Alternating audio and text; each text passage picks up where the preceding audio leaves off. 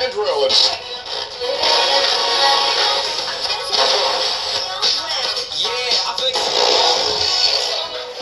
Strach pomyśleć, że kas się tak leni. Strach pomyśleć, że Deusz się leni.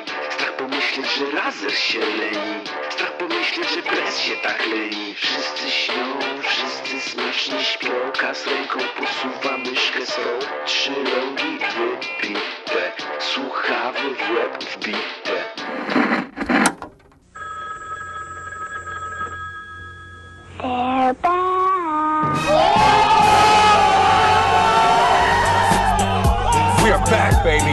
fucking back. We are back.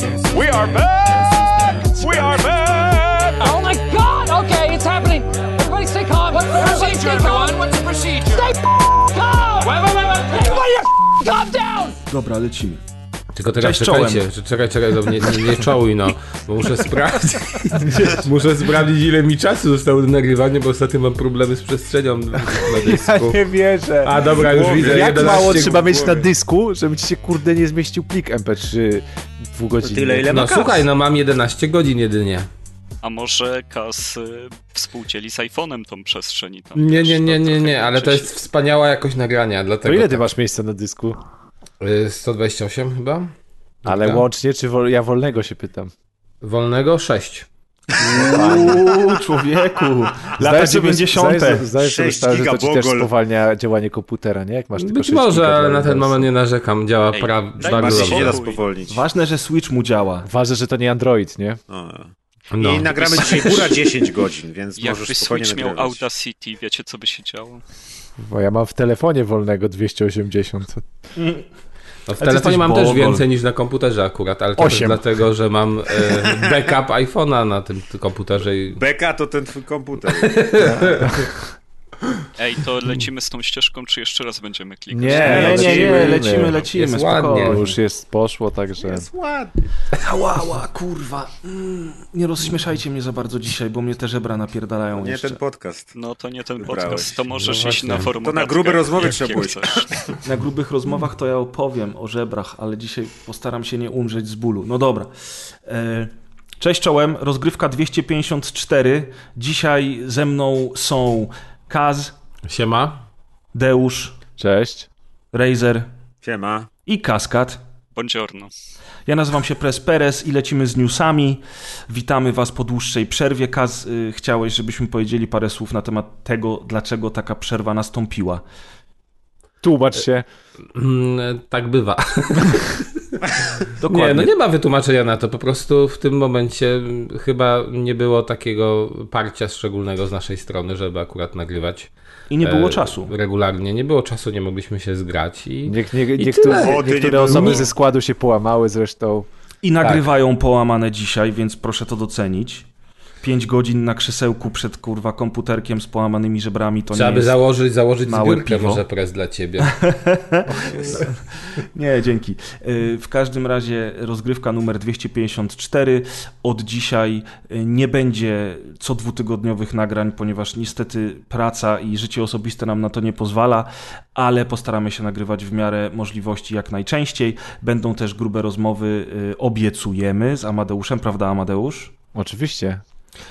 Na grubych Ja rozmowach już pojawi ostatnio, że też... przy ostatnich grubych rozmowach obiecywałem, dlatego czemu? Czy Tak, to było w październiku. To było w Nie trzeba październiku. co pół roku przypominać przecież. Dokładnie, no nie No. trzeba przypominać. Wiem, y, wiem z, ze sprawdzonych źródeł, że będą też inni goście, między innymi Kaskad wyraził chęci, Kaz również. Maciek nie, to się wypchaj Maciek. Bardzo chętnie się wypcham. Ale generalnie rzecz biorąc y, będziemy nagrywać, tylko po prostu nie pytajcie nas co tydzień, kurczę, kiedy będzie kolejny odcinek. Będą jak będą. Dzisiaj jest, więc, e, więc wszyscy się cieszymy. Rozgrywka numer 254. Ja mam pierwszy news, więc zaczynam e, pokrótce. E, Niedawno w Early Access pojawiło się Dune Spice Wars, czyli taki 4X, ale w czasie rzeczywistym. Byłem ciekaw tej gry i byłem ciekaw, jak to się udało. Mój przyjaciel dał mi dostęp do swojego konta, dzięki czemu mogłem pograć w tę grę całe 30 minut. I niestety to nadal jest 4X, więc nie jest to gra dla mnie. Ale jeżeli chcecie sprawdzić i tą nowość, którą jest właśnie granie w 4X w czasie rzeczywistym, a nie w turach, jeżeli chodzi o warstwę taktyczną, to możecie już sobie Dune Spice Wars na Steamie zakupić. I to jest cały news y, mój otwierający, a teraz mamy o szczegółach nowego PS Plus i opowie nam o tym, No ja mogę powiedzieć. E, Sony wrzuciło na PlayStation Bloga plany, czy też tytuły, które będą wchodzić w skład PlayStation Plus Essential, Extra i Premium, czyli tych e, trzech e, wersji, które będziemy mogli sobie wykupić już niedługo. Nie mogę mówić kiedy, chociaż ja nie wiem już, czy ludzie wiedzą, czy nie wiedzą. W każdym Chyba nie. razie e, wiadomo, że ten pierwszy plan no to jest po prostu PlayStation Plus, więc co miesiąc dostajecie dwie gry, e, które, które dostajecie za darmo do przypisania do konta. Dopóki płacicie abonament, to możecie do nich wracać. ale od tej pory możecie też czuć się gorsi, bo to jest najgorsza opcja.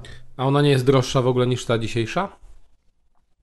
Bo Nie wiem, tam ale finalnie że ma być droższa niż Kosztuje obecny PS. 400 ileś złotych za rok, ten najwyższy, najwyższy, co jest ceną jednej gry na PS5 i trochę, nie? Więc to przy obecnych cenach, no różnie można na to patrzeć. Wiadomo, że to są duże pieniądze, jeżeli się jest, no, nie wiem, no młodym graczem na przykład. Tak, ale nie? jeżeli weźmiesz pod uwagę cenę Game Pass Ultimate normalną, a nie cebulową, to Game Pass rocznie wychodzi drożej. Także PlayStation tutaj ma tańszą ofertę. Ale jednak jest różnica, nie? Między Game Passem a tym nowym PlayStation, bo nie będzie nowych gier od Sony na premierę. No ale Xbox nie ma gier, więc się wyrównuje. Dobra, e, to, to lecimy. Pe- Ale nie, tak tylko jeszcze dodam, ża, żarcik. dodam jeszcze, bo ty teraz masz na myśli też ym, tego newsa z już, nie wiem, czy to jest pewna lista gier, która wyciekła, które mają się pojawić na początku w tej To ofercie. nie jest, najwyższej? To nie jest nie wycieknięta, wyciekła, tylko Sony na- podało. A, to tylko Sony na podało. Bo tam nie zauważyłem PS2 właśnie i to mnie trochę zaciekawiło. Na to samym jest na dole samym jest parę. dole. E, To jest w Tak. tym najwyższym tirze. Okej, a ja mam zapytanie do Was, bo może Wy się orientujecie. Czyli jeżeli mam tą listę PlayStation Studios i interesuje mnie konkretnie Tsushima Director's Cut, to rozumiem, że jak ta usługa ruszy podobno w czerwcu, tylko tyle wiem, że w czerwcu ma ruszyć, yy, i wykupię sobie który abonament, żeby mieć do niej dostęp? Ten środkowy czy ten najwyższy? Ekstra. I środkowy, i najwyższy ci najwyższy. daje. No wiadomo, że ten najwyższy daje wszystko, co jest w dwóch niżej, drugi daje to, co drugi i ten pierwszy, no a pierwszy daje tylko ten, co pierwszy. No jest to Okej, rozumiem. raczej czytelne od, od tej No strony. dobrze, ale, Ale dlaczego... ten najbardziej, ten najbardziej, że tak powiem, okazyjny ze względu na nowe tytuły, mm, powiedzmy, jak nie chcesz ogrywać tej wstecznej kompatybilności, to jest chyba ten ekstra, tak? Katalog to jest. No tak, ale tam jest Tekken 2, słuchajcie, ja muszę o tym powiedzieć. Ja nie wiem o co chodzi, ale ze wszystkich gier na świecie Mr. Driller i Tekken 2 do, dołączyły od, od Namco e, do, do tego katalogu retro. E, No w każdym razie oferta jest dosyć duża. Według mnie nie jest atrakcyjna jako dla kogoś, kto gra od pierwszego PlayStation na tych sprzętach. E, Dla mnie nie ma tam żadnego kąsku, ale też się nie spodziewałem, że nagle Tam chyba wszystkie- dużo jest powtórek z tego, co było do kupienia na przykład na PS3, były do kupienia gry z kolekcji PlayStation pierwszego. Z Na PS4 PS są takie trochę odnowione, I- ale tak, to są no te właśnie. rzeczy główne. No są na, te rzeczy na, na głównie, PSP więc- też może mogłeś przecież kupować, nie? No nie, ale chodzi o to, że. No tak, tak, tak, mogłeś, ale chodzi o to, że y, na przykład ci te osoby, które już chciały kupić tę grę 5 lat temu, te sprzed 20 lat, to ją też nabyły. Więc no tak, jakby z- tak, tak. to nie jest żadna nowinka. Jak ja na przykład pamiętam, myślałem, że tutaj będzie naprawdę zatrzęsienie tytułu właśnie z tych starych sprzętów. Jak przejrzałem tę listę, to też mówię, nie, że tam PS2, to absolutnie nie widzę powodu, żeby to kupować. Bo większość z tych gier już na przykład kupiłem w czasach PS4 albo PS3. Mówię o tych starych, starociach. No więc to jest kompletnie jakby nie, no nie wiem, Ale wiesz co, do mnie nie trafia na ten moment. Musisz to potraktować jako dodatek do tego, że płacisz za online. Po prostu. To jest no, będą jedna czasem rzecz. wpadać rzeczy, które ci się spodobają, Nie, czasem no rozumiem, trzeba z do tym żyć, prostu, nie? no Ale to... druga sprawa jest taka, że ta oferta cała wygląda po prostu jak oferta dla nowych klientów. No, jeżeli spojrzysz na e, e, PlayStation Studios i na gry, które tutaj są, to tak naprawdę jeżeli miało się PS4, to większość tych gier się ograło na PS4. E, Eksy z PS5, te, które wyszły w zeszłym roku i w zasadzie to jest wszystko, co jest, jeżeli chodzi o No PS5. bo nic innego nie wyszło. No tak, to, to też są rzeczy, które ludzie kupowali, bo na PlayStation przez pierwszy rok nie było gier. Więc jeżeli ktokolwiek y, miał PlayStation 5, to kupił Returnal, No tak, kupił ale Milesa kupujesz teraz Moralesa. kons- ale kupujesz teraz konsolę, Dokładnie. Czy jak Dokładnie. gdyby miał To konsolę, to oferta bym nowych nie kupił klientów. tak czy siak w ogóle. Mnie to nie Co, jeszcze raz? Kompletnie Czego byś nie mówię, że kupił? nawet gdybym miał tę konsolę, to bym absolutnie Returnal nie kupił i No okej, ale na przykład kupiłbyś Bloodborne albo God of War, prawda? Ghost of Tsushima O Director's? Cut w tej wersji na PS5. To, to jest dla mnie naj, bardzo ważna informacja, bo ja się przymierzałem do zakupu tej gry w cyfrze, ale poczekam do czerwca, dlatego że e, nie wiem, to będzie pewnie z 5 dych e, za miesiąc, to ja sobie za 5 dych chętnie wezmę i ogram. 58 dokładnie. No, no No jeszcze ogóle... Death Stranding dojdzie, Graffiti Rush, no tam jest trochę tych tytułów, Jest. no, ale to są rzeczy dla graczy, którzy jakoś tam ominęli tę generację, Tak, a ci, którzy tak. są hardkorami i tak kupią, bo potrzebują online'u i tyle. Według mnie jest spoko oferta do ceny, ale Znaczy wiesz, to się spodziewam będzie rozrastać, więcej. tak? No. To tak samo jak było z Game Passem. Mi się wydaje, że te gry, tak samo gry we wstecznej będą dochodzić kolejne. To jest tylko początek i z każdym kolejnym miesiącem na pewno Sony będzie dodawać No tak, bo są też tytuły. gry od zewnętrznych studiów, bo nie wiem, czy to Tak też jest. z naszych tutaj rozmów wybrzmiało, ale to nie są Tekken tylko Sony 2, Studio. tak. No wiesz, ale Red są Dead gry od zewnętrznych Redemption, studiów, Red Dead. Redemption 2, A- a Marvel's Assassin Guardians of the Valhalla. Galaxy, Mortal. Kombat 11, wiesz, to jest bardzo, bardzo fajna oferta dla nowych graczy. Dla takich, War którzy dopiero konsolę kupili. będzie. O, To War już- Armageddon to jest najlepsza gra w ogóle, jaka będzie dostępna na PlayStation. Najlepsze No i Wormsy. proszę. E, chciałem tylko powiedzieć, że bardzo mnie śmieszy w tej ofercie od PlayStation Studios, że jest Uncharted The Nathan Drake Collection, a nie, dobra, Nathan Drake Collection to jest 1.3. Ja myślałem, że to jest to, e, to zremasterowane 4 z dodatkiem. To nie, to nieważne. Więc będzie Uncharted The Nathan Drake Collection, Uncharted 4 i Uncharted The Lost Legacy też będzie. The Last of Us będzie i Wipeout Omega Collection, świetna kolekcja i Medieval, to wreszcie może w niego zagram, Little Big Planet 3, nie zagrasz. Pewnie Nie. Przecież mówię, i tak to kupisz i stwierdzisz, że jednak zagram w ewentualne nowości, których tam nie ma, czyli w nic nie zagrasz. Nie, no, bardzo chętnie zagram przede wszystkim Spidermana, w tą podstawkę, bo Moralesa już mam i ogrywam. Bo ominąłeś, tak, czy co? Tak, ominąłem i No to- bardzo to chętnie rozumiem. zagram w Tsushima w wersji Director's Cut. Dlatego, że grałem na PS4, pograłem y, no sporo, ale, ale nigdy nie ukończyłem i teraz chętnie zagram od nowa w tą wersję Director's Cut. A w 60 Gravity. Rush grałeś? Nie, ale to chyba nie jest dla mnie. To nie To jest, to nie jest jego gatunek zagrać. kompletnie. Ale więc... spróbuj press, No. to jest przecudowne. No i oczywiście najważniejsze, żeby zagrać w Everybody's Golf. Nie mam pojęcia, co to jest. Jak, no to jest jak? klasyka. Stary, No jak? ja to na premierę kupowałem. Czyli dobrze mówię. No to co się czepiacie? No i też polecam Final Fantasy XV brać z, te, z tej oferty Royal Edition. No ale dobra, no pogadaliśmy sobie, myślę, Tak, że no będzie... każdy, nikt się nie podnieca, ale każdy kupi, kto ma PS5. Nie? Kto będzie chciał, to kupi. No. Najważniejsze, że jest Outer Wilds w Third Party Partners. Jak macie PlayStation 5, a nie macie Xboxa, w którym to jest w Game Passie, to koniecznie wszyscy zagrajcie w Outer Wilds. Jedna z najlepszych gier indie, w jakie w życiu grałem.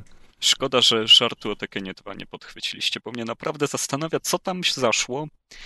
Jakie były rozmowy, żeby Tekena 2 dodać do tego? Nie, no, to No jest... to jest, wiesz, to jest naj, naj, najfajniejszy Świetna gra. przedstawiciel marki. Może wiesz, jak na przykład Excele przechodziły e, firmowe przez różne serwery, to jakiś fan na przykład tam dopisał e, w którejś wersji pliku, już poszło, jak opublikowali, to nie mieli co z tym zrobić, No nie, już, no wiesz, to jest- musieli no Miał być nowszy i ubywało cyferek. To by było zajebiste, mailem. jakby siedział w Sony tak wielki fan Tekena 2, który przez 25 lat czekał na ten moment i to zrobił. Ale to tak No są pewne niewyjaśnione, nie wiem, y, rzeczy, które wstawiałem do różnych kolekcji. Na przykład dla mnie niewyjaśnione do tej pory jest to, dlaczego na Switcha w tej kolekcji Mario nie pojawił się Super Mario Galaxy 2. To ja tego nie, do, nie to rozumiem. To jest ładny off-top, to teraz... To nie jest off to jest Nie po będę ci tego tłumaczyć, Kas, ale to jest po to, żebyś drugą kolekcję kupił potem. Ale nie ma na razie drugiej kolekcji, nawet ciężko sobie wyobrazić, No co by miało tam być. A co by Ale- tam miało być? Tam nie ma w sumie już co wstawiać. Jeszcze jedna ważna rzecz odnośnie tego wszystkiego, o, którym, o czym teraz mówimy, a mianowicie gry z, z PS3 we wstecznej kompatybilności będą tylko Streaming. poprzez streaming. Tak, to nie, nie ma się co dziwić, no bo wiadomość. jednak zawsze twierdzili wszyscy, nie tylko w Sony, że to te, że ta architektura Pojebana PlayStation konsola 3 to jest. po prostu pojebana i no i, i, nie da się. No jak, Jungle. No i jak pokazują nawet geniusze w Sony, nie dają rady. No chyba, żeby wstawili do bebechów PS5 po prostu PS3 dodatkowo. A tego No nie dobrze. Taka okazja na Tokyo Jungle. Ja czekam na SingStary. Niech mi dadzą SingStary, to kupuję. Mm. Tylko z pełną, bi- pełną bibliografią SingStar, to wtedy jest. Pełną biblioteką Roda Stewarta, no wiem. To tego niestety nie było, to, to już w ogóle jakby dali to do SingStara. Tokas To... śpiewa bez SingStara nawet, bierze ten mikrofon Tak, i bez włączenia tak. konsoli. Później jak będę miał dzieci, to będę, będą opowiadać w jakimś programie muzycznym, że tata śpiewał pod prysznicem, więc stąd są takie muzykalne. Hmm. To zawsze tak jest. Biedne dzieci. No dobra, kolejny news i kolejny To będzie opowiadacz. jeszcze mam, przeży- co przeżywa. To Co mamy tego news? newsa? Aha, e, Take-Two może kupić FIFA albo nie może kupić, bo FIFA opuściła Electronic Arts. Od przyszłego roku już nie będzie EA robić FIFA. I Take-Two tak się, nie wiem, nagle wygłosiło takie, taką pochwałę dla brandu FIFA i w ogóle im się Czyli, podoba. czyli co, będzie 2K FIFA? Nie wiemy tego, no ale tak się bez powodu nie chwali nagle marki, która Ale- nagle nie ma, wiesz, studia Ale mnie jedna rzecz tak ciekawi najbardziej w tej całej aferze z EA, która odchodzi od marki FIFA, to znaczy czy y, pozostaną, czy będzie możliwość licencjonowania te, Tak, Będzie, tak? tak. Bo to jest tak, zupełnie oni, coś to się innego. osobno załatwia. O, serio? Czyli po prostu tylko zrywają z nazwą. Tak. No to dobra, Tylko to nie po ma 30 znaczenia. latach, no nie ma. Nie ma to znaczenia. No to, tak, no, według mnie to akurat nic takiego. Jeżeli będą wszystkie pozostawione składy, wszystkie kluby, to No dobra, czy ktoś ma jakieś pytania, bo ja jestem ekspertem od piłek nożnych, więc czekam. ty nie lubisz FIFA przecież. Ale to nie Ty znaczy, lubisz że, e-football. że jej nie znam. Tak, e-football, no, e-papierosy i e-booki. No dobrze, ale co, co dla cie, czy to dla ciebie faktycznie ma jakiś, nie wiem, wymiar poza symbolicznym inny, ta zmiana?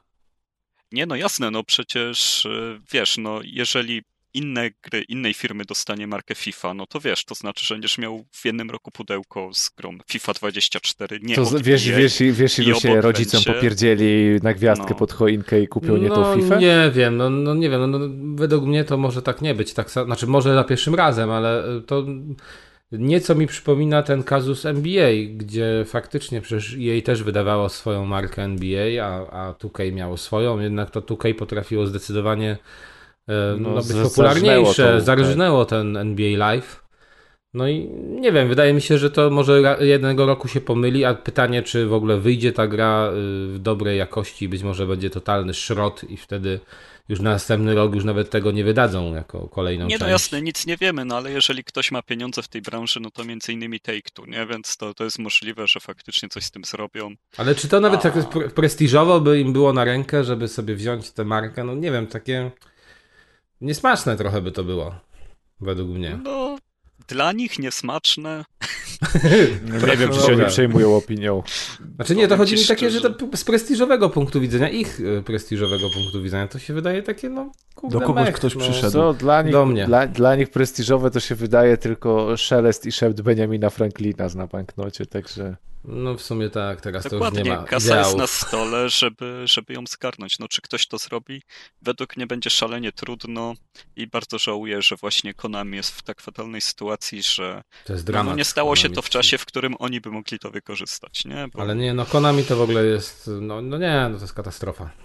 Na no, jeden z lepszych teraz film, z, z, ma rekordowe wzrosty człowieku. no ale co, pacinko czepią, cały czas kuleczki lecą. No, ko- i- Konami, Konami miało najlepszy rok fiskalny przecież Dokładnie. teraz, zeszły no, rok. Dlatego tak się załamujemy, bo my nie Oczywiście, lubimy, oczywiście to- najlepszy rok fiskalny miało dzięki tej marce UGO, tak? E, Tak, z, tego, tak. z tego co widziałem dzięki UGO, ale Yu-Gi-Oh! dalej, dalej no, Yu-Gi-Oh, dobrze tak? przędą, więc gdzieś tam Ale co oni robią z tego mają. Yu-Gi-Oh? Właśnie te pacinko, czy co oni tam trzepią? Się mówi. No dobra, Yugi no, Och, po, powiedział Yugi- spec od Japonii, czekaj, no, daj mu głos. Trading card game czy jakaś komputerowa? Bo sprawdzam co to jest. Pacinko może. Top 10 Gramy najdroższych babą. kart Yu-Gi-Oh! Straszne. No Powrót, dobra, no. powrót legendarnych W każdym razie Yu-Gi-Oh! Konami idzie świetnie, tylko się zbierają, żeby wrócić do robienia gier. Czy- I się zbierałem już tak 10 lat, więc... Nie, Kas, nie przesadzaj. W No tym to ile? momencie jesteśmy w czasie, kiedy ich licencje są, e, są podpisywane umowy, są rozdawane rzeczy. Te projekty wrócą tworzone przez innych deweloperów, oni będą użyczać licencji. A Mm. tak Yu-Gi-Oh! Master Duel zrobiło im rekordowy rok fiskalny Właśnie 626 chciałem powiedzieć- milionów e, w, wyignorali, więc Chciałem powiedzieć wam, że Yugi-Oh to nie tylko karty, ale to też gry komputerowe oraz to anime. No przecież oczywiście, to było nawet w polskiej telewizji leciało to anime. Ja nie wiedziałem, dlatego tak informuję, jakby ktoś jeszcze nie wiedział, tak jak ja, jeżeli jest hetero. Manga chyba też nie była wiedzieć. jakaś, ale to nie wiem, czy to była na a, a, podstawie. także, a także komiksy i gadżety do sypialni. No wszystko jest z No. no, więc No i to Poduszki. widzisz, no to co oni się będą przejmować? To tak samo jak Electronic Arts zarabiało takie pieniądze na mobilkach z Gwiezdnych Wojen, że w ogóle mieli w dupie robienie dużych gier AAA. No, a a ja cały czas słyszę, jakie to piękne czasy mamy i są wszystkie gry możliwe świata, jakie tylko Ktoś ci powiedział chce. przez ostatnie dwa lata, że mamy piękne czasy? Oczywiście, wszyscy to mówią. To, gdzieś że nagrywamy czytam, przez to- internet, bo coś czuję, że tu poszłaby lepa tak zwana. Znaczy, najlepsze czasy to są dla Nintendo, bo tam faktycznie oni dbają o klientów swojej e, konsoli i starają no, się jak wydawać dbają, jak przed chwilą Super Mario Galaxy 2 cię Nie zraniło. miało kolekcji właśnie. No bo dbają, ale nie do przesady. Ale nie o ciebie. nie do końca. Życie jest piękne, tylko nie twoje akurat. No O, wiadomo. dokładnie. Tak bywa, co Ała, zrobisz? Kurwa mać, wiedziałem, że tak będzie. O Jezus, będę się śmiał pierwszy raz od dwóch tygodni. No niestety, musicie się na to nastawić, bo to nie jest... To nie jest proste. Dobra, lecimy dalej, chyba że piłka nożna Tak, tak, dalej, dalej, dalej. obchodzi. Fall Guys będzie za darmo. Znaczy, jeżeli Super chcesz, news. to mogę ci zadać jakieś pytania, ale musisz No wymyślić słucham, jakie. słucham No oczywiście. to musisz wymyślić, bo ja nie mam pytań. A ja mam, FIFA. ja mam ci wymyślić, to lecimy Tak. dalej. No, Fall No, Guys. No. Fall Guys będzie za darmo, świetna informacja, y, będzie free to play, koniec chyba, co? Nie będziemy o tym dyskutować, I bo to wyjdzie na sensu. Xboxa i Switcha i to jest ważne. Wyjdzie na. Xboxa i na Switcha, to jest ważne. Kaskad ma rację. To Okej. już bardziej mnie podniecało, że Crunchyroll jest na Switchu niż Ale to jest na... super gra, Kas, naprawdę. Tutaj Dobra. bez beki. Znaczy dobra, okej, no... Jest Jedziemy dużo dalej. super gier, które nie są dla Kaza po prostu, no. Pewnie nie Yy, umiesz wygrać Znaczy nie, ja nawet to nie grałem, to wiesz, to nawet nie wiem, no. Być może tak, tak, tak, o. Maciek, będziesz grał w Fall Guys? E, tak, bo nie grałem jeszcze nigdy, to sobie zagram. A wiesz, że jak, to jest multiplayer? Wiem. I zaprosisz nas do wspólnego grania? Ała, kurwa. Nie, z fajnymi ludźmi sobie pogram. No tak myślałem. Z Warszawy, nie? A dzisiaj, świata. dzisiaj Maciek robił networking, ma nowych kolegów, więc Z wiecie. całego świata. Pierwszy raz z domu wyszedł od dwóch lat i z całego świata już. I się To spotykają, w, nie, wi- to nie jest świat, Maciek, to był kawałek Krakowa, nie? i się spotykają w weekend w Fall Guys, także... Wyjechał, z, wiesz, wyjechał z domu tramwajem, pięć przystanków później pisze SMS-a do żony. Świat jest taki piękny. Większy niż w Zeldzie, większy niż w Zeldzie. I można jabłko zerwać na więcej sposobów. O jabłko w Krakowie, no już nie przesadzaj. No, racja, prawda. Ewentualnie gdzieś prędzej. Mirabelki w parku, to jest max, ale to nie ta pora Mm. roku. A kiedy Mirabelki są, jak nie teraz? Chyba w czerwcu czy w lipcu? No jeszcze chyba nie ma Mirabelek, gdzie tam. Kurde, teraz bym zjadł Mirabelkę przez was. Sam o nich mówiłeś teraz. O Mirabelkach? Tak, e, zróbmy może przejście do następnego newsa, bo Tak, to, to, to, te, to, to tego newsa powinniśmy w sumie połączyć z rozmowy o porzuceniu przez EA marki FIFA, bo znów e, dotyczy, news dotyczy EA i lekkiej restrukturyzacji, a mianowicie EA łączy e, Codemasters i Criterion w jedno studio. Brawo. Łączy ich w jedno studio pod, e, pod, pod wodzą Criterionu, także to nie, nie powstaje żadna nowa nazwa, jakieś kompletnie nowe studio, Mm. tylko po prostu Codemasters są włączeni do Criterionu. No i te, te, te, ta fuzja została zrobiona z powodu prac, połączenia tych dwóch firm i pracy nad nowym Need for Speedem, czyli wydaje się, że jakby jej chciałoby coś, nie wiem, takie Czyli zamiast kilku gier będą robić jedną przez wiele optymistyczne, lat. optymistyczne moje założenie, że może jej chciałby od- odrobinę odświeżyć tą serię NFS. No bo właśnie Że- jak słyszysz, że za Need for Speed zabiera się Criterion i Codemasters, no to, to, to, to, to się nie może nie udać teoretycznie, nie no, ale dobrze, że doszło Ale do tej Może. fuzji, bo Need for Speed jest, jest tak możliwe. po prostu Nie no, nie no, no, Criterion chyba ostatni Need for Speed, oni chyba za hita odpowiadali, a to raczej nie był jeden z No tak, bo to też już nie jest ten Criterion, który robił Tak. burnouty na PS2. A, a, a, z- a z kolei Codemasters ostatnio, no tam powiedzmy nie licząc F1, które, które, które raczej zbiera wybitne oceny, to, to ich ostatnie ten Grid Legends, o ile się tutaj naszemu naczelnemu mm, naczelnemu tutaj kierowcy bez prawa jazdy podobało. To To ja. tyle pamiętam w ogóle odbiór po tym odcinku i, i komentarze pod odcinkiem, że wszyscy pisali, że się nie znasz, bo Grid Legends jest nudne, powtarzalne i w ogóle najgorsza odsłona serii. Tobie się podobało? Pompkę mnie możecie pocałować. Gra wideo Ale- The Game. Tak, Czyli ale tak dwa zwana... do dupy studia już dzisiaj połączymy w jedno i co to Będą co to dwie, da? dwie dupy. Dwie Tak, w każdym razie, no zobaczymy. Ja bym chciał, żeby trochę tego Need for Speed dać, żeby ten Need for Speed, e, żeby ta marka się trochę odświeżyła. Tak, żeby- Ale oni się wrócił. ciągle odświeżają, oni ciągle Będziesz- próbują czegoś Będziesz innego. i płacił za konia mechanicznego. Ale niech się skutecznie To-. Tylko odświeżył się w, w, dobro, w dobrą stronę się odświeżył. Przecież te wszystkie hity, paybacki, Need for No Speed, tak. po prostu, no przecież to była jakaś pasmo tragedii i prób zrobienia nowego Need for Speeda.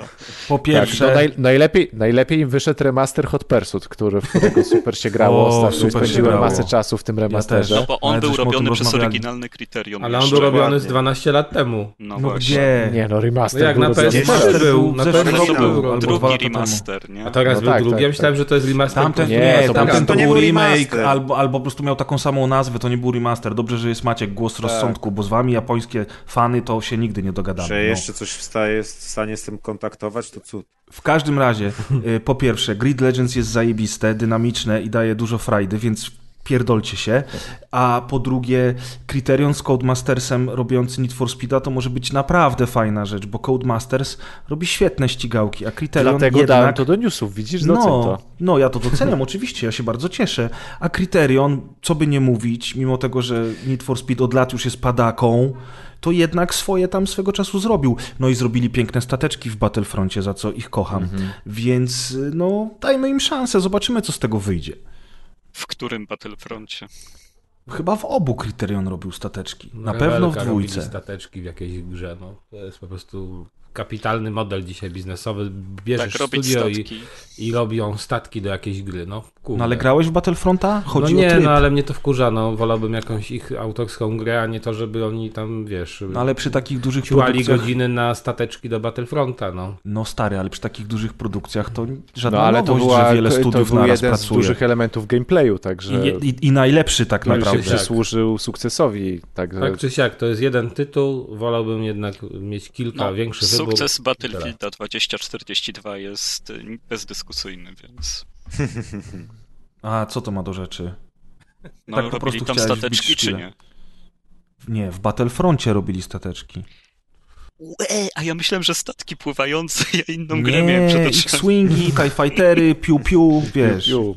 Ja myślałem, że Piu, piu. chcesz się dowalić tak po prostu Jezu, jeszcze. Ja No, też myślałem, że po prostu chciał szpilę wsadzić, wiesz, tak na zasadzie. Bez a, powodu, jeszcze a no. propos, to jeszcze Battlefield. No, dokładnie. Tak Jeszcze zwany to- cio, cio, cios w żebro chciał zrobić. O Jezu, przestań. A, Ta Dobra, straszna słuchajcie. gra, gdzie masz granat pod kartą, jak sobie zbierzesz. Boże, lećmy dalej. Lećmy dalej. Bethesda przesuwa Redfall i Starfield na 2023. Co o tym sądzicie? Nie jarzę w ogóle tych tytułów.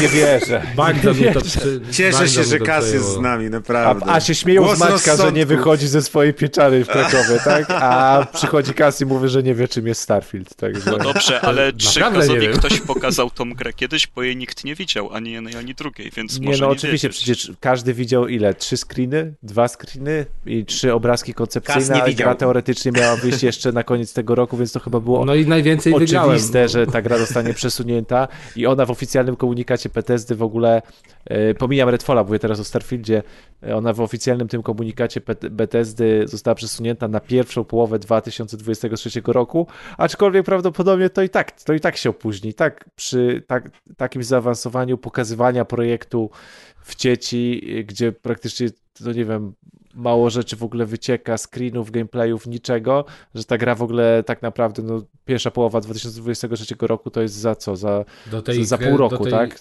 Słuchaj, do tej trójeczki dorysują dwa ogonki i będzie Ale 2028. nie, ale słuchajcie, tutaj jest duży fuck up, bo oni byli tak pewni siebie, że oni bardzo dokładną datę dali. Tak, tak, tam, tak, tak, tak. e, No Co do właśnie. dnia podawali, więc Mhm. ja byłem też przekonany, że może to jest taka strategia, że nic nie pokazujemy i wiesz, trzy miesiące przed premierą ruszy jakaś maszyna. Tutaj... Tak, zresztą to przesunięcie to też jest tylko tak naprawdę w tym komunikacie, że tylko dopracowanie, że to jest tylko e, wypolerowanie, tak, E, żeby, żeby graczom e, oddać w ręce graczy jak najbardziej dopieszczony produkt, więc oni już go jakby wynika, wynikałby z tego, z tego komunikatu, że oni już tylko dopracowują i po, po prostu polerują ten swój diamencik, który mają, no ale to nie wygląda jakby to była gra, która jest już tylko polerowana. Szczególnie, że to ma być ogromny tytuł, tak? To nie jest singlowa przygoda na 8-12 godzin, tylko to ma być potężna gra, także Czasem wiesz, czasem się dochodzi do mety, ale się nie dochodzi. No, no i tu tak, może tak było. Kto to wie, zauważyliście- to powstanie. Zauważyliście, co zresztą się śmiesznie dzisiaj pokrywa z tematem, który będzie dzisiaj poruszany przeze mnie, że... Żebra. Nie, nie żebra, że Bethesda w oficjalnym komunikacie powiedziała, Dziewczyny? że oni nie chcą... Co dziewczyny, Kaz? Może temat dziewczyn, no nie wiem, tak rzuciłem. Nie, spokojnie, wszystko przed nami, dowiesz się Za wyrazy z głowy losowe. Nie przejmuj się nim. Piłka, jabłko, kwadrat. W końcu zgadnę. No, mm, że Bethesda ogłosiła w oficjalnym komunikacie, że oni nie chcą popełnić tego samego błędu, który popełnili twórcy Cyberpunka. I to jest ciekawe, bo tak, zastanawiałem najlepiej się nad na tym, kogoś innego, nie? Ale nie, bo zastanawiałem się nad tym, że ten Cyberpunk, i to zresztą będziemy dzisiaj o nim rozmawiali, to jest ten temat. No, on się chyba teraz dobrze sprzedaje, nie? I generalnie On się jakoś- sprzedawał dobrze już na premierę. Chodzi mi, No o to, że, właśnie. chodzi mi o to, że jednak został bardzo mocno skrytykowany za to, że produkt został wypuszczony no, nie, niepełny, niegotowy i bardzo nie to, mocno co gry popsuty. Bethesdy, wiadomo. No nie to, co gry Bethesdy, dokładnie. Natomiast y, chodzi mi o to, że to jest ciekawy kasus, że być może ta tragedia Cyberpunka, chociaż dla twórców to nie jest tragedia, bo oni na tym zarobili, mm, może zmusi do refleksji innych twórców i może wreszcie nastąpi jakiś przełom, który zresztą widać już przez COVID i przez pandemię, że oni zaczną te gry przesuwać, Gracze nie będą z tego powodu rwać głos, włosów z głowy, bo nie ma o co, bo jest tyle gier, że i tak nie ma czasu w nie grać, a przynajmniej może znowu zaczniemy dostawać pełnoprawne produkty na premierę, a nie tak jak przez ostatnią dekadę, jak nie więcej było, że wypuszczali betę, a potem przez pół roku ją łatali. Przecież takie tytuły jak y, No Man's Sky, Fallout 76, czy cała masa innych gier, które wychodziły kompletnie niegotowe i potem były łatane przez lata, a gracze jeszcze dziękowali i mówili wow, jak super, niecałe dwa lata później można grać. Wiesz, no kurwa, nie o to chodzi, prawda? Jeżeli płacisz za grę 300 zł albo i więcej. I ja się cieszę, że oni w ten sposób y, zrobili i że w ten sposób komunikują. Może za nimi y, w ślad pójdą inne duże produkcje, które będą przesuwane, ale przynajmniej będą wydawane e, w dobrym stanie, a nie tak jak już wspomniany dzisiaj przez Kaskada Battlefield 2042 chociażby. Mhm. Ja Ten się ze statkami. W pełni się z tobą zgadzam. Cieszę się. Nie statki były w Battlefroncie jak kaskad, nie, nie mieszaj ludziom w głowach. No, Dobra, to co, przechodzi, dalej. przechodzimy do ostatniego newsa, który jest najświeższym newsem e, ze wszystkich, ponieważ jest newsem dzisiejszym, a mianowicie Techland ogłosił, że robi nowe IP i tym IP będzie mm, e, fa, e, RPG Fantasy e, w RPG Fantasy w otwartym świecie. E, Odpalił stronę z rekrutacją, szuka masy nowych pracowników. No i jeszcze się pochwalił, że przy tym projekcie pracuje e, sporo osób z chociażby z ekipy, która robiła Wiedźmina 2 i 3.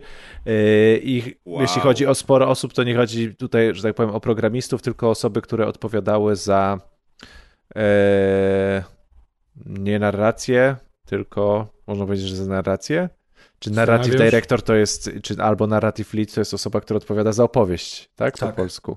Tak, czyli osoby, które odpowiadały za, za opowieść, za budowę questów i za to, no, jak był, w jaki sposób te, No ta i tak historia była przedstawiania mówi, Wiedźminie no. 2 i 3. E, więc, e, więc nawet tutaj tam padły nazwiska, także kto, kto z tej starej ekipy Wiedźminowej przy tym projekcie pracuje, no więc chyba duży news, zawsze to jest nowa IP, RPG, duży otwarty świat, Techland jest potężną w tym momencie, tak, firmą. Ale coś pokazali w ogóle poza jednym screenem? Bo to jest pytanie. No nie pokazali, bo powiedzieli, że Bo dopiero zaczynają, tym zaczynają pracować pracę. i, No to- rekrutuje, no to- i rekrutujemy. Pogadajmy za 10 lat. No dobra, może nie, może za 3. Bo czy teraz w sumie jest o czym? Bo to, to jest takie pytanie. Bo to, że oni ogłaszają, ja ciekawe już jest tylko to, że dwa największe studia w Polsce ogłosów. robią grę z tego samego gatunku, nie? Tylko, że jedno ma, no wiesz, no jedno raczej jest pewne, że coś wyda, a tutaj to nie, nie jestem A czy to przekonany. nie jest jeden z najbardziej popularnych teraz gatunków i dlatego, dlategoż No, może tylko, się że tak dzieje? jeszcze Soulsa do No tego dodawali. najpopularniejszy jest y, albo Battle Royale nagle, albo FPS-y, no to się ciągle zmienia. Najpopularniejsze są gry, które grasz za darmo przez internet, nie? Dobra, no ale No później tak. open worldy, tak? A jak robisz już open worlda i nie zrobisz tam elementów RPG, no to już powiedzą, że w, każdy, w każdej recenzji dostaniesz e, uwagę, że no jak open world powinno być jakiś rozwój postaci, crafting, rozwój przedmiotów, także jak już Dobrze. open world, to już muszą być elementy RPG. A jak są elementy RPG, to już można powiedzieć, że jest RPG. A najprostszy świat do zrobienia to jest oczywiście fantazy, no bo tam w ogóle sprzedasz każdą umiejętność i każde rozwiązanie gameplayowe wytłumaczysz światem fantazy. Nic nie także trzeba wymyślać, bo już jest wszystko wymyślone. Tak, już jest wszystko elfy, wymyślone, krasnoludy, kras- krasnale. już. Tak. Krasnale, jednorożce, Ale miecze, magia, kolor im zmienić. ataki lodowe, ogniowe, także czekajcie, O, gdzie oni mają... Deusz, ty byś się Ty, nadawał gdzie na oni mają, ja wchodzę na tą rekrutację, zobaczę, No, czy no, oni tam... no. Czy oni Creative tam... Director. Proszę, O, proszę, jaki jakbyś takie, kreatywny. kras, takie krasnale w ogrodzie tam posadził. No, te ogrodowe krasnale. Miał dobra, tutaj sortuj lead albo senior, tak? Mówicie, że... Weź seniora od razu. A co się będziesz? Trzeba się umieć dobrze sprzedać, Deusz. Napisz, że grałeś w RPGa z kolegami i dobrze szło. Grałem kiedyś w RPG i wiem, co to fantasy. Tak, nie lubię fantazy, ale wiem. Także krytycznie będę mógł spojrzeć na O! projekt. Wiem, wiem, co jest złe w fantazy, więc wiem, jak to zmienić. Widziałem Władcę To Pierścieni, wszystko. więc wiem, co to fantazy. Dziwko, pamiętacie te memy kiedyś?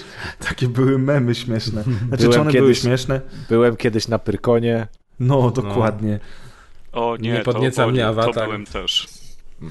No, a słuchajcie, a mm, ty byłeś na Pyrkonie, a Maciek wrócił dzisiaj z Digital Dragons 2022 i opowie nam o tym, a potem spada. Dobrze zrozumiałem, Maćku? Zgadza się. To jest dajesz. relacja po prostu tak gorąca, że aż wrze. To jest ekskluzyw, e, e, e, ekskluzyw przybywam do rozgrywkowy. was dokładnie prosto z pola game devowych bojów po prostu. Ale spałem dzisiaj tylko 3 godziny i już niezbyt kontaktuję i idę właśnie zaraz zemdleć gdzieś. Yy, Więc wybaczcie, jak będę chaotycznie opowiadać, ale też w tramwaju robiłem sobie trochę notatek w telefonie, żeby w ogóle wiedzieć, co powiedzieć. Ale w E, swoim, tak? Czy ktoś? Już nie wiem za bardzo, mam jakiś telefon pod ręką. Nie, Zawsze nie wiedział, czy to jego, więc na wszelki wypadek wysłał SMS-a na swój numer po prostu. Te Tak notatki. jest. Więc Digital Dragons, jak ktoś nie wie, to jest taka branżowa, branżowa impreza, która się odbywa w Krakowie yy, już po raz któryś. O Jezus, nie będę strzelać, ale myślę, że już. Ale- ale przerwa covidowa 10 była, prawda? Było. No była niestety, tak, tak. Teraz tam ostatnio się, się nic nie odbywało. E, No i tak, i się, co, co się na tej imprezie dzieje? Głównie przyjeżdżają na nią e, deweloperzy, którzy mm, albo wystawiają swoje gry, to jest taka powiedzmy strefa indie, e, gdzie jest mnóstwo fajnych małych zespołów i troszkę tak jak na Pixel Heaven powiedzmy się wystawiają te indyczki, to tutaj też, przy czym na Pixel Heaven jest to chyba bardziej jednak tak właśnie, może mniej aż bardziej, mniej tak biznesowo, a tutaj jednak oni się tam starają gdzieś zaczepić, pozyskać jakiś y, inwestorów i tak dalej. Y, Więc trochę tych indyków jest, ale nie, nie, nie jakoś dużo. No i biorą też indyki y, udział w y, konkursie przez cały czas trwania Digital Dragons i tam są jakieś tam nagrody. Nie wiem jakie, ale potem powiem, kto co powygrywał. I druga najfajniejsza rzecz, jeszcze po, po, poza indykami są też stanowiska firm game devowych. Y, Bardzo wielu y, z Krakowa, ale i nie tylko, z całej Polski można sobie poznać, spotkać ludzi z wszystkich CD Projektów, Blueberów, Flying Wild Hogów, Techlandów, mnóstwa, mnóstwa innych też firm. Zagadać, pogadać, wziąć kubeczek, długopis z logo. Wziąłeś dla mnie? naklejkę.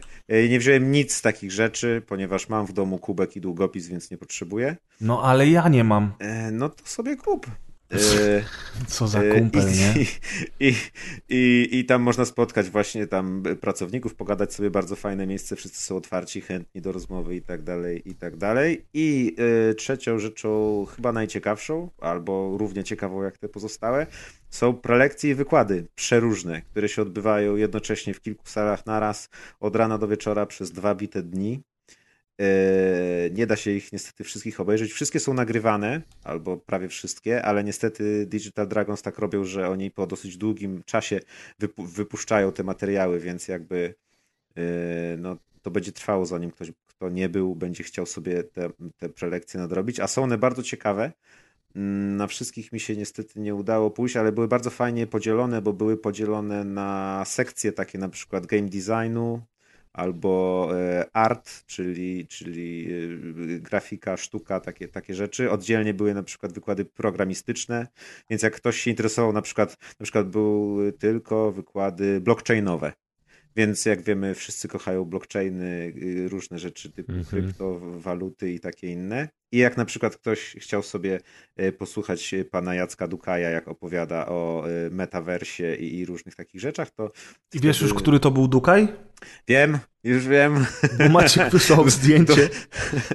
Mogę powiedzieć o tak, tym? Tak, tak, tak. Maciek wysłał mi zdjęcie właśnie z wykładu, gdzie siedzi trzech panów z mikrofonami i napisał podobno któryś z nich to Dukaj.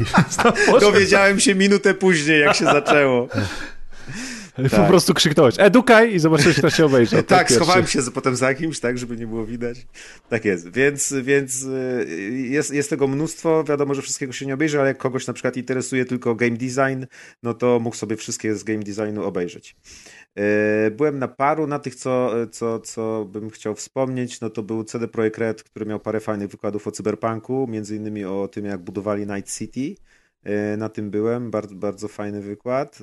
E, o. Można tam poznać workflow, jak, jak tam się pracuje. E, opowiadał Kacper e, o tym, jak e, całą jedną dzielnicę budował i jak tam się zajmował tym wszystkim. A krzyczałeś znowu z zapleców kogoś, oszukaliście mnie! Nie, oszukaliście! Ponieważ, po, nie, ponieważ ci ludzie nie oszukali, ponieważ kolejny raz pochwalę zespół, który robił e, cały art i wizualia do Cyberpunka, bo oni akurat zrobili swoją robotę bardzo dobrze. Oj, moim tak. zdaniem przynajmniej. To nie oni oszukali. Ale mogłem pójść na, na, na, tam, na, na stanowisko. I strzelić komuś lepę. Który, który to oszukał? No to i lepa, Tak jest. Y, było sporo wykładów Techlandu y, a propos Dying Light 2. Y, tu się śmialiśmy, że to coś jest takie podejrzane i jakieś tam musiały być konszachty i umowy, bo, bo naprawdę było tego dużo. Dużo i wykładów takich artystycznych. Bardzo fajnie opowiadała dziewczyna dzisiaj o art designie, o koncept arcie, y, jak przygotowywali, ale był też na przykład fajny wykład o tym, jak stworzyli cały silnik do generowania proceduralnego miasta i właśnie, no, y, że wiadomo, że to ten teren w Dying Lightie drugim jest całkiem spory i ręcznie się tego nie zdało zrobić i pokazywali, jakie sprytne sztuczki stosowali. Znaczy się, ja ci się tylko wtrącę, że i CDEP i Techland są głównymi sponsorami imprezy, to też e, Aha, no ale Techlandu na przykład było zdecydowanie jest... więcej chyba niż CDEP-u, no, mm. ale... To jest zwykle różne... bardzo przejrzyste na takich mm -hmm, imprezach, mm -hmm. nie? No to, to jest, dlatego to takie podśmiechujki z naszej strony były, ale to jest oczywiste. E, był, był bardzo ciekawy e, wykład e, dewelopera, który zrobił The Ascent o właśnie grafice w tej grze, która jest największą zaletą tego. Była sala wypchana po brzegi, po prostu często na tych wykładach, jak są w mniejszych salach, to ludzie stoją, siedzą, prawie że wiszą na ścianach, żeby tylko tam posłuchać. I rzeczywiście The Ascent robił niewielki zespół, kto widział grę, kto grał, to, to wie, jaka jest śliczna, jaka jest piękna i sztuczki i sposoby, jak oni jakie oni stosowali, żeby właśnie małym zespołem przy niewielkim w miarę na, nakładzie pracy i bez jakichś dużych środków i, i, i w sposób, żeby właśnie ogarnąć to całe, całe wielkie, cały wielki świat y, tej gry, to, to jak oni to zrobili, jak sprytne sztuczki stosowali, to też był bardzo, bardzo fajny wykład, więc można tam podłapać. Tam to jest fajne, bo na przykład jest taki wykład The Ascent i widzisz, że siedzą y, ludzie y, na przykład w koszulkach, że Techland Development Team albo Cyberpunk i Wiedźmin Developers i siedzą i też słuchają, zadają pytania, dowiadują się i ten, więc to jest, to jest fajne, że no, to jest przydatne nie tylko, nie tylko taki like jak ja mógł się nadziwić, ale też i na, nauczyć czegoś, ale też doświadczeni deweloperzy. E, byłem na, dzisiaj już na takim zgonie e, na wykładzie też na przykład o tym takim gigantycznym modzie do Gotika, który był taki sławny. Ja się, wiecie, że Gotikiem w ogóle nie interesuje. Ten mod się nazywał Chronicles of Myrtana. Mhm. I to też było bardzo ciekawe, bo no to jest gigantyczny mod, który robił tam, nie wiem, chyba 40-osobowy zespół ludzi którzy wszyscy pracowali z domu, pracowali po godzinach i, i no, zrobienie czegoś takiego to rzeczywiście wydaje się czymś nie, nie, nieosiągalnym, nie do zrobienia i tam można było posłuchać różnych perypetii, co im się tam przydarzało i ten bardzo fajne historie. W ogóle E, Będąc na, na, na, na, takich e, targach, to można się tyle e, ciekawostek dowiedzieć, plotek o różnych osobach również i tak dalej, że po prostu przesiąkłem tym wszystkim teraz na długie miesiące. No i tak, i jeszcze byłem z, z, takich ciekawych rzeczy właśnie na panelu z Jackiem Dukajem i z Michałem Brańskim. To kto wie, ten wie. Ja pana Brańskiego wcześniej nie znałem, ale tutaj się dowiedziałem, kto to jest. To jest mm, to jest ktoś, już teraz wiem. I oni sobie właśnie dyskutowali bardzo fajnie o metaversie, o przyszłości. To były takie fajne rozmowy, bo takie trochę nawet zahaczające jakieś filozoficzne rozważania i tak dalej. I naprawdę też nie, nie z mojej bajki, ale bardzo się tego ciekawie słuchało. Chociaż dosyć abstrakcyjnie, czasem straszno, czasem śmieszno. Yy, no, więc tak, to jest ta część taka najbardziej oficjalna. Yy, a co jeszcze chciałem powiedzieć? Chciałem po, po, powymieniać trochę ludzi i właśnie jakichś takich ciekawostek poopowiadać. W ogóle spotkałem się na miejscu z Simplexem, yy, który też jest z Krakowa i przyjechał też Rudy Ryc, czyli drugi prowadzący podcastem Kwadrat.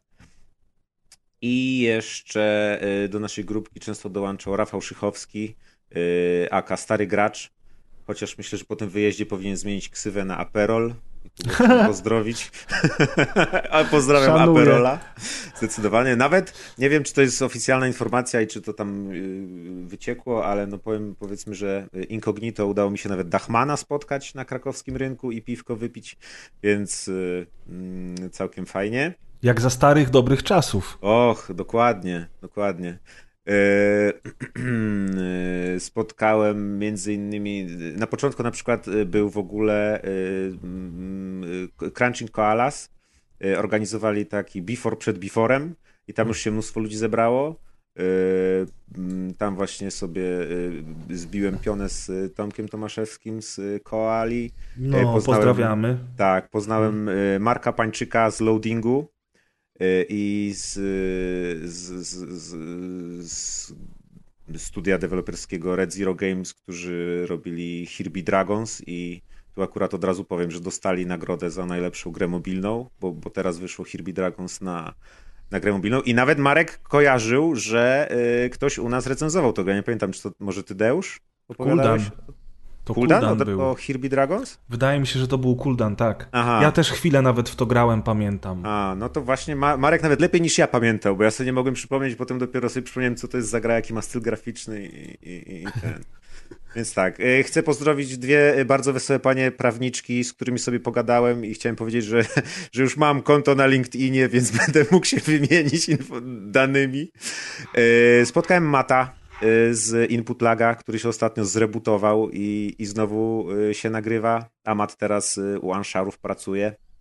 Gdzieś tam w, w jakim wydziale publishing i tam coś tam chodził, chodził, szukał okazji.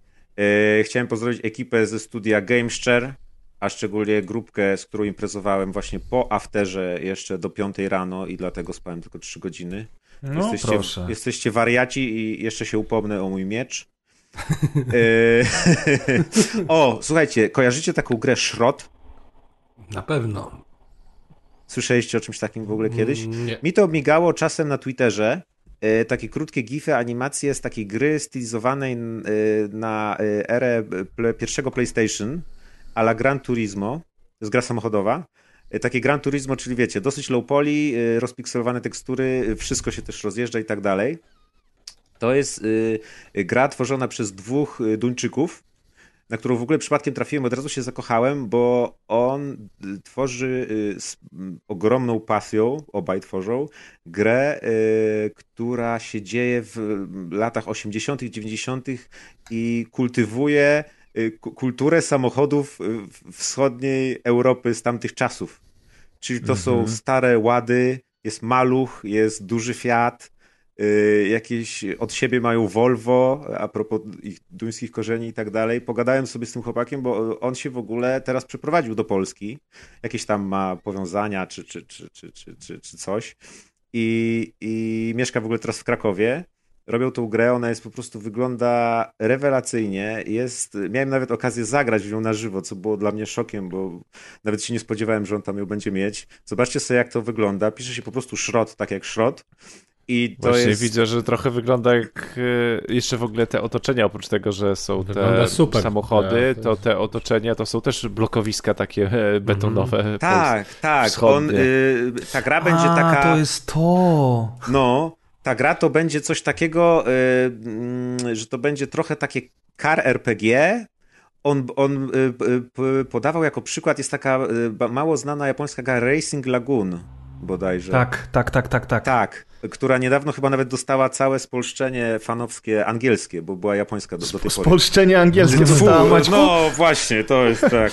Tak, ona, ona była niedostępna na zachodzie i rzeczywiście zro, zrobi, zrobili jakieś e, tłumaczenie na angielski i teraz można w nią grać, a ona jest chyba z PlayStation 1 jeszcze, prawda? Tak, Tak tak, tak, tak. I, i y, Szrot też właśnie będzie takim car RPG, który się bardzo skupia na tym, żeby właśnie y, wychwalać tą kulturę tych, tych starych samochodów. Y, będą tam y, miasta oddzielne, gdzieś około trzech na razie y, O, ma, słyszałem. maluch nawet jest na I- screenach. I to będą takie powiedzmy huby, po których się jeździ i tam się będzie można robić różne rzeczy. Będzie się można ścigać, ale będzie można właśnie yy, na przykład podjechać do kiosku, który też wygląda jak kiosk taki PRL-owski stary i tam kupić chleb na przykład i gdzieś komuś zawieść. Słuchajcie, gameplay features. Racing, semi-open world, destruction, customize your shroud, help babcia with her groceries. No, no jest, to, jest to naprawdę... Drive home, your dra- e, drive home your drunk friend before he pukes. Jest to totalnie projekt co, całkowicie jakby zrobiony z, z serducha i widać mnóstwo miłości. Ta estetyka, ja ją po prostu kocham, bo to jest totalnie... On też mówił, że chce, żeby to wyglądało tak, jak taka gra y, z PlayStation 1, która została gdzieś zapomniana, zagubiona, nikt o niej nie wiedział i teraz ją ktoś znalazł. Nie? I tak to wygląda. I na naprawdę się maksa. stara, żeby tam wszystkie te aspekty niedoskonałości graficzne y, z PlayStation też były odzorowane. Jak to zobaczyłem, to po prostu byłem ucha, uchachany od ucha do ucha, bo coś wspaniałego. Więc to było, to było chyba moje największe zaskoczenie, bo wiedziałem, znaczy nawet się nie spodziewałem, że on tam będzie. Jak już go poznałem, to już było niesamowite. A jak później jeszcze mi pokazał, że w ogóle ma tam jakiś build i że sobie mogę zagrać, to uch, mogę już umierać, szczęśliwy. Można sobie do wishlisty na Steamie dodać. Do Koniecznie, Tak, ja tak. już właśnie Od, od dodałem. niedawna, no. Tak jest. E, co dalej? E, pozdrawiam Michała z firmy Gruby Entertainment. W ogóle O, dobra Gruby, nazwa. Super nazwa. Oni zrobili to tu press dla ciebie coś. Nie a propos gruby. zrobili grę Deadlink i to jest boomer shooter z elementami roguelite'a w klimacie cyberpunkowym. Deadlink? Deadlink. Jest też już na Steamie. patrzę. Deadlink on Steam. No jest. Tak jest. Tu się za dużo nie dowiedziałem, bo to było tak na szybko tylko wymieniane, ale widziałem, jeszcze usłyszałem Boomer Shooter, to wiedziałem, że muszę wspomnieć na podcaście. Więc tak, było sporo ludzi właśnie z zagranicy, yy, sporo ludzi z Bliskiego Wschodu, było yy, dwóch chłopaków z Iranu, którzy tam yy, zajmowali się animacją i robili jakieś tam takie, takie grafiki animacyjne nawet do telewizji, a tu zrobili grę jakąś taką chyba przygodową, ale bardzo fajnie animowaną. Niestety kompletnie teraz nie pamiętam jaki był tytuł, ale, ale no bardzo różnie. Dużo było obcokrajowców, którzy pracują zdalnie z- w polskim game devie z zagranicy. Na przykład był, y, poznałem kolegę z Rumunii, to jest taki insiderski żarcik. Y, Tak. Też chciałem ze starych, dobrych czasów. chcia- Chciałem też przy okazji Kole- wspomnieć, że... mogłeś poznać. Tak, że na y, biforze, jednym z biforów, których było kilka, jadłem bardzo dobre żeberka. To jest taki drugi insiderski żarcik, który taki insiderski chyba, bo na początku przecież mówiliśmy o co No chodzi. wiem, ale to, to taki insiderski już dla wszystkich słuchaczy też. Ja Tak ostatnio jest. przeglądałem jakiś taki sklep z mię- mięsiwami różnymi, że możesz sobie gotowe dania do domu zamówić i żeberka miały bardzo fajną nazwę, bo nazywały się Złamane Żebro, więc tak. No, y, spotkałem kilku słuchaczy, y, którzy bardzo się cieszyli i y, du- dużo osób Ale pytało się, się mnie, dlatego, że nie ma... że mnie spotkali. miesiąca? Aha. No, że Maćka spotkali, bardzo celebryty. dużo ludzi pytało się, kiedy będzie nowy odcinek, aż się A, na- Ciekawe jest, czemu. Maciek się pytali. Widzisz, to była odpowiednio długa przerwa, że ludzie zatęsknili, nie? Ale zwróćcie uwagę na to, że faktycznie po kilku latach y, ta przerwa nastąpiła. Rypania dwa mieliśmy tygodnie, przerwę, dwa tygodnie. Mieliśmy przerwę, jak wybuchła wojna, mieliśmy przerwę, jak zmarł Piotrek oczywiście, ale, ale ogólnie to tych przerw nie było. I ludzie przez te lata się przyzwyczaili do tego, że co dwa tygodnie, jak w zegarku, jest nowa rozgrywka. No i teraz nagle klops. Ja ich bardzo dobrze rozumiem, bo jak któryś z podcastów, których ja słucham, innych też się nie ukaże, to ja też gdzieś czuję taką pustkę i sobie myślę, zaraz, nie powinno już być nowego odcinka? Co Dlatego jest? Jest? ja nie słucham podcastów i po prostu czuję pustkę w ogóle. A, cały czas. No tak. Można też tak. No więc, więc dla wszystkich, którzy, którzy się nie mogli doczekać tego odcinka, to proszę, bardzo macie. There you have it. Tak jest. Jeszcze ciekawostka, bardzo fajna, kiedy już podczas afterka, który był po pierwszym dniu, siedzieliśmy sobie w krakowskich fortach y, na leżaczkach z piwkiem, z karkóweczką, z pieczonym ziemniaczkiem, to nad naszą głową nagle przeleciał Starlink. Y, Czyli ten taki, y, nie wiem jak to nawet Satelita, nazwać, nie? tak? To jest to nawet taki pociąg satelit, czy taka seria satelit, bo to po prostu leciało 5, 6, 7 takich światełek w jednym tym. A tak naprawdę Dachman dał mu LSD.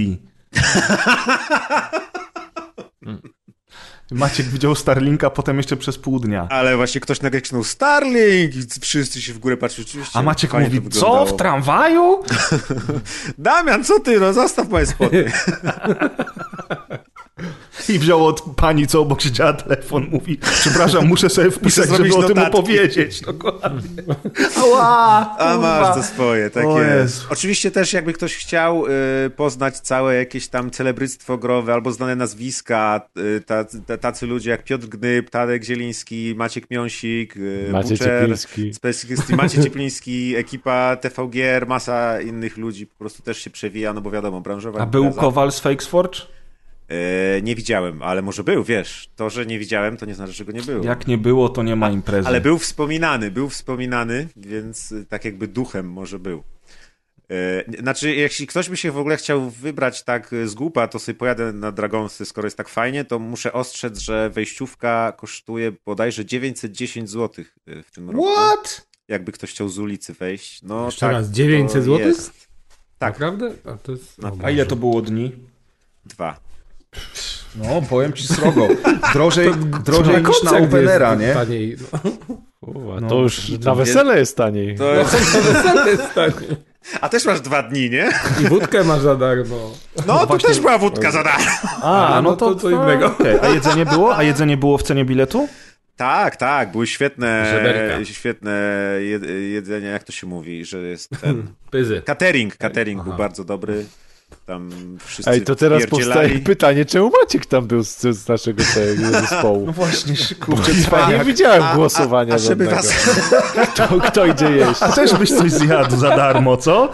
A ja mam, kto wiesz, by nie pół zjadł? godziny z tym y, ale to też, żeby, żeby ci nie było smutno i wam wszystkim, to Tylko też powiem, mięso że... Myczkę tak? ci przywiózł. Nie, że jak ludzie mnie widzieli, to mówili, a czemu tylko ty przyjechałeś? Gdzie jest reszta? A czemu nie ma, czemu nie ma reszty? Więc ja w sumie też nie wiem, czemu nie ma reszty. No bo A Maciek z kieszeni wyciąga pieniążki i mówi, tu jest reszta. 2,50. Badum. Tak, e, dobra. To teraz e, prze, przez nagrody jeszcze przelecę, bo to, to też ciekawe. E, The Medium od Bluebird Team, krakowskiego zespołu, zdobyło trzy statuetki. Jako najlepsza polska gra, najlepszy polski game design i za soundtrack. Naprawdę za game design dostali? Tak, naprawdę. Gratulujemy. Znaczy tam generalnie za art design już chyba prędzej. Nie wiem, tu było e, game design ogólnie. Okej. E, be, be. Hirby Dragons od Red Zero Games jako najlepsza gra mobilna. Papetura od Pateums jako Best Polish Game Art. I za najlepszą grę zagraniczną It Takes Two Hazelight Studios of A był Fares Fares? Nie widziałem. Ale to nie, Nie. znaczy, że go nie było. E, I jeszcze na koniec, żeby e, e, zamknąć dzisiaj imprezę, bo już dzisiaj ludzie się zmywali, uciekali, a my jeszcze z Simplexem i z Rudym Rydzem pojechaliśmy do krakowskiego Muzeum Automatów Arcade, A, klasyczny które, przystanek. Tak jest, które trzyma się dobrze, na całe szczęście. Chwilę tam pogadałem, to, to się trzymają dobrze, rozrastają się cały czas, automatów jest rzeczywiście więcej. Jest coraz więcej bardzo fajnych takich automatów, powiedzmy rzadszych i z różnymi featureami, bo chociażby dwie gry takie skaterskie z deskorolką były. Y, Jakieś tam był y, Outrun z tym całym takim samochodem trzęsącym się i tak dalej, więc co, co, coraz fajniej, coraz Maciek, lepiej. a muszę ci się spytać, byłeś w sercu polskiego game devu, co z Franco 2? Tyle. Tyle. Nie widziałem, co nie znaczy, że nie było. Więc nie wiem, co z Frankowa. Dopóki ja nie zrobię, no to nie będzie chyba, no nie wiem. No to słuchaj tych wykładów i rób. No dokładnie, takie, takie, taki mam plan. E, a propos jeszcze tego arcade, to przeszliśmy z Simplexem całe Cadillaki i dinozaury. No od początku do kurczę. końca. E, nigdy to więcej. 30 minut. Nigdy więcej, nie polecam. Y, Ostatnie trzy poziomy to już chcieliśmy zrezygnować, ale już było coś takiego, że już tak daleko zaszliśmy, że już y, musimy dojść do końca. Ale Y, mieliście tam nieskończoną ilość żyć, Tak, tak, tak. Tak, Tam się tak. płaci na wejściu Ale pieniążków może był i potem ustawiony grasz dowoli. poziom mocny trudności. Nie, Nie, po prostu wszystkie na, te gry z na automatów końcu, były Na takie. końcu, wiesz, wychodzi trzech bossów, zabijasz ich i wychodzi znowu trzech bossów tych samych i ich zabijasz i znowu i, i w kółko i masakra po prostu. Ogólnie To było po, to, żebyś wydał kasę. No. Tak, Mhm. no m, strasznie po prostu. Ja nie wiem, jak trzeba by było grać, albo ile wydać, żeby to na legalu skończyć legitnie, z, wrzucając pieniążki. E, Ale tak, po dwóch i pół godzinach tam spędzonych, mimo że bardzo szczęśliwych, to już nas bolały ręce od trzymania pistoletów i, i szarpania Dobrze, że pistoletów. I ten, tak jest. I głowy od tych dźwięków I wszystkiego. Więc już wyszliśmy. Nawzajem i... sobie trzymali i się rozeszliśmy gałę. i koniec. I przyjechałem do tramwajem z drugiego końca miasta robiąc notatki i teraz już ledwo żyję. Czyli najlepsze z tego wszystkiego były Cadillacy i dinozaurzy. Tak, granie w szrota i domówki z polskim game devem. Krakowskim. Czyli w sumie Pięknie. pojechałeś tam po to, żeby się napić i Nie, pogadać dokładnie, ludźmi. żeberka, I piwko. najeść. No i to my szanujemy. Tak trzeba żyć, Maćku. Dzięki. Bardzo dobrze. Teraz idę umrzeć. No to jak chcesz, to idź, chyba że zostaniesz do końca newsów jeszcze z nami, bo teraz będzie bardzo ciekawy temat od Kaskada, a potem chwila o RTX-ie. To zostanę na ciekawy temat na kaskada i pójdę jak będzie o RTX. A to Też bym tak chciał, ale już obiecałem, że będę dłużej. O, E, spoko. Wiecie co, no ja chciałem tak ogólnie z wszystkimi pogadać bardziej na tematy szersze i życiowe i spytać się, jaki sprzęt do grania ostatnio kupiliście, kiedy to było i dlaczego wybraliście akurat e, tą platformę i jakie emocje wam towarzyszyły. I tutaj e, no chyba najlepiej zacząć od Kaza. E, Co, z złe- jaką ostatnią platformę kupiłeś i czemu? Xboxa One... Nie, Xboxa Series, te nazwy są tak spieprzone. on nie wie co kupił. Xboxa. Series S. o. Xboxa Series S i to miało miejsce w zeszłym roku chyba zimą. Albo coś takiego. No i dlaczego ten sprzęt? Bo na PS5 nie ma nic, co mnie interesuje w tym momencie kompletnie. Na PlayStation 5. PlayStation 5 jest za duże. Ja powiedziałem sobie od początku, jak wiedziałem, jak ta platforma wygląda, że absolutnie nie kupię jej w tej wersji, tylko poczekam, jeżeli w ogóle, to poczekam aż się zmniejszy.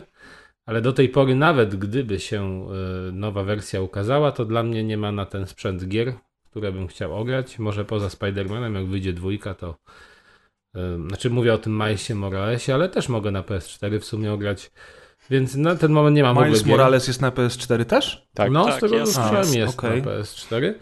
No więc ym, to był powód. Drugi powód był taki, że ona była dosyć tania, bo kosztowała 1200 zł. Trzeci powód był taki, że chciałem sobie nadrobić stare gry z Xboxa pierwszego. I to chyba był największy powód. Mówię, kurde, nigdy nie grałem w tego Blinksa, zawsze chciałem pograć. No więc kupiłem sobie Blinksa. System seller po latach, a to miał być system seller 20 lat temu, więc. No i tak Co nie był, a... i tak nie był, ale e, fajna gra. E, Natomiast właśnie z tą myślą bardziej, żeby ograć te starocie z Xboxa pierwszego, się okazało niestety, że to jest tylko też wybór gier, nie wszystkie są. Dużej części tych, które chciałem, nie ma, bo na przykład bardzo chciałem sobie ten sequel Jet Set Radio ograć, go nie ma e, w tych klasykach z Xboxa. No jeszcze byśmy tam y, znaleźli parę, parę właśnie takich japońskich gier, które wychodziły, no bo nie wiem czy pamiętacie, ale ten pierwszy Xbox to miał być takim następcą, znaczy to był w sumie taki trochę następca Dreamcasta i, i dużo, dużo serii jakby tam później Sega wypuszczała na Xboxa. Niestety właśnie no, większość z nich nie jest dostępna y, w tym programie, y, znaczy w tej wstecznej kompatybilności. No i y, chciałem też spróbować sobie Game Passa. Uznałem, że podoba mi się ta koncepcja e, odpalonej jednej gry czy trzech gier na raz i później przełączania się między nimi i to jest rzeczywiście najlepsza rzecz, która, znaczy według mnie to jest system seller, jeżeli chodzi o te nowe sprzęty, przynajmniej nie wiem jak to wygląda na PlayStation, ale jeżeli chodzi o Xboxa i tego mi bardzo brakuje na przykład na Switchu, aczkolwiek no nie wiem, ja już chyba jestem za stary, albo po prostu nigdy nie byłem jakoś przekonany do tego, co się teraz obecnie od czasów PS4 dzieje na rynku. I jakoś mnie te gry aż tak bardzo nie kręcą. Na przykład z tego co pamiętam, ostatnim razem Xboxa odpalałem 4 miesiące temu i dla. No nie, przepraszam, może z 2 miesiące temu. Dla emulatorów, a żeby w coś pograć i żeby sprawdzić, jak ta emulacja działa, co mówiliśmy kiedyś na rozgrywce. A żeby sobie pograć w coś konkretnego, to właśnie może z 3-4 miesiące temu. Od tego czasu kupiłem, e, grałem najwięcej, na, znaczy za tylko grałem na Switchu i zdecydowanie bardziej mnie to jara. Jeżeli mam wybór, to wolę grę na Switcha, to ta przenośność tej konsoli jest rewelacyjna, chociaż ten Xbox, Xbox ergonomicznie jest świetny. Moim zdaniem wygląd jest super. e, To jak on działa cicho właśnie, to jak on e, szybko się włącza, to przełączanie między grami jest naprawdę świetne. No ale chyba już mnie tak nie kręcą gry e, nowe jak dawniej mnie kręciły, więc mało gram. Super opcja to Game Pass, naprawdę rewelacja, jeżeli ktoś jest fanem gier z Microsoftu, lubi takie mm, serie jak Halo czy Gearsy, no to to jest coś wspaniałego. Sony tego nie ma i z tego co widziałem właśnie, co, o czym mówiliśmy dzisiaj, mieć nie będzie. Fajny sprzęt, y, ale nie wywołał we mnie jakichś szczególnych emocji. Z poprzednich, które wywołały, to akurat Switch, ale Switch to ze względu właśnie na tytuły, które są świetne. I to jest chyba platforma, w którą gram najwięcej od czasów. No, bardzo dużo grałem na PlayStation 3 i za czasów Xboxa, PlayStation 3, Wii, to, to grałem chyba najwięcej, poza czasami PS2. E, No, ale to pewnie od tych czasów PS3 to jest sprzęt, w którym zdecydowanie gram najwięcej. E, Bardzo mi się podoba. Czekam, aż wyjdzie właśnie Switch 2 i na pewno to kupię. Sądzę, że w Nintendo pójdzie w tę stronę, bo, no bo to im się sprawdza bardzo mocno. No ale to tyle. Xbox nie wywołał wielkich emocji, fajny sprzęt. Nie czuję już jednak tego, co miałem dawniej, jak kupowałem konsolę. Niestety ta magia już chyba nie wróci. To tyle ode mnie. No spoko. A ty Maciek? Co ostatnio nabyłeś do grania i kiedy, czemu? Co się stało? Co czułeś? Ja? Bo No właśnie, nie bo słyszałem, tak- kogo No wywołałeś. właśnie, bo ja zrozumiałem Mac. Maciek. A, ja bym chciał na końcu powiedzieć. Na końcu ja mówię, bo ja potem przechodzę od razu do No RTX-a. fakt, dobra, no to Możesz mogę być teraz powiedzieć. przedostatni. E, Ja, e, jeśli mamy mówić, co ostatnio kupiłem jako platformę do grania, to będzie Legalnego. PS4, więc nie, więc nie będę mówić o PS4, bo to nic ciekawego, ale przewrotnie ostatnią rzeczą do grania, jaką kupiłem, był odtwarzacz mini disków, który bardzo Hmm. fajnie gra, ponieważ y, wciągnąłem się ostatnio w mini diski, y, zakochałem się w tych urządzonkach, mam już cz- cz- cztery i piąty leci do mnie. Yy, jakby ktoś chciał zobaczyć, czym się tak zachwycam, to niech sobie wpisze Sony. Ale co, co to właśnie jest ten mini disk? Wpisz sobie w Google'ach Sony MZR90 i zobaczysz. No mini diski to jest taki format yy, Do muzyki, z, tak? Z, z lat tak, 80., 90. Aha, okej.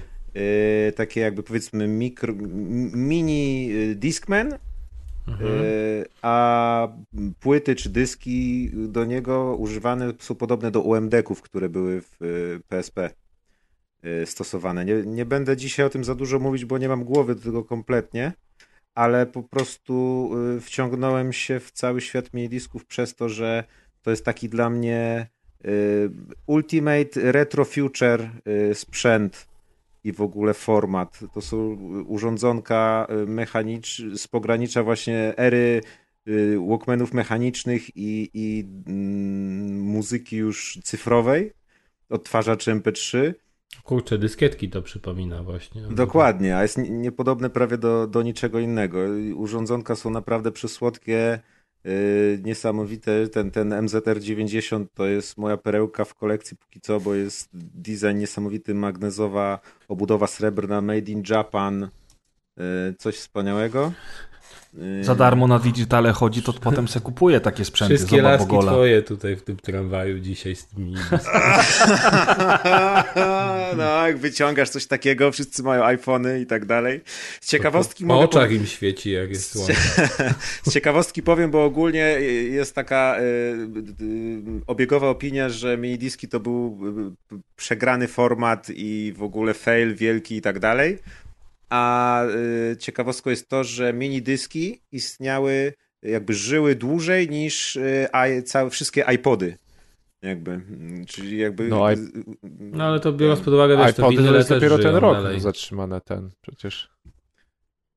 No nie wiem, gdzieś przeczytałem w internecie i powtarzam, chcąc Ale to, to wiesz, to no. pewnie podobnie na zasadzie właśnie, że winyle do dziś żyją, nie? I... No i to jak? Nie, ale chodzi po prostu o to, że jakby chyba e, w Europie były bardzo mało popularne minidyski i w Stanach, a na przykład w, w Japonii e, mega popularne.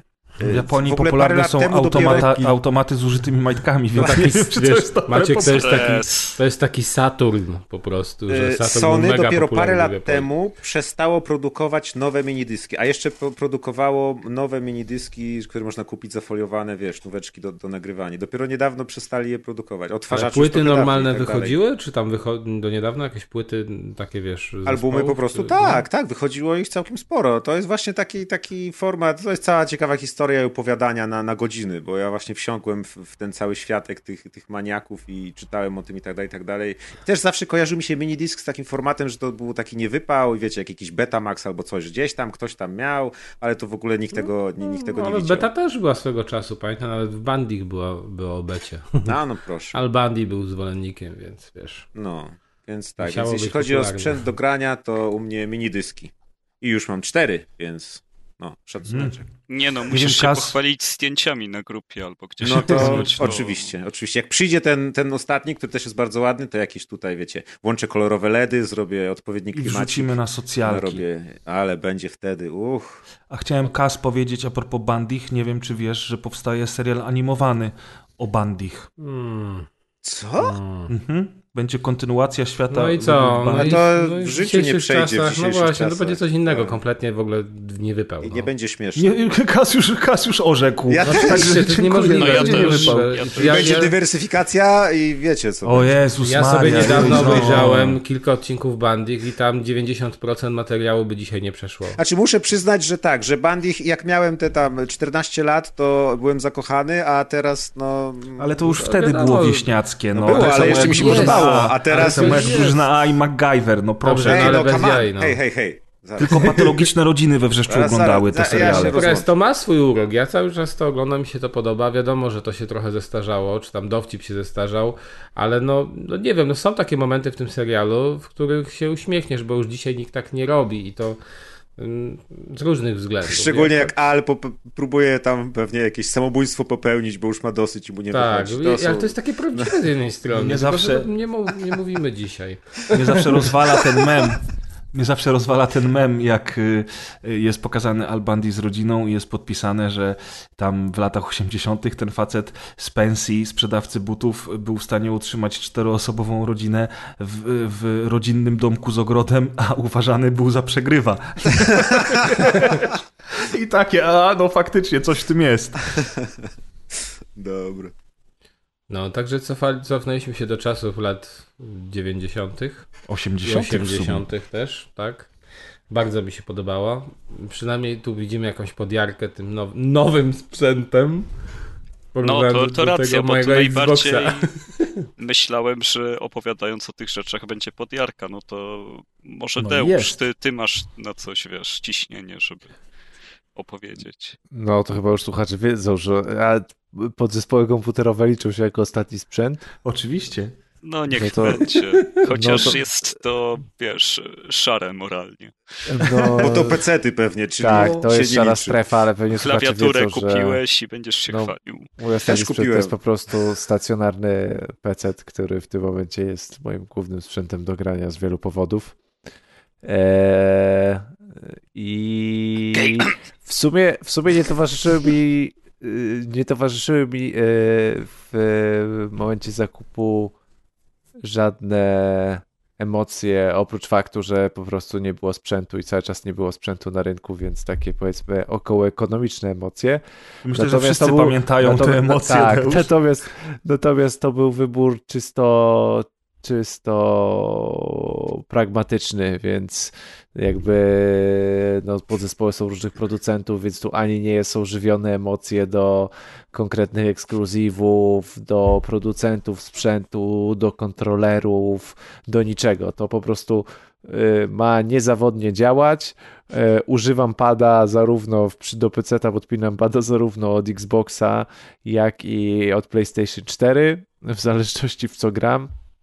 Jak gram w God of War, to podpinam pada z PlayStation, jak gram w inne gry, podpinam pada z, e, z Xboxa i to dla mnie po prostu jest sprzęt, który ma działać, ma odpalać w miarę, wiadomo, że nie odpala ekskluzywów w Sony, tak, no ale to, to co ma odpalać, ma odpalać w możliwie e, dobrej jakości i, i w sumie tyle, bo e, jakoś się tak od e, przestałem kochać sprzęt e, jaki, jakikolwiek, tak, że tak powiem, przywiązania do marki, e, chociażby porównując to, jaką przygodę Maciek rozpoczął z minidiskami, to ja w tym momencie absolutnie nie przywiązuję uwagi do, do, do, do, do, żadnego sprzętu, czy to graniowego, czy jakiegokolwiek innego, słuchawek, yy, plecaków i w ogóle, w ogóle czegoś innego. Wszystko, wszy- ja jest, wszedłem w swoim życiu w etap pragmatyzmu i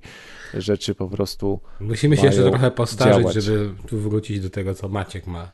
No kurde, póki ja O, będę w Maćka jednak wieku, nie- to wiesz, tysięczny odcinek Nie będziemy polecam, bo ja wchodzę w jeszcze inne fazy niż Deusz. Te, te, te to Ale- tonący brzytwy się chwyta. Ale to wam powiem jeszcze jedną właśnie taką ciekawostkę odnośnie sprzętu, teraz mi się przypomniało, tak, taka fajna historia. Byłem w nowo otwartym muzeum w Poznaniu, Centrum Enigmy, bo jakby ktoś nie wiedział, to właśnie goście z Poznania tutaj złamali Enigmę Halo. Więc wiadomo, że Poznań górą i ostatnio w ogóle i- i mistrz. No więc, Eee, no więc no, e. Wchodząc do tego, do tego centrum, kupując bilet, okazało się, że pani, która tam sprzedaje, gra sobie na Game Boy Advance. I jeszcze Wow. na dodatek, na dodatek miała grę jeszcze z Game Boya, włożoną do Game Boya Advance. I tak podpytałem, czy jej ekranik ma podświetlenie. A ona, nie, nie, te modele nie miały podświetlenia. Przecież dobrze wiemy o tym, ale były różne mody, można było zmieniać. Ale zobaczcie, taka fajna historia. I to wcale nie taka stara pani, tylko raczej młodsza. A tu na. No, żebyś nie miał żony. Byś no. pokazał jej swojego Game Boya. Tak. Pokażę ci mojego. Z paskiem letowniętego. tak. Wymienimy się tym, co mam w kieszeni. Tak.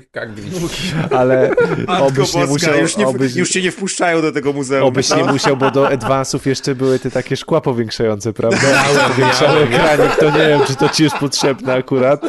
Taka lupa. Tak.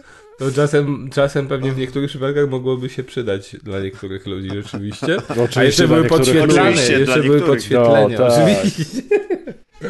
Ale taka fajna historia i to też pamię pamiętam właśnie czasy tego kupna tego Game Boy Advance, bo to był pierwszy mój Game Boy taki kupiony. Nawet fajną historię zmieniłeś w cringe'ową To jest i to jest też duży talent. To takie lata 90. właśnie. Świat według Kaza. Tak, jedziemy dalej. No to E, Kaskad, ty nam powiedz teraz. No w sumie tak, no teraz jestem ja. No, do mnie tyle, co przyszedł Xbox One X, ale tutaj e, akurat to był e, zakup pragmatyczny, żeby się pobawić emulacją też, ale jeszcze tego nie zrobiłem, więc... A od kogo ku kupiłeś, powiedz? No od zdesperowanego preza, któremu tak zwiększyła się rata kredytu, że za bezcen sprzedaje sprzęt. A czekaj, czekaj, jeszcze raz, co kupiłeś, bo nie usłyszałem. Xboxa One X. Aha. O, o. I, i prez już Kas ma lepszego. nie może, Nie ma nie One może znaczenia. X, a nawet nie One S. One X nudesów kupiłeś. sprzedawać, bo one są za darmo w necie, więc musi sprzęty sprzedawać. I Nie no, bardzo się cieszę, że się znalazł nabywca, no ten po co miał stać, kurczę, Nie dziwię się, że się cieszysz, że nabywca się znalazł, bo już mało. No Więc i od razu, od razu dwa bilety na ten, na Mystic Festival w Gdańsku, na Judas Priest, cyk. Ale O. na Digital Dragons by Kredyt ci nie starczyło. spłacaj.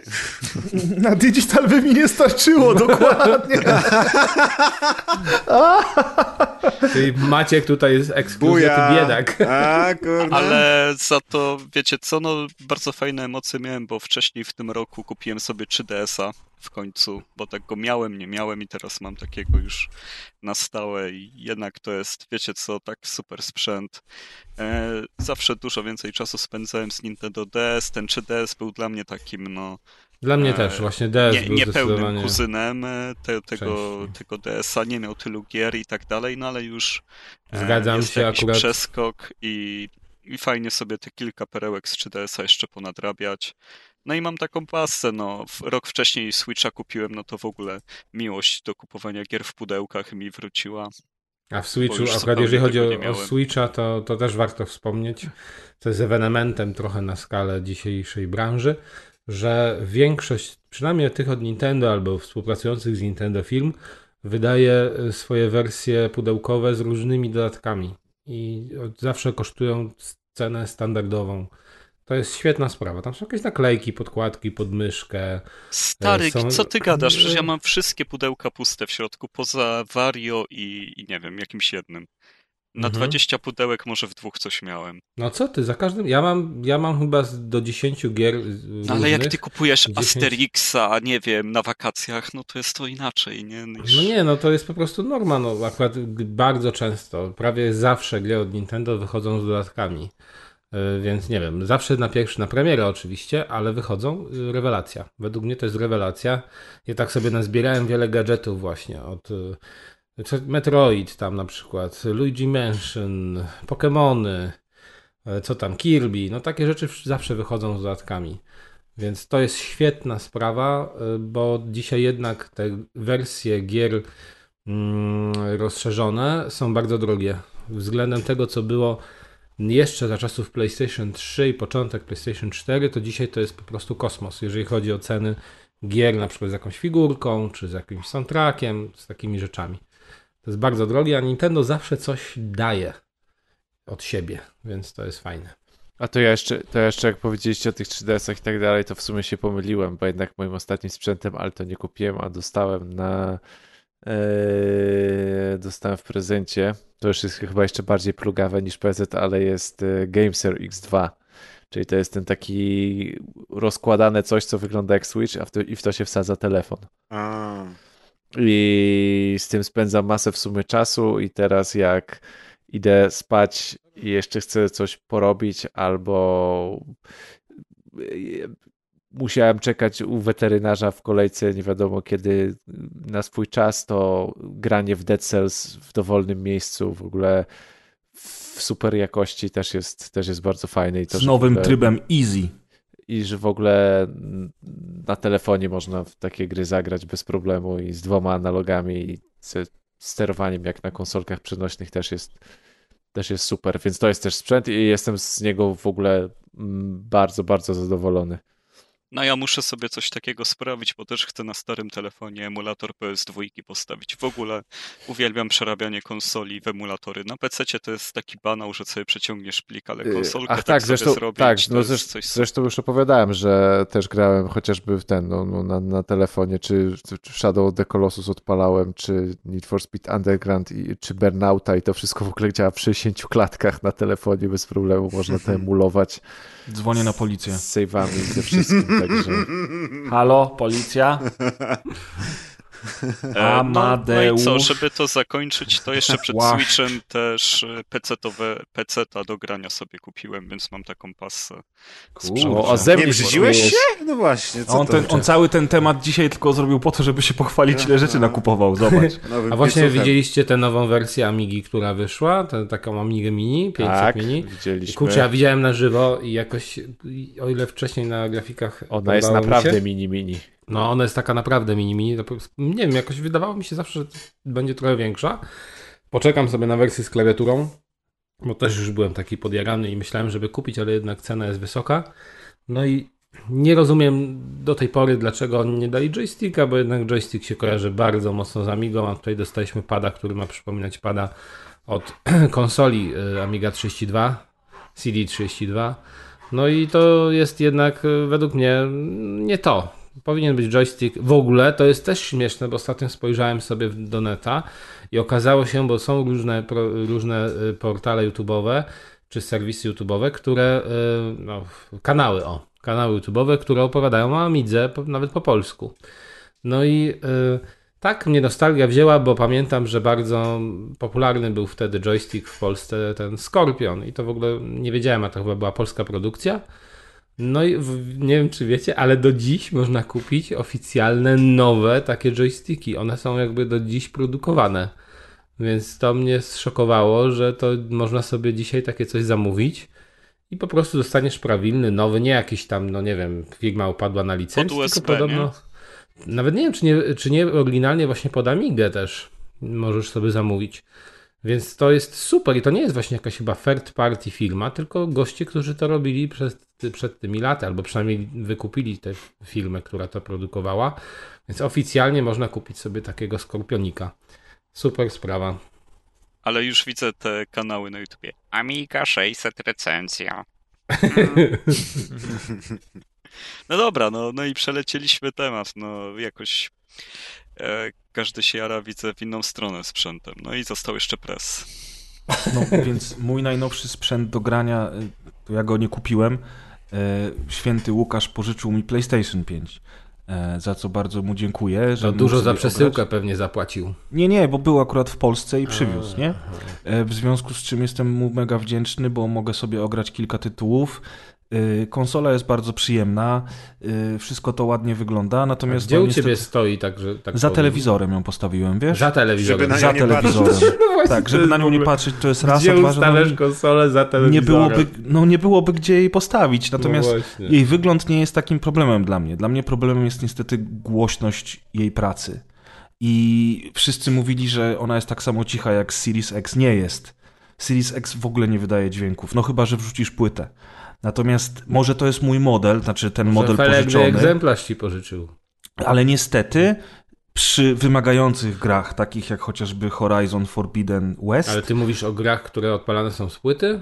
z płyty, ale też takich, które są cyfrowe. E, Jeżeli gry są wymagające, no to ona jednak potrafi się do, na tyle rozpędzić, że ja e, mieszkając sam po prostu to słyszę.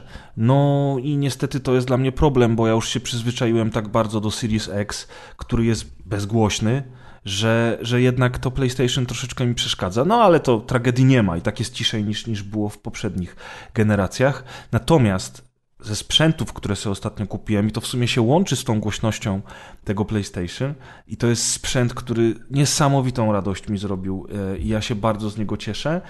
A mianowicie kupiłem sobie bezprzewodowe Bose Quiet Comfort 45, czyli, Czyli? takie słuchawki, które łączą się przez Bluetooth które łączą się z moim telewizorem, e, który z kolei jest podpięty do komputera, do konsol i tak dalej, w związku z czym mogę oglądać filmy, seriale, ale również grać na tych bezprzewodowych słuchawkach.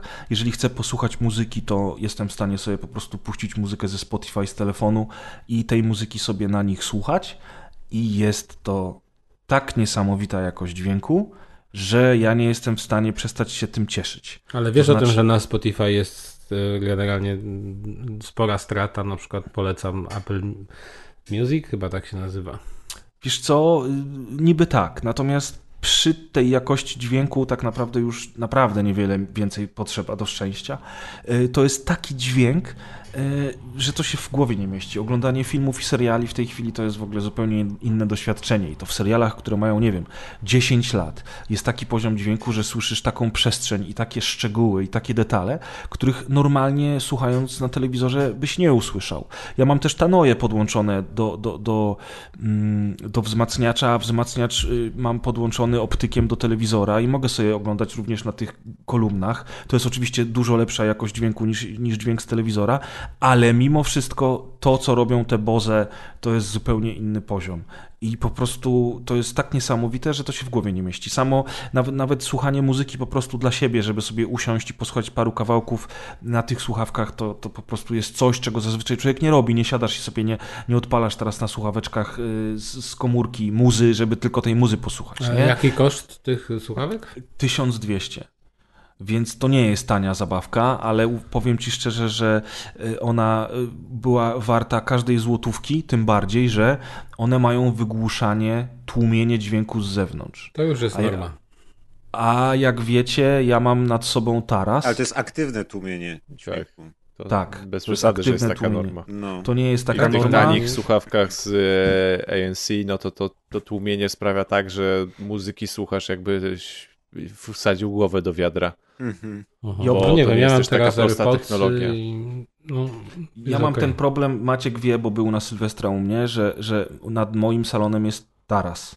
Więc całą jesień i całą zimę de- kapiący deszcz jest dość problematyczny. Poza tym e, słychać też wycie wiatru w budynku takim No, wieżowcu, który jest daleko. jest, Jest gwiżdżący budynek, no. który jest koszmarny. Wrzeszcz. Architekta bym, jakbym dorwał, to bym po prostu taką lepę mu sprzedał, że nie wiem. E, na samej górze są siatki zabezpieczające te wszystkie wywietrzniki i anteny, które są na dachu. I przez te siatki wiejący wiatr po prostu gwizdże. I te, dwa, te dwie rzeczy, plus oczywiście ruch uliczny, który, no nie wiem, latem przy otwartych oknach na przykład może być problemem, chociaż to oczywiście każdy ma i to nie jest jakaś tragedia. Natomiast ten deszcz i ten wiatr, e, plus to, że w tym moim mieszkaniu troszeczkę jednak słychać na przykład jak sąsiadka na dole, która już jest starsza i trochę głośniej e, włącza telewizor, to ja słyszę ten telewizor, słyszę jak ona bardzo głośno rozmawia przez telefon na przykład i tak dalej. Wieczorami, wiecie, jak jest cisza, spokój, a ja też nie chcę za, za głośno słuchać tej telewizji, żeby właśnie sąsiadom nie przeszkadzać. I te słuchawki to jest po prostu idealne rozwiązanie. Ja je za zakładam i nic nie słyszę. Mam tylko film albo grę i mam święty spokój. Oczywiście, jak będzie pożar albo coś, to ja tego nie usłyszę, ale. Wiesz, ale tam trudno. Było warto. Tak. Natomiast, natomiast nie, no to jest po prostu tak niesamowita zabawka, że jeżeli będziecie mieli możliwość, to i macie taką potrzebę, to zainteresujcie się takim sprzętem, czy też podobnym. Sony ma podobne słuchawki, trochę tańsze, no bo Bose to jednak już jest, już jest już taka cena dosyć solidna, ale uważam, że uważam, że to jest po prostu najfajniejsza zabawka od gramofonu. Nawet ten telewizor, o którym wielokrotnie rozmawialiśmy, nie dał mi tyle radości, co, co te słuchawki, więc jestem bardzo z tego zadowolony. A ładnie ci Taka- się to sparowało ze wszystkim? Właśnie powiem ci tak. Y, okazuje się, że mój pionier, którego kupiłem między innymi z myślą o Bluetooth, nie ma wysyłania sygnału Bluetooth na zewnątrz. Ja te słuchawki też kupiłem z myślą o gramofonie i okazało się, jak próbowałem sparować, kombinowałem, przełączałem, czytałem instrukcje, okazało się, że większość wzmacniaczy do 2000 zł ma Bluetooth ale ten Bluetooth tylko przyjmuje. To znaczy, możesz sobie puścić muzykę ze Spotify'a w komórce na wzmacniacz i ona sobie poleci z głośników. Ale ja, mając wzmacniacz podłączony do fono, do gramofonu, chciałbym puścić dźwięk z tego wzmacniacza na słuchawki i tego już niestety nie mogę zrobić, bo nie ma wysyłania na zewnątrz. W związku z czym na początku chciałem je w ogóle oddać bo, bo po prostu zmartwiło mnie to. Na szczęście okazało się, że mój telewizor po prostu z tymi słuchawkami bez żadnej aplikacji łączy się sam z siebie, a ponieważ cała reszta sprzętów jest podłączona do telewizora, to cokolwiek odpalam leci przez telewizor i dźwięk jest bardzo dobry, a jeżeli chodzi o wysyłkę Bluetooth z pioniera na zewnątrz, to już znalazłem takie, wiecie, e, wpychasz to w gniazdo jacka takie mm, nadajniki, że wpychasz w gniazdo jack taki nadajnik, tak samo w samochodach są takie e, nadajniki Tak, na no, przykład. mam takie w które, właśnie. No właśnie. I ten nadajnik po prostu wkładasz e, we wzmacniacz i wtedy też będzie można słuchać muzyki z gramofonu, chociaż z tego, co pisali chociażby ludzie na naszej grupie rozgrywkowej e, i z tego, co widziałem w internecie, to niestety porządny nadajnik, który ma zaoferować jakość dźwięku pasującą do słuchawek, może kosztować nawet i tyle samo, co te słuchawki. No, w takie rzeczy już się bawił nie będę, ale, ale taki nadajniczek jakiś tam w jakimś sklepie elektronicznym na pewno kupię i będę testował, jak to działa. Tam 80-150 zł, no to jeszcze powiedzmy, że można, nie?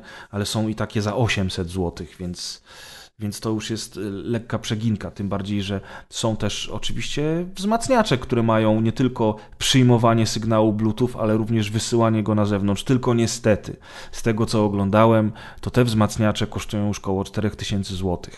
Więc dla samego gramofonu bawić się z tym nie ma sensu. Tym bardziej, że gramofonu to i tak lepiej słuchać jednak mm, po prostu na kolumnach. Natomiast cała reszta działa. Łącznie z PC-tem wszystko działa i, i to jest super, nie? Super. Mam, mam nadzieję, że wyczerpałem Kratki. temat. Dziękuję. Bardzo się cieszę. Tak, kupiłeś No, a- słuchawki, bo pada deszcz. ładnie to podsumowałeś, ładnie, podoba I mi to się. droższe niż wejściówka na Digital Dragons. Tak, tak, to się zgadza. E, ale było warto. No, a w ogóle to, mm, ponieważ ja jestem od miesiąca y, znowu singlem i mam czas na to, żeby być prawdziwym przegrywem, a do tego mam złamane żebra od dwóch tygodni, więc jestem na zwolnieniu, to bardzo na nowo y, jakby zaczynam cieszyć się z obcowania z popkulturą, o może w ten sposób. E, dużo gram, e, dużo oglądam seriali, filmów, jakby no, nie mam za bardzo możliwości z tymi żebrami przede wszystkim, więc, e, więc korzystam, e, korzystam jakby z tego. Mm, I właśnie, ponieważ byłem e, u, u moich rodziców przez ostatni tydzień z mamą, bo brat z ojcem są znowu na kontrakcie za granicą, to korzystając z okazji, że tam byłem, to dosiadłem się do komputera mojego brata, całkiem porządnego sprzętu, z właśnie z kartą RTX 3060, więc to może też troszkę można to podpiąć pod pytanie kaskada. I testowałem sobie, słuchajcie, tego RTX-a, bo stwierdziłem, że skoro mam go pod ręką, no to się pobawię. A, to E. ja muszę iść. Nie, nie chcesz słuchać, to spierdalaj, nie? To do widzenia. A Maćku, Cześć Maciek. trzymaj się. Dziękujemy za tą wspaniałą e, opowieść o Digital Dragons i wódzie za darmo. Dzięki. Odeśpij do najlepsze, do następnego Siema. odcinka tylko. No, odespij, odespij. Dzięki, dzięki, cześć. Pa. No. E, jak obiecał, tak zrobił.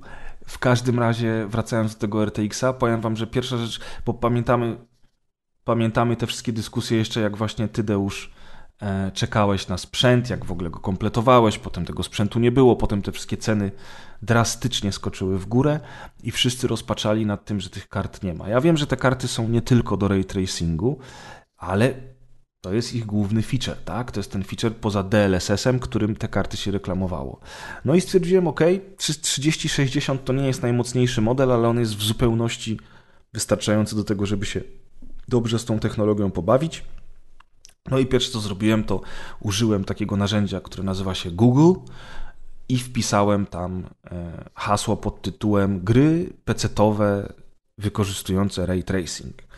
No i znalazłem taki ładny artykuł, to chyba nawet było na oficjalnej stronie Nvidia i okazało się, że tych gier jest łącznie 15.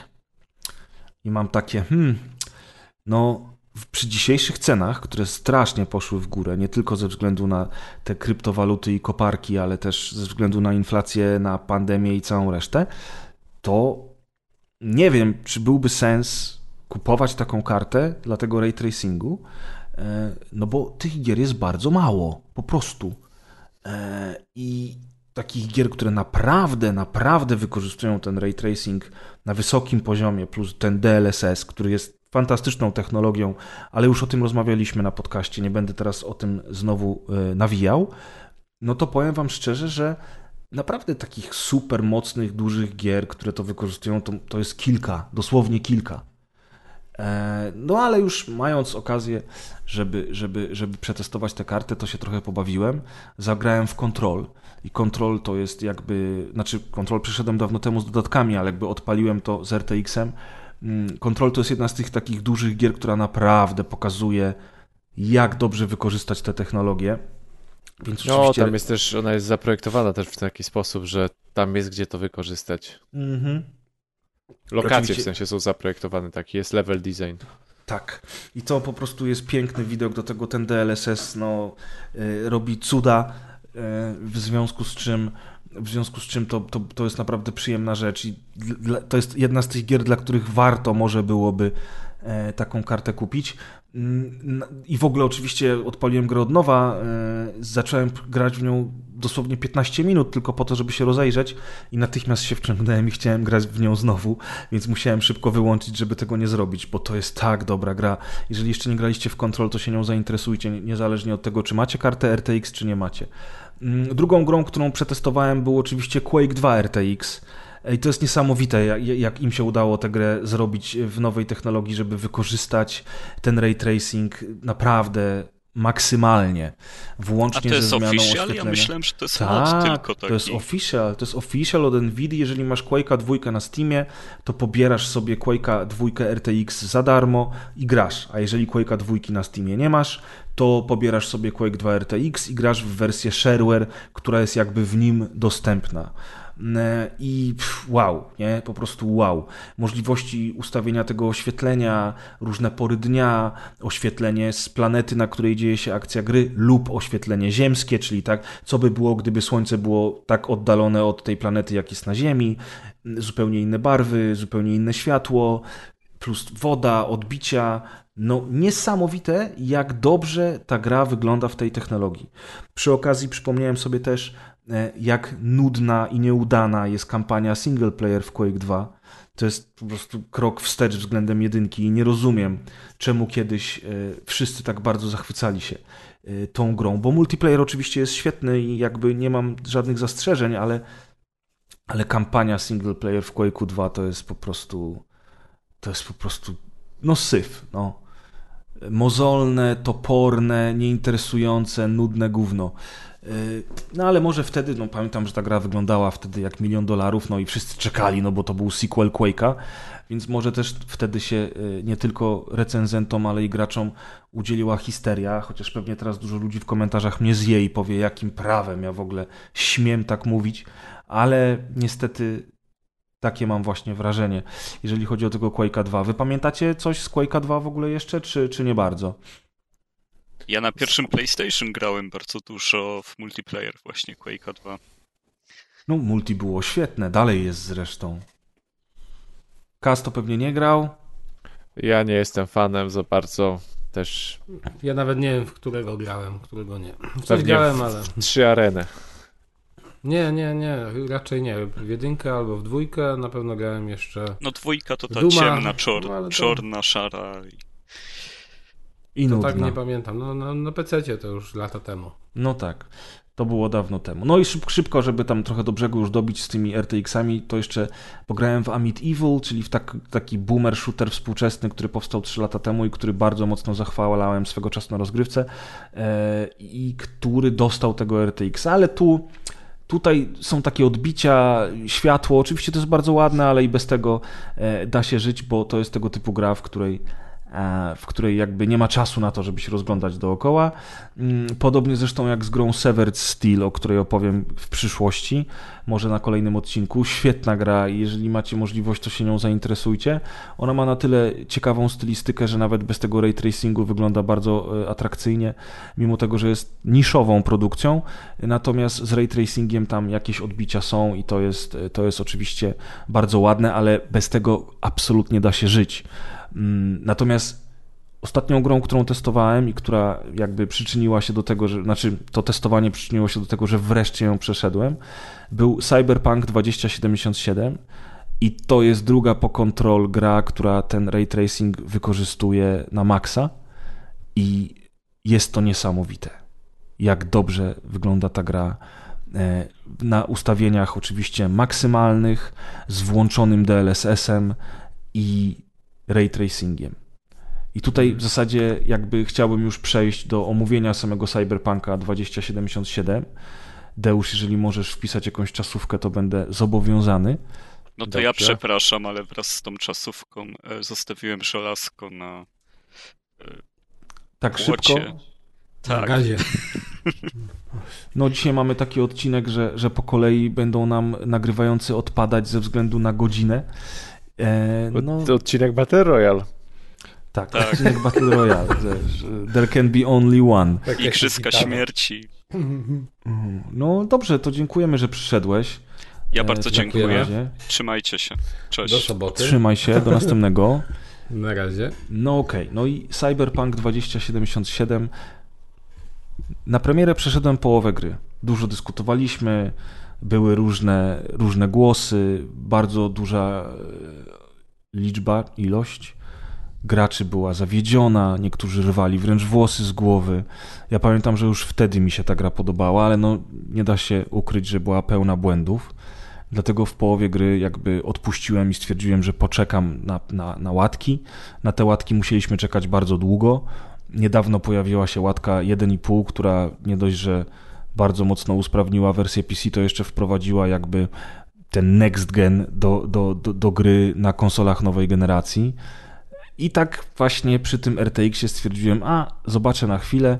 I oczywiście jak tylko grę odpaliłem, to wsiąkłem na maksa i drugie pół gry przeszedłem właśnie ostatnio przez te parę kilka dni, korzystając ze złamanych żeber. I e, wow, co to jest za dobra gra. Maciek, gdyby jeszcze siedział z nami dzisiaj i nie poszedł wcześniej do spania, to, to powiedziałby to, co powiedział mi prywatnie, że on jest bardzo zawiedziony, bo CD Projekt Red go oszukał. E, obiecali bardzo dużo rzeczy i nie dostarczyli tych rzeczy. Ja rozumiem to podejście, rozumiem, że wiele osób się zawiodło, bo wszyscy po Wiedźminie trzecim oczekiwali kolejnego przyjścia Mesjasza. Tym bardziej dostaliśmy grę, która nie była dopracowana, nie była gotowa i nie posiadała bardzo wielu elementów, które twórcy obiecywali. Więc tutaj jakby marketing wszystkich oszukał, rzeczywistość okazała się nieco inna, tym bardziej, że wielu pracowników, którzy tworzyli Wiedźmina 3 już dawno nie pracowało w CD Projekcie, kiedy powstawał Cyberpunk, bo jak pamiętamy, ci ludzie poszli do innych studiów, otworzyli własne małe studia, zaczęli robić swoje własne gry i potem co druga gra była reklamowana jak, jako gra twórców Wiedźmina III. A tymczasem w CD Projekcie działy się różne rzeczy, o których teraz już wiemy, pewnie nie wiemy o wszystkim. Byli nowi pracownicy, no i to czuć i widać, że ten Cyberpunk 2077 został niedopracowany, momentami został zrobiony na kolanie i został wypuszczony, dlatego że musiał już być wypuszczony, no bo prawa e, rynku, jak, ci, ci- jak się ci nazywają, co tam zawsze mącą, bo pieniądze. Nie sponsorzy, tylko Nie wiem o co chodzi. no ci ludzie, którzy pła- płacą za grę i potem musisz się im tłumaczyć z tego, że jeszcze nie wyszła. Ojeju. Gigli Eee, akcesiarze. Nie, no Inwestorzy. Inwestorzy, dziękuję ślicznie. Inwestorzy, giełda, wiemy jak to wygląda. E, dlatego też wspominałem o tym przy okazji przesunięcia gier Bethesdy, że może e, na przykładzie Cyberpunka inni się nauczą i może to się zmieni w niedalekiej przyszłości. W każdym razie okej. Tak, było średnio, natomiast trzon tej gry, czyli to, o czym dzisiaj mówił Maciek, świat, architektura, wygląd lokacji, grafika, e, gra aktorska i fabuła już od samego początku były świetne. I dla osoby takiej jak ja, czyli dla kogoś, kto e, nie przypada za wątkami pobocznymi, za robieniem jakichś takich powtarzalnych zajęć i czyszczeniem kropek na mapie, to była gra idealna, bo ona była trochę przygodówką, trochę RPG-iem, e, nastawiona na maksa na fabułę, na dialogi, na dialogi zresztą genialnie napisane, e, świetnie zagrane, bardzo, bardzo dobrze wyreżyserowane. Rzadko kiedy w RPGach mm, czy przygodówkach aż tak dobrze są wyreżyserowane te wszystkie sceny, że na przykład widzisz, jak siedzi mąż na kanapie, o czymś mówi, jego żona siedzi za nim na oparciu tej kanapy i on, mówiąc o tej żonie, na przykład podnosi rękę do góry i głaszcze ją po policzku. Albo jak rozmawiasz z kimś i spojrzysz na niego, ten ktoś odwraca, znaczy patrzy na ciebie, zwraca uwagę na to, że ty na niego patrzysz. Różne takie małe, wyreżyserowane rzeczy, które się dzieją w trakcie dialogów. Ktoś coś złapie, dotknie, przybliży się, podniesie szklankę.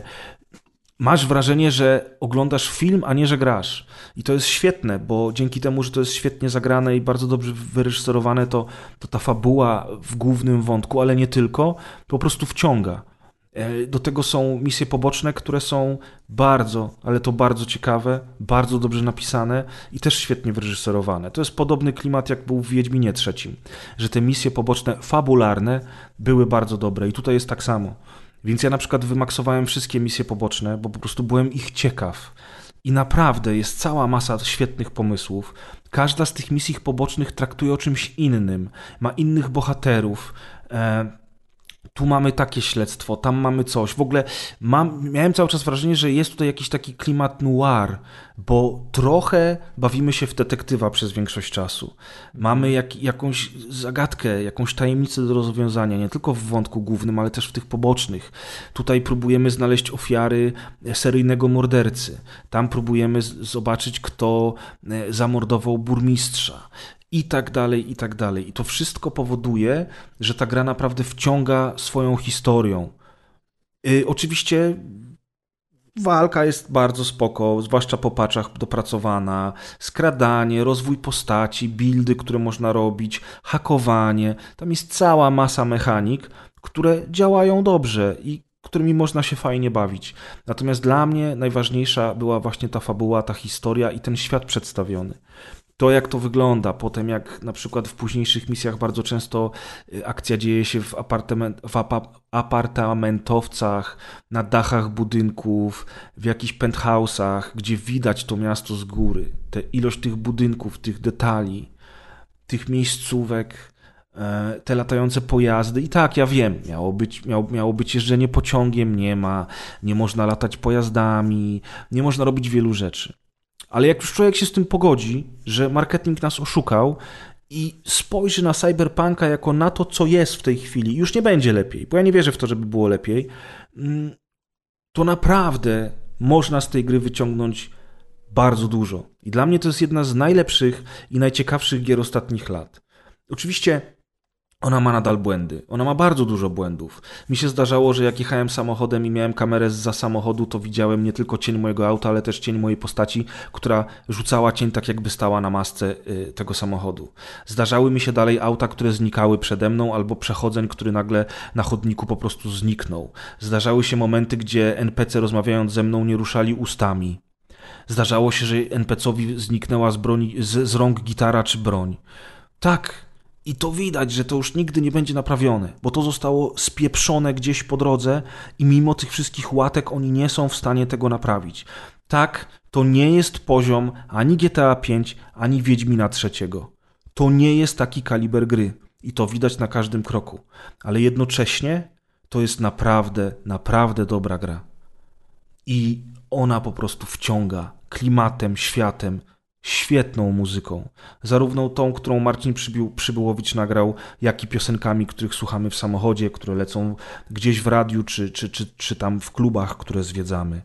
Mm, gra aktorska jest mega. Mm, nie wiem, dlaczego ludzie czepiali się Keanu Reevesa. Ja rozumiem, że on nie jest wybitnym aktorem, ale do takich mruków e, to on się nadaje idealnie. I uważam, że nie dość, że bardzo fajnie zagrał swoją rolę, to, to jeszcze ta postać jest w ogóle bardzo ciekawa. Dynamika między głównym bohaterem a tą postacią jest bardzo ciekawa. Są inne poboczne postacie, takie jakby chociaż Judy Alvarez, Panam, y, czy policjant River bodajże, które są świetnie napisane i z którymi po prostu bardzo fajnie wchodzi się w interakcję. No i mógłbym tak jeszcze bardzo, bardzo długo opowiadać, ale generalnie rzecz biorąc chodziło mi o to, że, że jeżeli jeszcze nie graliście, to dajcie tej grze szansę. Na konsoli czy na PC naprawdę warto, a wydaje mi się, że w tej chwili ceny nie są jakieś wygórowane tego tytułu. Y, I okej, okay, nie jest idealnie, ale też nie ma co wieszać psów, bo ostatecznie to, co się miało udać, się udało i udało się bardzo dobrze. Także tyle, jeżeli chodzi o Cyberpunk 2077. Y, Amcio, jakbyś mógł wpisać kolejną czasówkę, a Kaz opowie nam o Kirby and the Forgotten Land. Albo nam nie opowie, bo poszedł już. Nie, żyję, żyję. Tylko miałem wyciszony przez moment mikrofon. No, nie wiem, czy ktoś z was grał wcześniej w coś e, związanego z Kirby'm. Ja ale tylko widziałem, ale nigdy nie Na, grałem. jestem przekonany, że w 10 ponad 10-letniej historii podcastu co najmniej kilka razy słyszałem już o Kirbym. E, E, ciebie. no tak, ale jakby, dobra, bo ja na przykład grałem w same części Kirby'ego 2D. Nie grałem w tego Kirby'ego 64, czyli tego 3D. Mhm. Nie pamiętam nawet, czy teraz były później jakieś takie typowe 3D platformówki z Kirby'm. Natomiast ta jest taką platformówką, to, czyli najnowsze Kirby and the Forgotten Land. I to Kirby jest e, no, cudowne. To jest po prostu kwintesencja gry platformowej dla każdego. To nie jest jakby gra dla takich mega wymagających hardkorowców, bo ona nie jest trudna, e, ale to jest gra dla każdego, kto kocha platformówki i kto uwielbia e, świetne pomysły na to, jak urozmaicić zabawę graczo- graczowi, żeby nie nudził się przez całą kampanię. E, Ta gra jest też piękna. Po prostu y, jest świetna designersko pod względem designu poziomów. Jest cudowna pod względem rozgrywki. Jest y, no naprawdę znakomitą y, grą.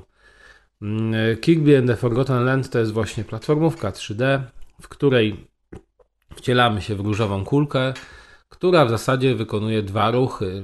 Y, Jeden ruch, no trzy. Y, Jeden z tych ruchów to jest skok. Takich, powiedzmy, używamy trzech o, klawiszy pada poza poruszaniem, czyli skok, łapanie przedmiotów, takie wciąganie przedmiotów do siebie, no i jeszcze taka jakby obrona, e, zasłanie, zasłonięcie się. No i podstawową mechaniką jest właśnie pochłanianie innych przedmiotów. Kiedy pochłaniamy jakiegoś zwykłego przeciwnika, to możemy go odesłać w stronę jeszcze innego przeciwnika, jako taką kulkę energii i zniszczyć tego przeciwnika. Ale najczęściej Kirby przejmuje e, jakieś umiejętności, postaci czy przedmiotu, który połyka. Jeżeli to jest dany typ przeciwnika, na przykład taki, który włada ostrzami, to po pochłonięciu go Kirby może władać ostrzami. Jeżeli to jest y, y, postać, która zionie ogniem, my będziemy teraz zionąć ogniem. E, Tych elementów jest bardzo dużo w tej grze, one się No świetnie ile rzeczy sprawdzają, można ale to wciągnąć? jest standard. E, Kirby może bardzo dużo wciągnąć, z tego co wiem. e, Tutaj są też nowe elementy, których nie było wcześniej. No, mówię akurat z tą serią, i znam ją, ale nie jestem takim takim fanem, który by ogrywał wszystkie, więc nie wiem, Ale to jest tu mniej jest więcej, to nowości. jest mniej więcej a ile- 5-10 powtarz. tych umiejętności, czy to jest na zasadzie Nie, 40 nie, nie, nie, ogóle nie. Tutaj, znaczy, różnych, co to zależy, wciągnąć? bo masz jakby podzielone te umiejętności. Z jednej strony masz umiejętności, które są stałe, to znaczy na przykład y, zionięcie ogniem pojawia się w wielu etapach, w wielu miejscach, możesz przechwycić tę umiejętność i ją wykorzystać później no bardzo długi czas. Ale oprócz tego masz takie momenty, w których nawet jeżeli zioniesz tym ogniem, możesz pochłonąć jakiś przedmiot i wykorzystać jego cechy przez określony czas. Czyli na przykład możesz e, pochłonąć sobie taki jak słupek drogowy, trochę, tak jak panowie robią coś na autostradzie, stawiałem takie słupki. No i ten słupek jest taki dosyć duży i nim się poruszasz powoli, Kirby wtedy nie skacze wysoko. No i możesz nim na przykład rozbijać jakieś takie wyrwy w ziemi, co powoduje, że jak rozbijesz taką wyrwę, no to tam jakieś są dodatkowe elementy, jakieś znajdźki i tak dalej. No ale kiedy dochodzisz do drabinki, to wtedy już musisz opuścić jakby ten, musisz jakby go wyrzucić z siebie, żeby wejść na tę drabinkę.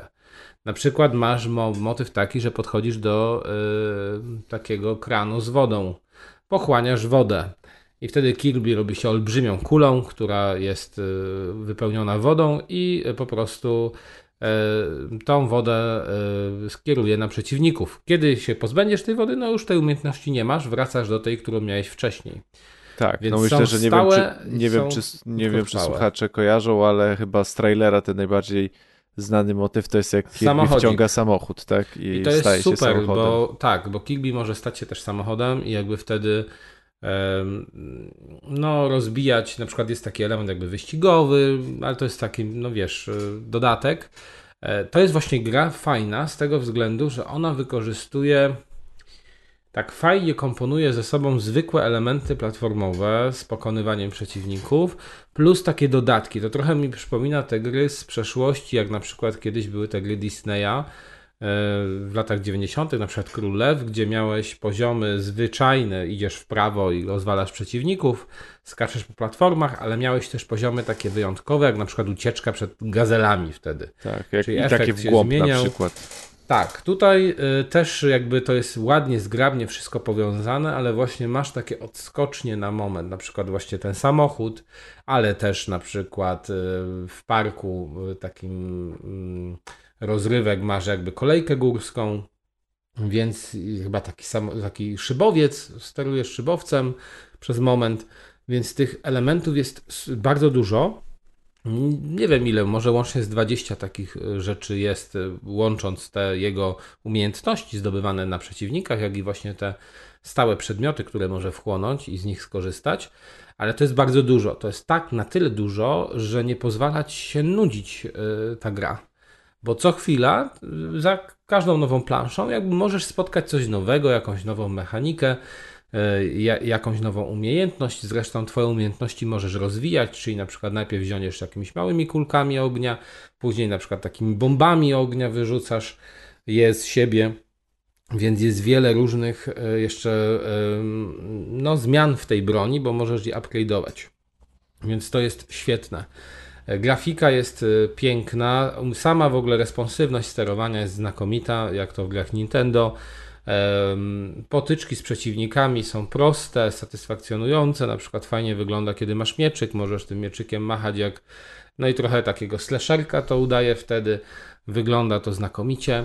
E, Jeżeli chodzi o różnorodność poziomów, jest świetna. W ogóle to jest super sprawa, bo oni jakby sobie zało- założenie mieli takie, że Kirby się przenosi do jakiegoś takiego postapokaliptycznego świata przyszłości, w którym jakby no już prawie, że no nie ma ludzi, są jakieś postacie właśnie z tego świata Kirby'ego, ale to wszystko jest podane w takiej w takiej w takim sosie a la enslaved trochę, czyli właśnie zapomniana przyszłość, gdzie jakaś ludzkość wymarła, mamy jakieś stare sprzęty, chodzimy sobie, jest na przykład miasto, ale to miasto jest takie zarośnięte, właśnie jak miasto przyszłości, wyludnione. E, I to się świetnie komponuje. Na przykład jest taki motyw z zimowy, czyli cała taka, ca, cały taki świat zimowy, bo tutaj przechodzimy z jednego świata do drugiego, mamy różne wyspy, no wiesz, jak standard w platformówkach, od wysp po jakieś pustynie, zimowe etapy i tak dalej. No to na przykład w zimowym etapie standardowym byłyby jakieś górki, jakieś lasy, tego typu rzeczy, a tutaj dali taki ala Londyn, że ewidentnie się wzorowali na Londynie, tworząc te etapy zimowe, co w ogóle jest śmieszne, biorąc pod uwagę, że w Londynie raczej rzadko ten śnieg się utrzymuje. A tutaj no, jest taki właśnie industrialny klimat y, z kolorowym klimatem jednocześnie połączony i właśnie z taką ala postapokalipsą. I wydawałoby się, że y, jakby różowa kulka Kirby do tego nie będzie w ogóle pasować, ale pasuje znakomicie. No, ta gra jest naprawdę świetna. Ona ma też y, elementy multiplayerowe, można grać w dwie osoby. E, Niestety wtedy druga osoba jakby jest takim pomagierem i nie ma tych umiejętności, które ma Kirby, czyli nie może wchłaniać postaci, no ale pomaga mu w walce, tak? To jest po- powiedzmy, jeżeli masz młodszego brata czy młodszą siostrę albo masz małe dziecko i chciałbyś mu y, pomagać lub po prostu, żeby on sobie z tobą pograł przez chwilę, a ty będziesz tym głównodowodzącym, to jak najbardziej, jeżeli masz dwóch graczy, którzy by chcieli przejmować kontrolę, no to y, wtedy gorzej, bo jednak y, mm, ta gra jest stworzona bardziej pod jedną postać. W ogóle Nintendo się nie, nie, nie umywa od różnych sztuczek, które pozwalały im y, na to, żeby ta gra tak fajnie wyglądała. Bo na przykład, bo ona jest naprawdę bardzo ładna, ale ym, czasami bywa, że gubi płynność. y, To się zdarza. Nie jest może to jakieś mocno dostrzegalne, ale zdarza się.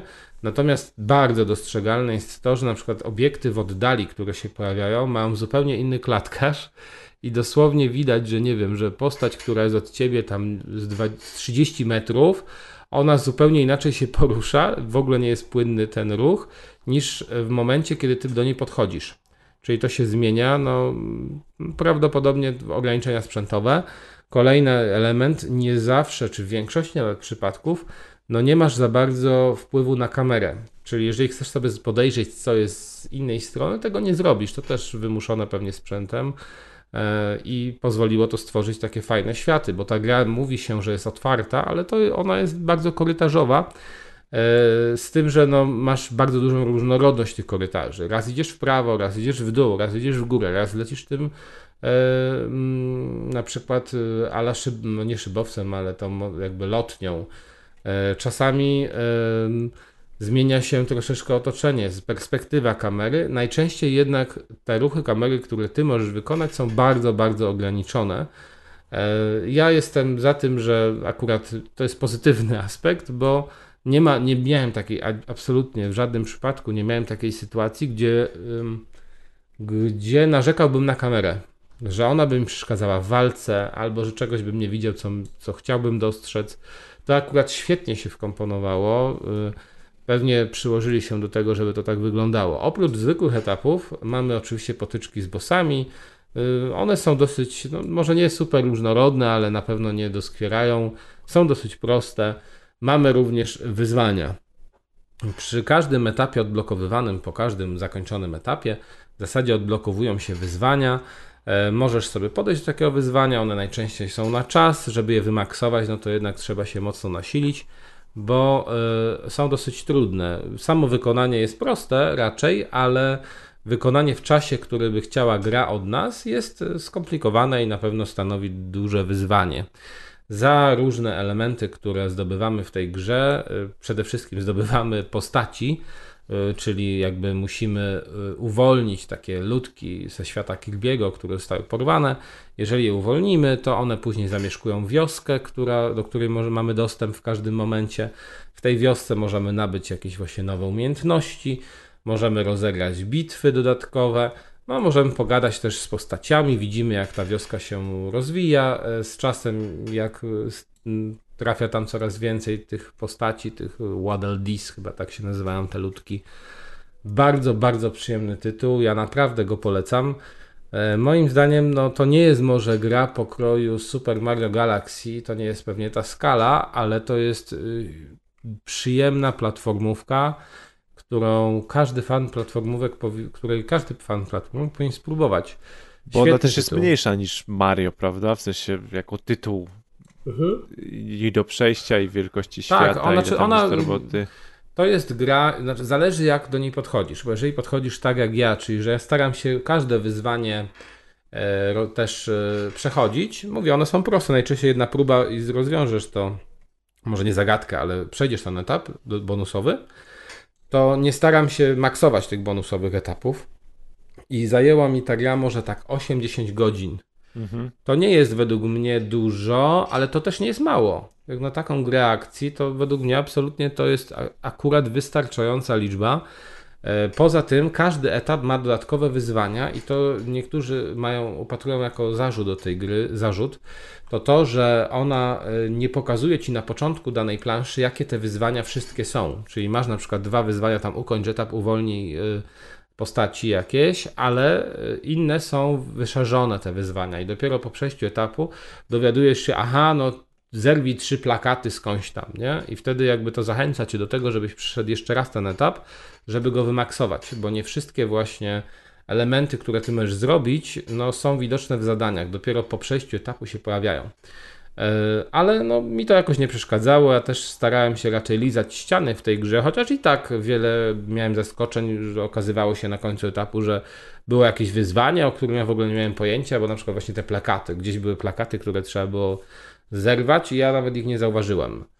E, Więc warto było podejść do tego etapu ponownie. Sądzę, że to jest w ogóle świetny tytuł do tego, żeby do niego wracać po latach. Na przykład po dwóch latach dla relaksu sobie odpalam. To jest też dla mnie świetny tytuł na chwilę. Bo włączysz taki etap, on powiedzmy trwa 5-10 minut, kończysz zabawę. I odstawiasz sobie Switcha i sobie idziesz robić coś dalej. Później znowu masz 10 minut, znowu sobie jeden etap przejdę. Idealny właśnie tytuł na takie krótkie sesje. Ja jestem no, bardzo pozytywnie nastawiony do tej gry. Ona jest moim zdaniem super. tak jak powiedziałem, każdy fan platformówek powinien spróbować tego nowego Kirby'ego.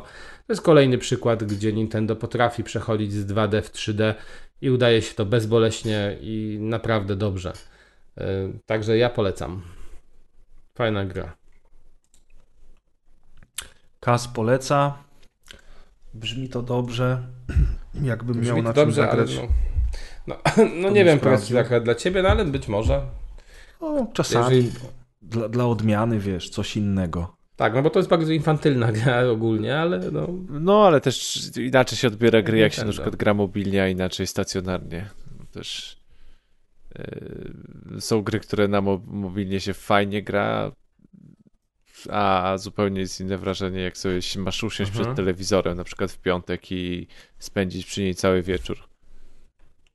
Tak, tak. To ta właśnie tu jest też idealne to, że to jest na Switcha, nie? Że możesz sobie tego No Switcha tak, tak, wziąć. dlatego mówię właśnie, że sobą zu- zupełnie i- inaczej jest odbiór to jako, bo jednak na konsoli, która w dużej części jest konsolą przenośną. Tak, tu nie jarzę w ogóle tych motywów, żeby jakiś ruch był wykorzystywany, może był, a już nie pamiętam, ale jeżeli nawet był, to nie trzeba z tego korzystać, więc absolutnie ktoś, kto ma na przykład tego Switcha tylko, y, jak on się nazywa, mini, czy, czy nie pamiętam, tego, gdzie nie odpinasz Joy-Conów, to nie ma żadnego problemu, bo da radę bez problemu grać w to. Więc polecamy. No, chyba, chyba tyle, nie? O Kirby. Tak, tak, tyle. Dobra, to teraz y, ojca prowadzącego nie słyszę, żeby robił jakiegoś zgrabnego segwaya, Tak, rób ty. Więc, jeśli, więc jeśli rozpiska jest poprawna, to przyszła To pora, pora na, na- Klot.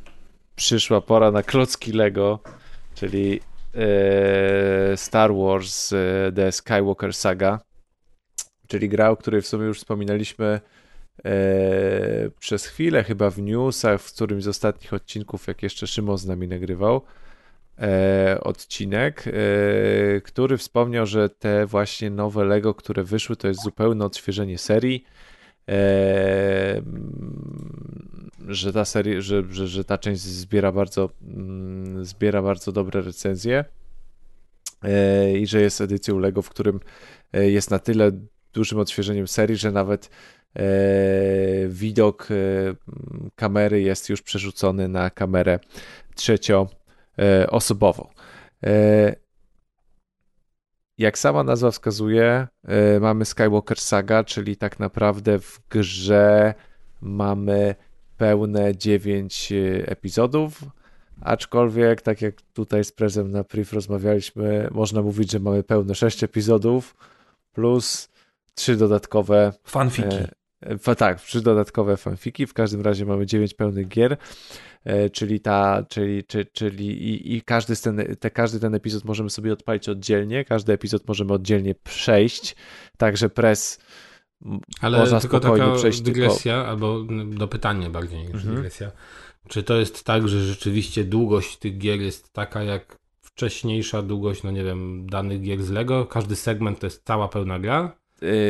Każdy segment fabularnie to jest, y, samo przejście fabularne to jest 4 godziny. A, no czy one są... Dobra, okej, czyli nie są aż tak długie, to nie jest, nie wiem, 8 godzin, czy... Tak, tak, tak, to nie jest, ale mówimy tylko o fabule, czyli mamy 9 części fabularnych.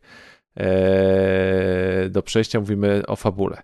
Sama gra, natomiast jako takie, to jest open world, czyli wszystkie rzeczy, które odwiedzimy fabularnie, mm, do wszystkich rzeczy, które odwiedzimy fabularnie, możemy wrócić.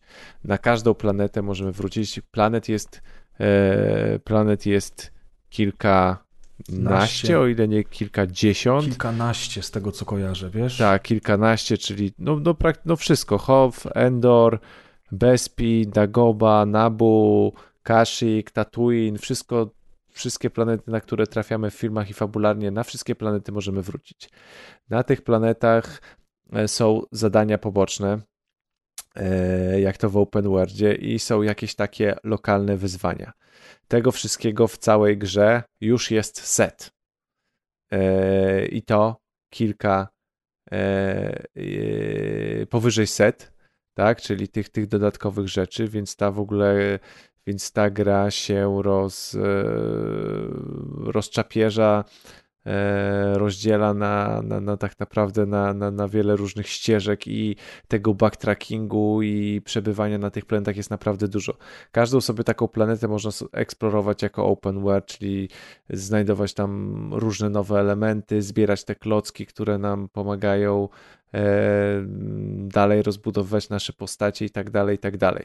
No bo tak jak wiecie, w tych grach Lego mieliśmy e, często ten taki motyw, że w niektóre miejsca nie mogliśmy się dostać, tak, póki nie odblokowaliśmy w następnych etapach e, jakiegoś bohatera z daną umiejętnością albo jakiejś rzeczy, jakiegoś kostiumu e, i dzięki temu mogliśmy sobie z powrotem e, przejść, e, odkryć jakąś znajdźkę w poprzednim etapie. Więc tutaj to wszystko jest, tylko jest razy podniesione razy dwa, albo nawet może i podniesione e, do e, kwadratu. Oprócz tych wszystkich planet jest jeszcze kosmos. I w Mhm. kosmosie też się dzieje normalnie akcja, tak jak w filmach. Normalnie mamy pełne bitwy kosmiczne, sceny w kosmosie. e, Te to wszystko fabularnie można sobie rozegrać. Wiecie, sceny zniszczenia z Nowej Nadziei. E, To wszystko jest naprawdę bardzo ciekawie wyreżyserowane. Zresztą jak sobie odpalicie jakikolwiek gameplay na YouTube i zobaczycie jak to wygląda, to oczywiście mm, jest to gra z serii Lego, więc ten kwadratowy styl Lego mamy e, tutaj wszechobecny, ale mm, jakieś tła, poszczególne inne przedmioty, często one są już bardziej rzeczywiste, tam jakby nie wszystko jest tak super zrobione z Lego, czyli często drugi plan albo jakieś budynki już e, w pełni z Lego nie są zrobione, ale Czy mamy... na przykład powierzchnia, tak jak piasek albo woda, nie? Tak, piasek albo woda to już, to już nie jest Lego, więc tutaj mamy tak, trochę taki miks e, rzeczy, które są z Lego i nie są z Lego, ale do tego jak dojdą efekty oświetleniowe, do tego dojdzie fakt, że na tych planszach się dużo dzieje, mamy jakąś roślinność, na tych, w tych, na tych planetach mamy e, dużo innych postaci, które coś tam sobie robią gdzieś w tle, tak jak w tych grach open worldowych. W tych misjach kosmicznych mamy wszędzie cały kosmos w ogóle naokoło i e, wiecie, na przykład wielkie statki, krążowniki zbudowane z Lego gdzieś tam płyną w tej przestrzeni kosmicznej, więc, więc, więc, więc gra wygląda naprawdę mm, e, wizualnie super, więc mówię, oprócz planet mamy, możemy sobie latać w tym kosmosie. Jeśli chodzi o wielkość gry, e, a jeśli chodzi o wielkość gry, no to samych statków, e, które możemy sobie tutaj odblokować i którymi możemy sobie polatać z tych dziewięciu filmów, które się nazbierały, jest ponad 100. Czyli samych statków macie ponad 100. Jeśli chodzi o postacie, którymi możecie zagrać, bo oczywiście w serii Lego wiadomo, że można grać różnymi postaciami, które się odblokuje, to samych postaci jest ponad 400. Nieźle. Więc mam, mam, jest, jest 400 postaci, z czego te postacie to oczywiście, żeby się jakkolwiek w nich połapać, są podzielone na takie kategorie, czyli rycerze Jedi, e, bohaterowie, Dark Side, tak, ciemna strona mocy, czyli ci bohaterowie z ciemnej strony mocy i tak dalej, i tak dalej, czyli mamy kategorie bohaterów. Poszczególne kategorie bohaterów mają drzewka rozwoju.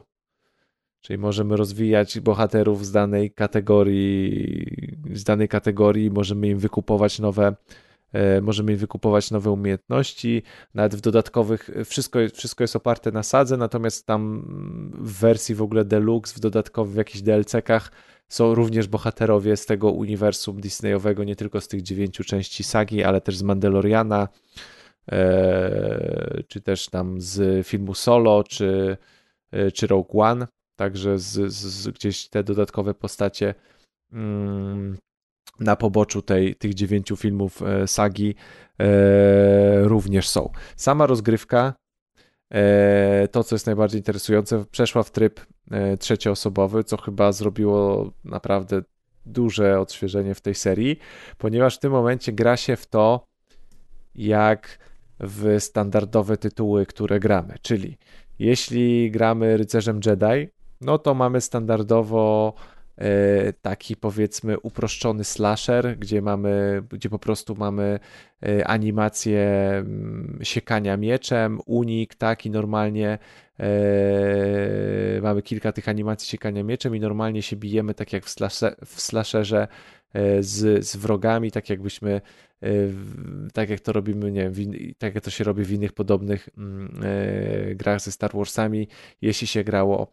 rycerzem Jedi. Jeśli natomiast weźmiemy sobie postać jakąkolwiek, która się posługuje bronią, no może nie palną, ale blasterami, tak, czyli bronią laserową, no to normalnie gameplay mamy z trzecioosobowe, dokładnie tak samo jak w Gears of War, czyli wiecie, normalnie mamy celownik, normalnie musimy celować, możemy, yy, postacie mają swoje mm, obszary, w które, w które celujemy, czyli normalnie strzał w głowę, yy, w tułów, w nogi, yy, zupełnie inaczej oddziaływuje na postacie, czyli jest ragdoll cały zaimplementowany, mamy mechanikę chowania się za osłonami, więc normalnie grając postacią z blasterem, normalnie chowamy się za osłonami, ostrzeliwujemy się ze szturmowcami i tak dalej, i tak dalej, więc zupełnie Czyli inny. w to się lepiej gra? Znaczy inaczej się w to gra? Znaczy bardziej to przypomina Lego te gry, czy bardziej to przypomina taki typowy action adventure, shooter, no? To już bardziej action adventure, bo to już jest zupełnie inne ustawienie kamery,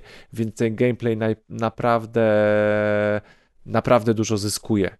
Czyli Już to nie jest na takim plus bieganiem jakby? Bo wiesz, bo na dla mnie plus. seria Lego zawsze była taka podobna. No, każda Tak, tak, była... ona była bardzo podobna. Ja jakby we wszystkie nie grałem, ale ona była na tyle podobna, że e, te ustawienie kamery i ten gameplay w tych, tych starych Lego wymuszał na tobie tyle, że wchodziłeś na taki jakby mały obszar, tak, który obejmowała w miarę kamera i cały ten obszar można powiedzieć czyściłeś z wrogów, z klocków, z zagadek, tak, czyli biegałeś w kółko,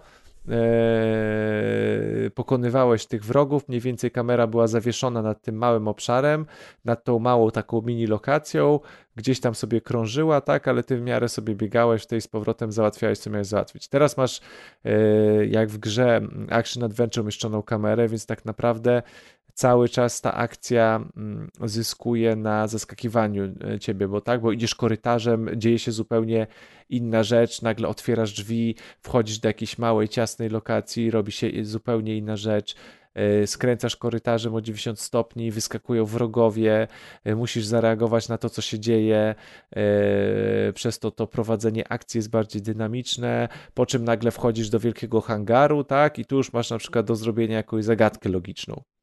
Więc e, dużo bardziej na akcji zyskuje to prowadzenie trzecioosobowe i tak jak mówię, no ten gameplay się też zmienił, tak? Jakby w ogóle system strzelania, e, walki jest zupełnie inny. Mamy walki w ogóle, e, te takie walki, które mieliśmy w filmach tych naszych takich bohaterów, bossów, te takie wszystkie epickie walki tu są przerobione na walki z bossami i te walki z bossami też są wieloetapowe, tak?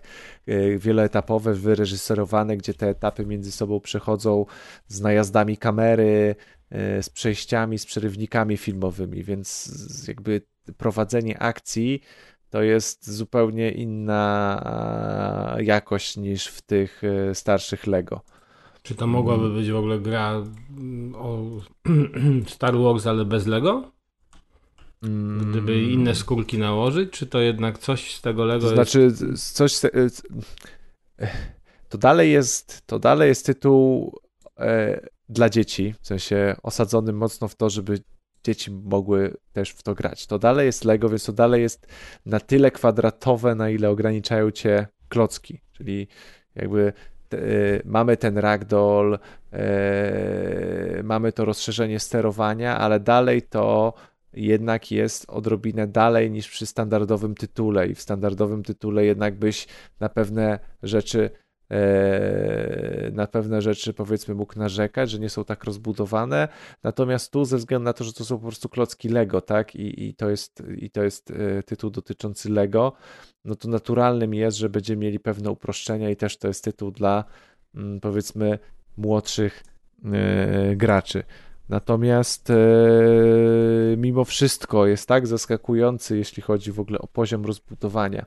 Sam fakt, że jak sobie w ogóle to można prawdopodobnie sprawdzić, ale e, to, że jest tych 400 postaci, to każda z tych postaci i tak jest charakterystyczna. To znaczy, te same ruchy, które robił Obi-Wan Kenobi w filmach, to te charakterystyczne, nie wiem, tam ręka do tyłu, czyli na przykład styl walki z mieczem świetnym, to Mhm. ludzik Obi-Wana Kenobiego ma inny styl walki mieczem niż inny ludzik. Czyli ma ten styl Obi-Wana Kenobiego. No to super. E, jakieś ruszanie głową, które ma Jar Jar Binks, tą samą animacja jest tutaj. W ogóle ta gra jest jakby pełna takich, to, takich smaczków, których jakbyś nie wiedział, albo jakby ci ktoś nie powiedział, albo ci nie pamiętał z filmów, to byś nawet nie zauważył. Ale nawet na tym schemacie, że, te, że to, że, że na przykład ruchy tych ludzików się nie ograniczają do pięciu animacji i, i każdy z czterech ludzików się rusza tak samo. Nie, to wszystko ma w ogóle nawiązania do, do, do filmów, jest y, osadzone w tym uniwersum, a patrząc na to, że masz ten kosmos, planety, wracanie, odblokowanie postaci, rozwój, y, dziewięć różnych fabuł filmu, ten taki trochę trochę slapstickowy humor Lego, poślizgnięcia się na skórce od banana, E, e, i, i, że masz to wszystko, to, to, to, jest w ogóle jakaś przepotężna gra tak naprawdę. To jest na dziesiątki, na dziesiątki godzin i zarówno dla zabawy, jak ktoś ma dziecko, ale i myślę, że bez problemu tutaj dorosły też się będzie super bawił, bo może sobie raz na jakiś czas jeden epizod przejść na dwa posiedzenia albo na jednym posiedzeniu, albo gdzieś polatać i się pobawić, bo ten gameplay jest dużo nużący, dużo mniej nużący niż w tych starszych Lego i już, już dużo bardziej przypomina te gry i ten sposób gameplayu, w jakim no, starsi gracze są przyzwyczajeni, do jakiego są przyzwyczajeni z, z gier akcji współczesnych. E, I tu w ogóle wszystko gra, I, i, gra ładnie wygląda, i interfejs, i jest wszystko dopracowane, i ładnie się rusza, i oś efekty oświetleniowe, tak jak powiedziałem, animacje, reżyseria, e, podłożone głosy, no bo legutki już od pewnego czasu nie mówią tym takim. E, Yy, jak Simsy, tym niezrozumiałym... Simgliszem tak zwanym, tak? Tak, tak, tam Simgliszem, że niezrozumiałym językiem, tylko jest pełen dubbing. Wow, no to super akurat. Więc, yy, więc w ogóle gra jest no, przepotężna tak naprawdę. Myślę, że jak w ogóle jest ktoś fanem Star Warsów i nie musi być fanem Star Warsów sagi Skywalkerów, tylko może być nawet starej, starej trylogii albo obecnie starej trylogii, to i tak w ogóle nową sagę teoretycznie mógłby pominąć, a i tak się może dobrze bawić. Żeby no, zobaczyć, ja jak niektóre też... rzeczy z nowej sagi są wyśmiane, bo niektóre jakby rzeczy są też wyśmiewane. O proszę. No ja bo podejrzewam też, że... Lego mocno też mru, mruga oczami w każdej edycji, do, jakby z dystansem traktuje marki, Aha. do których podchodzi.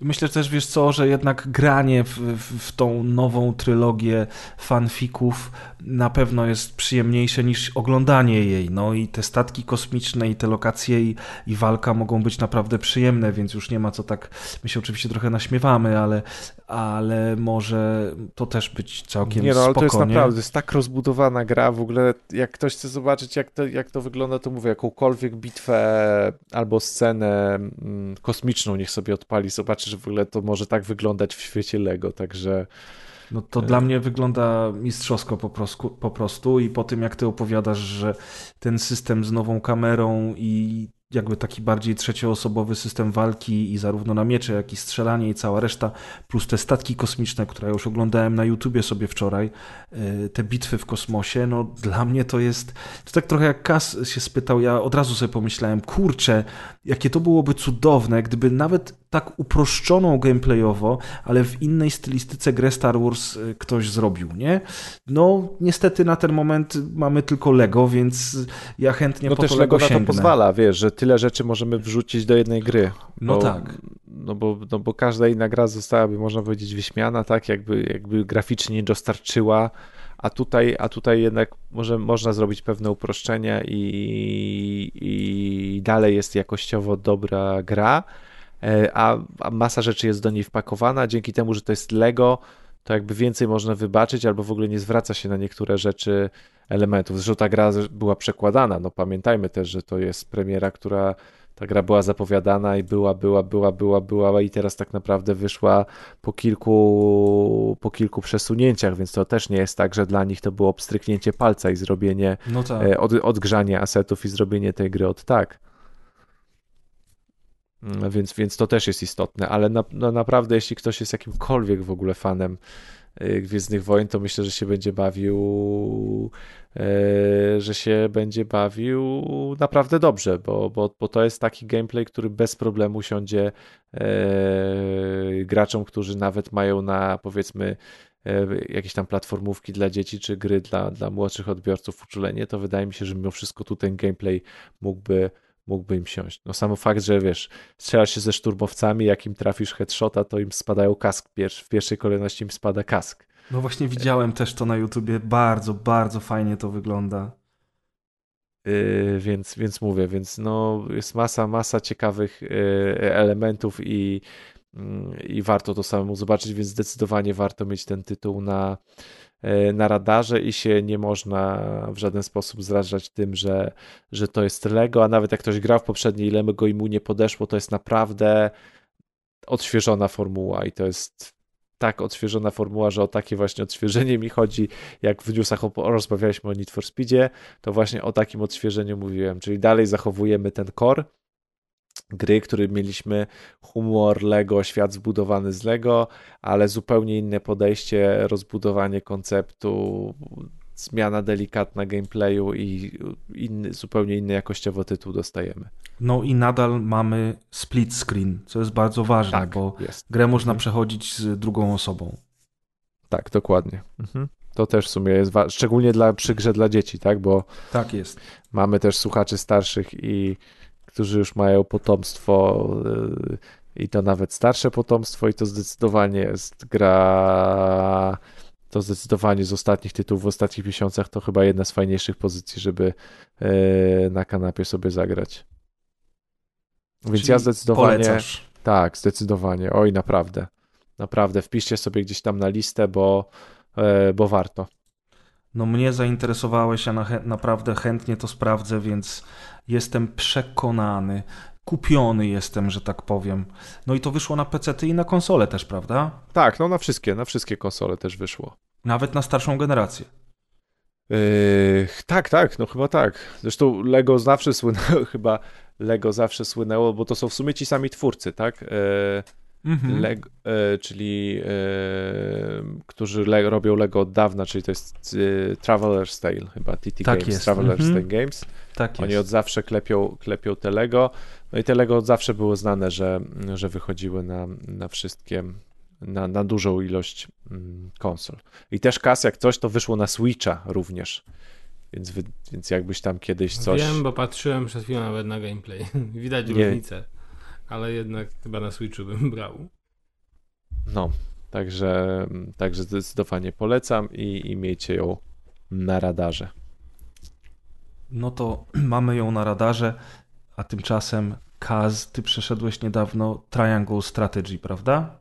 Mhm, tytuł totalnie dziwaczny, ale zresztą to jest tytuł twórców Octopath Traveler, czyli też dziwny tytuł.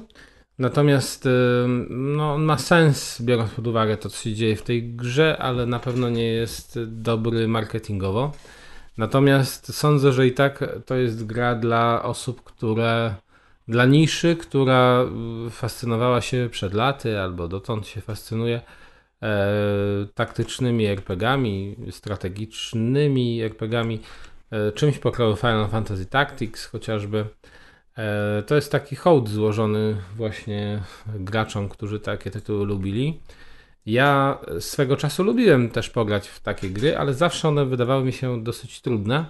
Dlatego tutaj bez ogródek w Triangle Strategy włączyłem sobie tryb easy i e, okazało się, że bywał też wymagający, więc mm, to był dobry wybór z mojej perspektywy. To jest w ogóle gra Square Enix, czyli skądinąd znane studio, w kolaboracji z jeszcze jakimś jednym studiem Znaczy mniejszym, już Silicon Studio. Corporation jest po, podane wyda- jako twórcy. O, no to mo- może, no ja wi- mówię Square, bo Square to wydaje też, ale gdzieś tutaj miałem nawet informację, kurczę, gdzieś mi to uciekło. No ale dobra, y, jak znajdę to najwyżej powiem. E, o, już mam taką informację, tu ja akurat znalazłem, że deweloper to Square Enix i jeszcze takie studio Art Ding. No to ciekawe, że tutaj jest po, pokazane z kolei Silicon Studio Corporation. To, to nie wiem, no ja patrzę na Wikipedię, więc być może Okidoki. Wikipedia jest jakaś e, dziwna w tym zakresie, nie mam pojęcia. Natomiast z tego co kojarzę, to jest chyba ekskluzyw na Switcha. E, No i jest tak. podane tak jak Octopath Traveler, czy w takiej konwencji, oni to nazywają 2D HD, 2D HD. I to jest po prostu taki pixel art, ale s- taki świecący, z, y, To wygląda jest miejscami... To jest pixel no, art, który ma normalne oświetlenie. Tak, no, Czyli- zupełnie. Czyli oświetlenie jest rzeczywiste, oświetlenie nie jest Mhm. pixelartowe, tylko tak jakbyśmy modele pixelartowe oświetlali zwykłym, zwykłym światłem i również wszystkie efekty świetlne, cień i tak dalej, to jest, to jest rzeczywiste, a wszystkie modele są pixelartowe i to w ogóle wygląda fenomenalnie, bo to jest... Czy w- to nie jest mój styl w ogóle. Nie? Powiem tak, że moim się? zdaniem to wygląda. Y, znaczy, to jest. To wygląda dobrze, ale to jest kompletnie nie mój styl. Ja, gdybym mógł wybrać, to absolutnie bym zmienił ten styl graficzny. Mi się on nie podoba. Y, Ja nie lubię takiej pikselozy. Y, Ona mi właśnie, bo niektórzy mówią, że to wygląda tak jak gra sprzed lat. To nie wygląda jak gra sprzed lat.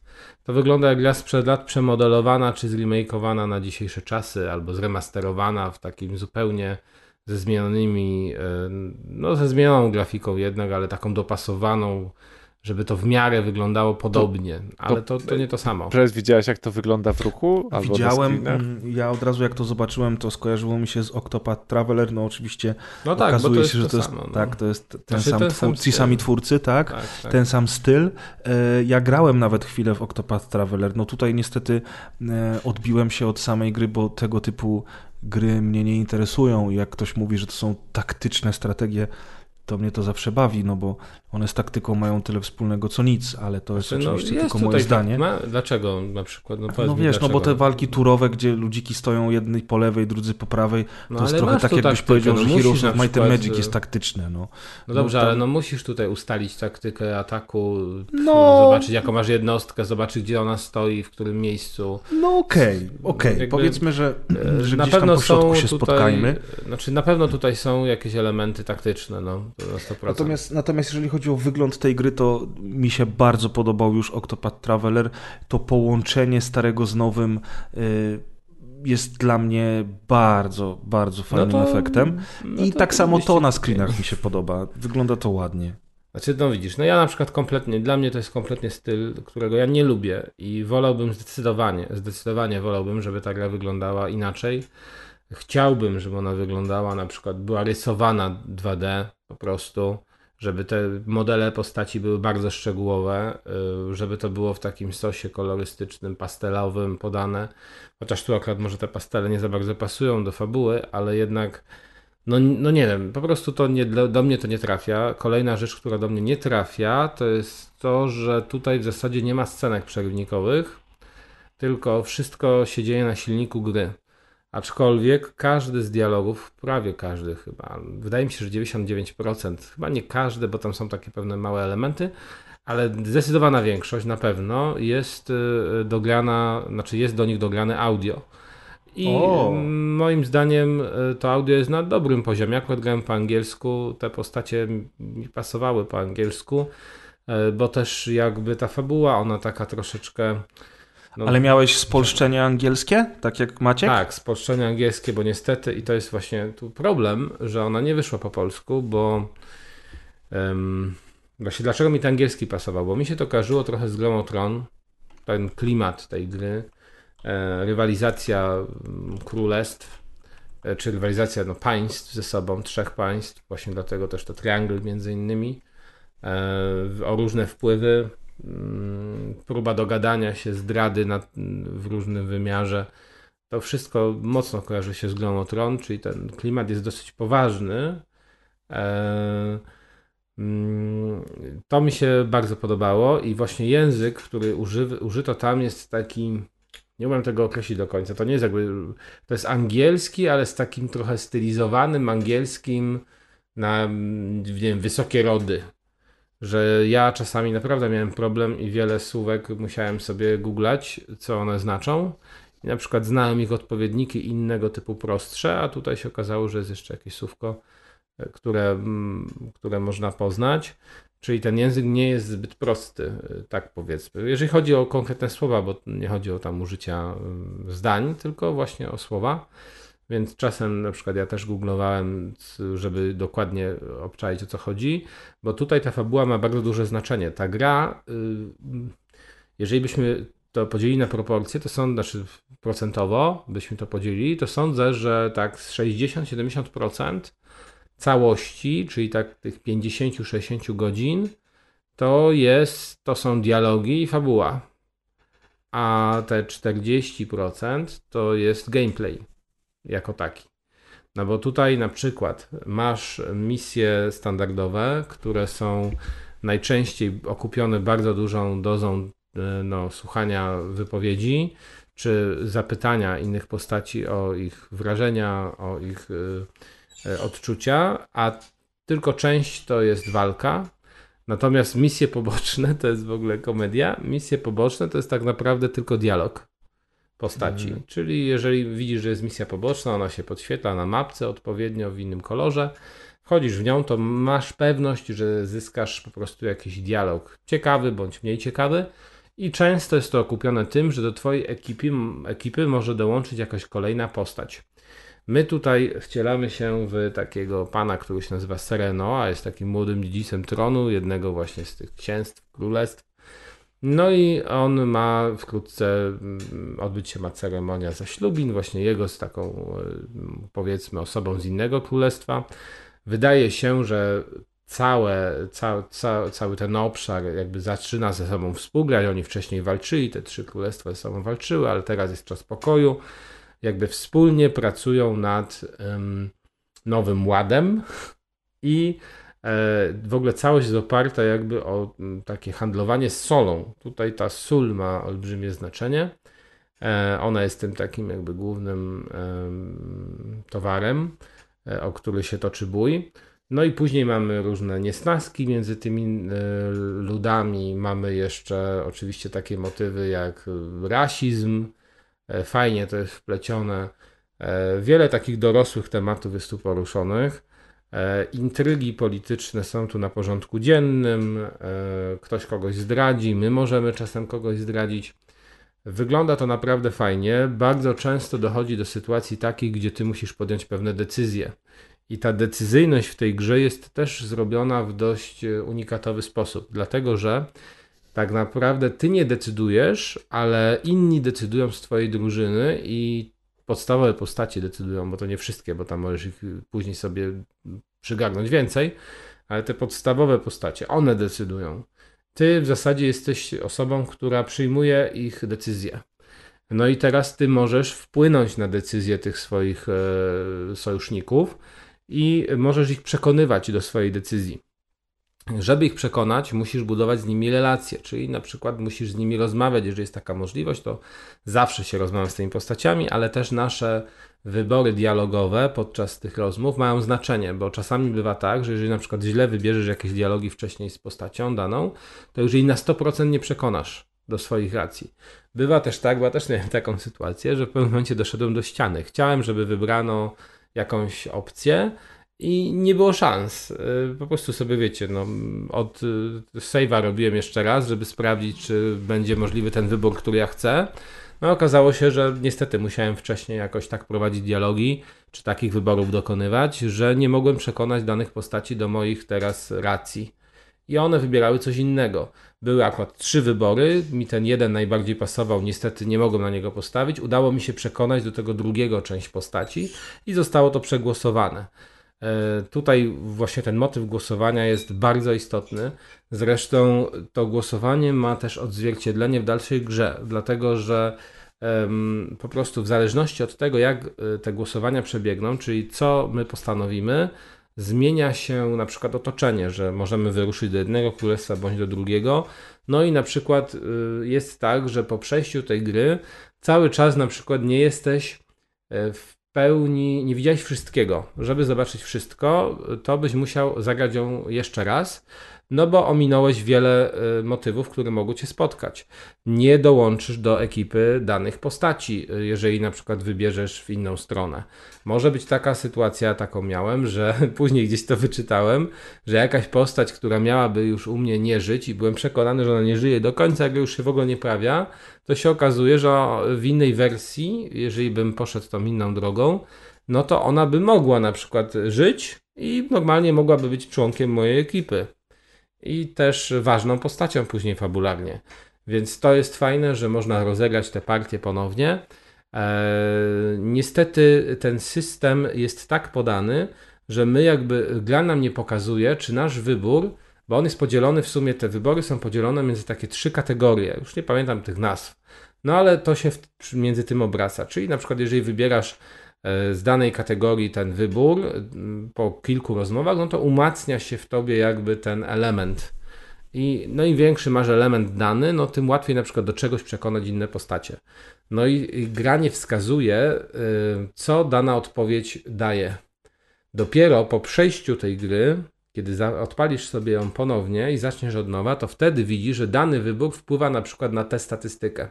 A naprawdę ciężko, jak sobie jak tak wiecie, analizowałem, mówię, to to będzie ta moralność, a to to będzie na przykład jakaś waleczność, a to to coś, coś innego.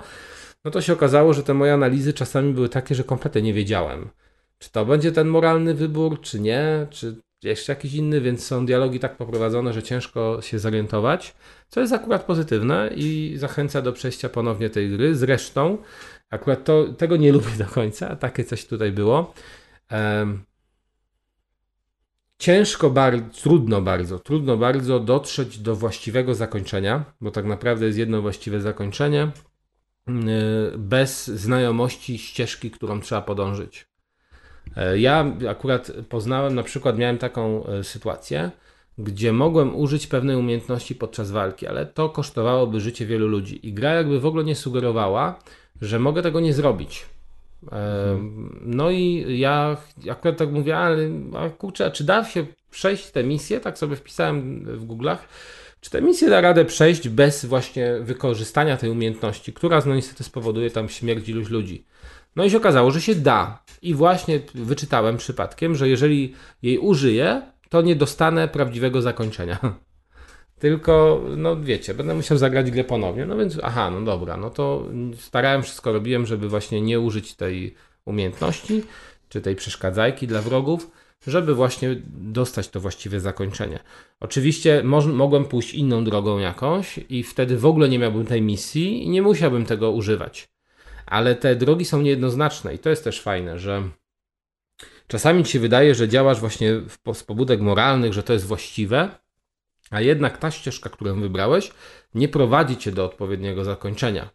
Więc to nie jest zawsze tak idealne. Czasami rzeczywiście trzeba podejmować decyzje bardziej na zasadzie e, dobra na przykład królestwa, czy dobra swego rodu, a niekoniecznie dobra obywateli, żeby dotrzeć właśnie we właściwe miejsce. E, Więc to skłania do ponownego rozegrania gry, jeżeli ktoś naprawdę nie chce korzystać z żadnych poradników. E, Fajny tytuł pod tym względem, e, bardzo dobry fabularnie. E, Oczywiście są tutaj pewne uproszczenia, to nie jest, no nie wiem, to nie jest jakieś dzieło wybitne pokroju, nie wiem, właśnie gry o tron, ale jak na grę, taką jeszcze tak wyglądającą, bo to ona też sugeruje raczej pewnie dla wielu, że to nie jest poważny tytuł, e, naprawdę jest to dobra fabuła. E, Z kolei gameplayowo, poza tymi elementami, o których wspomniałem, jest właśnie walka, taktyczna walka, czyli przesuwamy nasze postaci po, po różnych polach, y, w kwadratowych polach.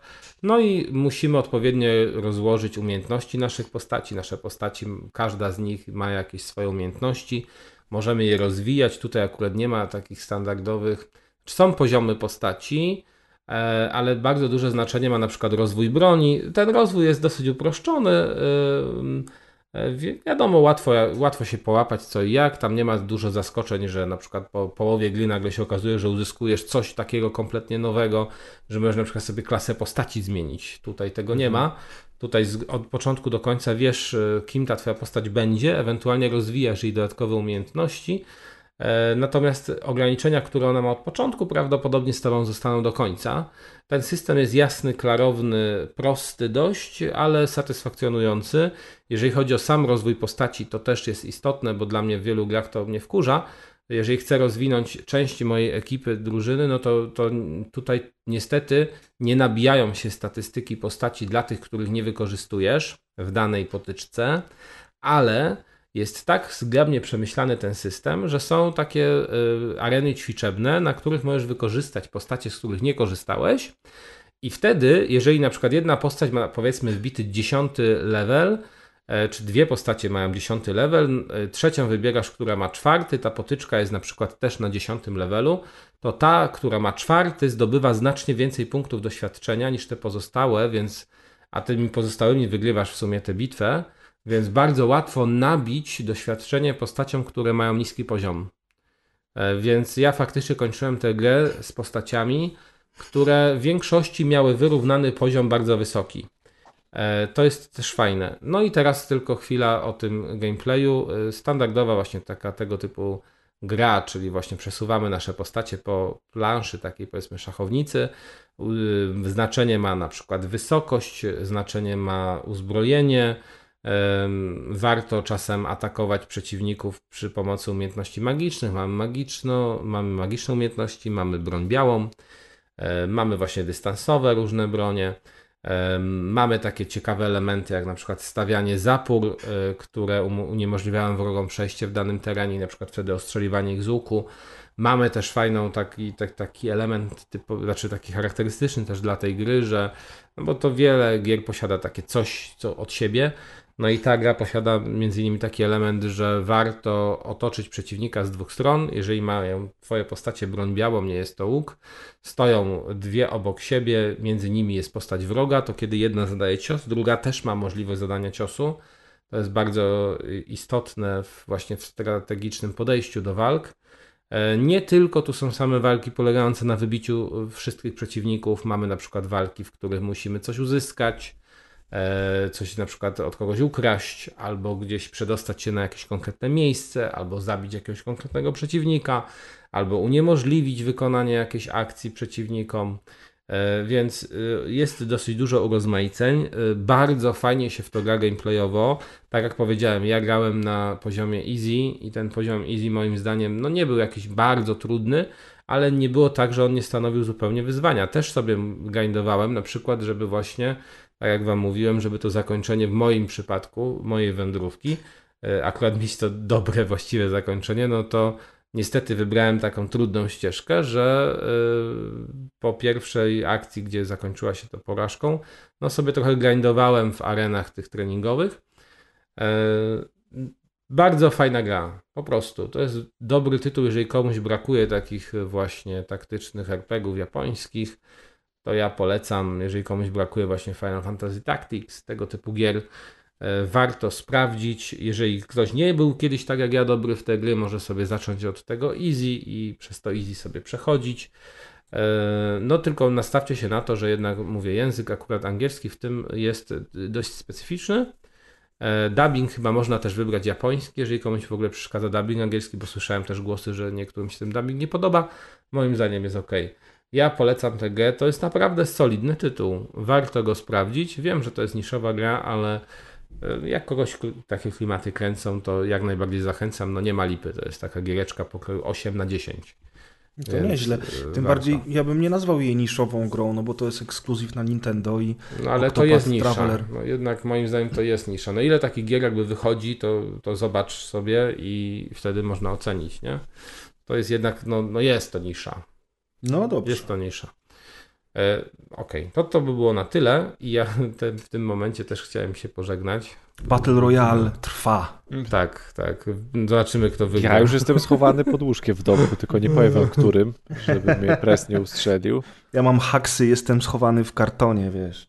Dobrze, to ja już, ja już padam w takim razie. I Do zobaczenia, do usłyszenia na następnym odcinku. No, dzięki, trzymaj się tam, papa. Pa. Na razie. A my przechodzimy płynnie teraz. Tak, przechodzimy płynnie do ostatniej gry dzisiejszego odcinka, którą jest Forgive Me Father. I to jest. O- O której zresztą, nie wspominaliśmy o niej na rozgrywce, czy nie? nie czy wiem, czy, czy W mówiliśmy może kiedyś. rozmowach, czy... W prywatnych rozmowach dużo żeśmy na ten temat rozmawiali, natomiast na rozgrywce chyba o niej nie mówiliśmy, może kiedyś w jakichś newsach, nie wiem. Mm, Jest to, słuchajcie, kolejny taki jakby oldschoolowy shooter FPS, czy, czy tak zwany boomer shooter, chociaż nie do końca. O tym zaraz opowiem. E, I ciekawostka, jest to gra polskiego studia Byte Barrel, które powstało niedawno i które stworzyło Forgive Me Father, ale też stworzyli Mythbusters The Game. E, Coś takiego, nie wiem. Mythbusters to jest ten program oczywiście, pogromcy mitów, natomiast o samej grze nie mam pojęcia. Ale ograłem trochę Forgive Me Father. Nie wiem, czy ty, Amadeusz, miałeś okazję, czy, czy nie, właśnie tylko... niestety, niestety nie. Przez to Lego No tak, Lego na pewno pochłonęło dużo czasu, więc na spokojnie. Ja ostatnio, tak jak mówiłem, mam dużo czasu na bycie przegrywem, więc, więc w gierki sobie gram e, i spokojnie też ograłem Forgive Me Father. E, jest to ciekawa gra z bardzo wielu względów. Raz, że to taki trochę boomer shooter, nie do końca, ale do tego przejdziemy. E, dwa, że y, opiera się na twórczości Lovecrafta, którego oczywiście uwielbiam. I to E, bardzo mocno. bardzo mocno się opiera na twórczości Lovecrafta. Do tego ciekawostka jest taka, że, że całość jest stworzona w technice cel, cel shadingu, ale zabieg jest taki, że przeciwnicy są sprite'ami, natomiast lokacje są trójwymiarowe. Do tego mamy takie elementy komiksowe, jak chociażby w, w grze 13, która zresztą była na podstawie komiksu. Tak, no właśnie mi się wydaje, że to jest takie właśnie połączenie, powiedziałeś o boomer shooterze, to żeby się ktoś nie od razu nie zraził jakimś takim pikselotowym boomer shooterem, to mi się wydaje, że trochę tak z gameplay przynajmniej bliżej do trzynastki stylistycznie, Tak. przynajmniej tej grze i to jest trochę tak, a z kolei gameplayowo do boomer shootera i to tak trochę wygląda na gameplayach jakby właśnie mm, trzynastka, mm, trzynastka z jakimś boomer shooterem e, miała romans, ale jeszcze w trakcie jak płodzili Forgive Me Father, to e, Cthulhu rzucił na nich klątwę i, i powstała taka gra, która jeszcze ma ten sznyt Lovecraftowy. Tak. Ona właśnie z, wpiszcie sobie Forgive Me Father w Google i zobaczcie sobie, jak to wygląda na gameplayach czy na screenshotach, bo ona faktycznie jest bardzo komiksowa. Ma przepiękną grafikę, bo rysowane ręcznie postaci plus y, te lokacje, które może nie są jakoś bardzo szczegółowe, one są dosyć kanciaste momentami, ale Tak, bo ona ma też rysowane efekty. Tak. Czyli na przykład y, y, Wybuchy te i tak isk- dalej. iskry od wystrzału, tak, dym jest rysowany, a do tak tego dalej, i tak dalej. A do tego wszystkiego całość jest skąpana w pięknym świetle. Tutaj światło naprawdę odgrywa dużą rolę i, e, i robi niesamowity klimat, więc na przykład światło wpadające w magazynie przez, przez, przez ogromne okna, czy jakieś światło świec, do tego latarka, którą Tak. możemy używać, tak I, jak jest, w Dumie. I to jest znów ten patent, że tutaj z kolei światło znowu jest rzeczywiste. Tak. Yy, ono już nie jest takie, jak to by było w komiksie, czy, na, czy w, tej, w tego typu grafice w sprajcie, trochę jak przed chwilą Kas opowiadał, tylko już właśnie do takiej grafiki jest dorzucone normalne, zwykłe, miękkie światło, które to wszystko oświetla. I na przykład pociski przeciwników, które świecą chociażby na zielono, też rzucają ten blask na przykład na postaci, obok których te pociski przelatują. Więc to wszystko w ruchu wygląda bardzo ładnie, nie tylko dlatego, że te sprite'y są świetne, ale też właśnie dlatego, że to światło odgrywa niesamowitą rolę tutaj, a lokacje są na tyle różnorodne, że e, wraz z postępem gry jest na co patrzeć, o może w ten sposób.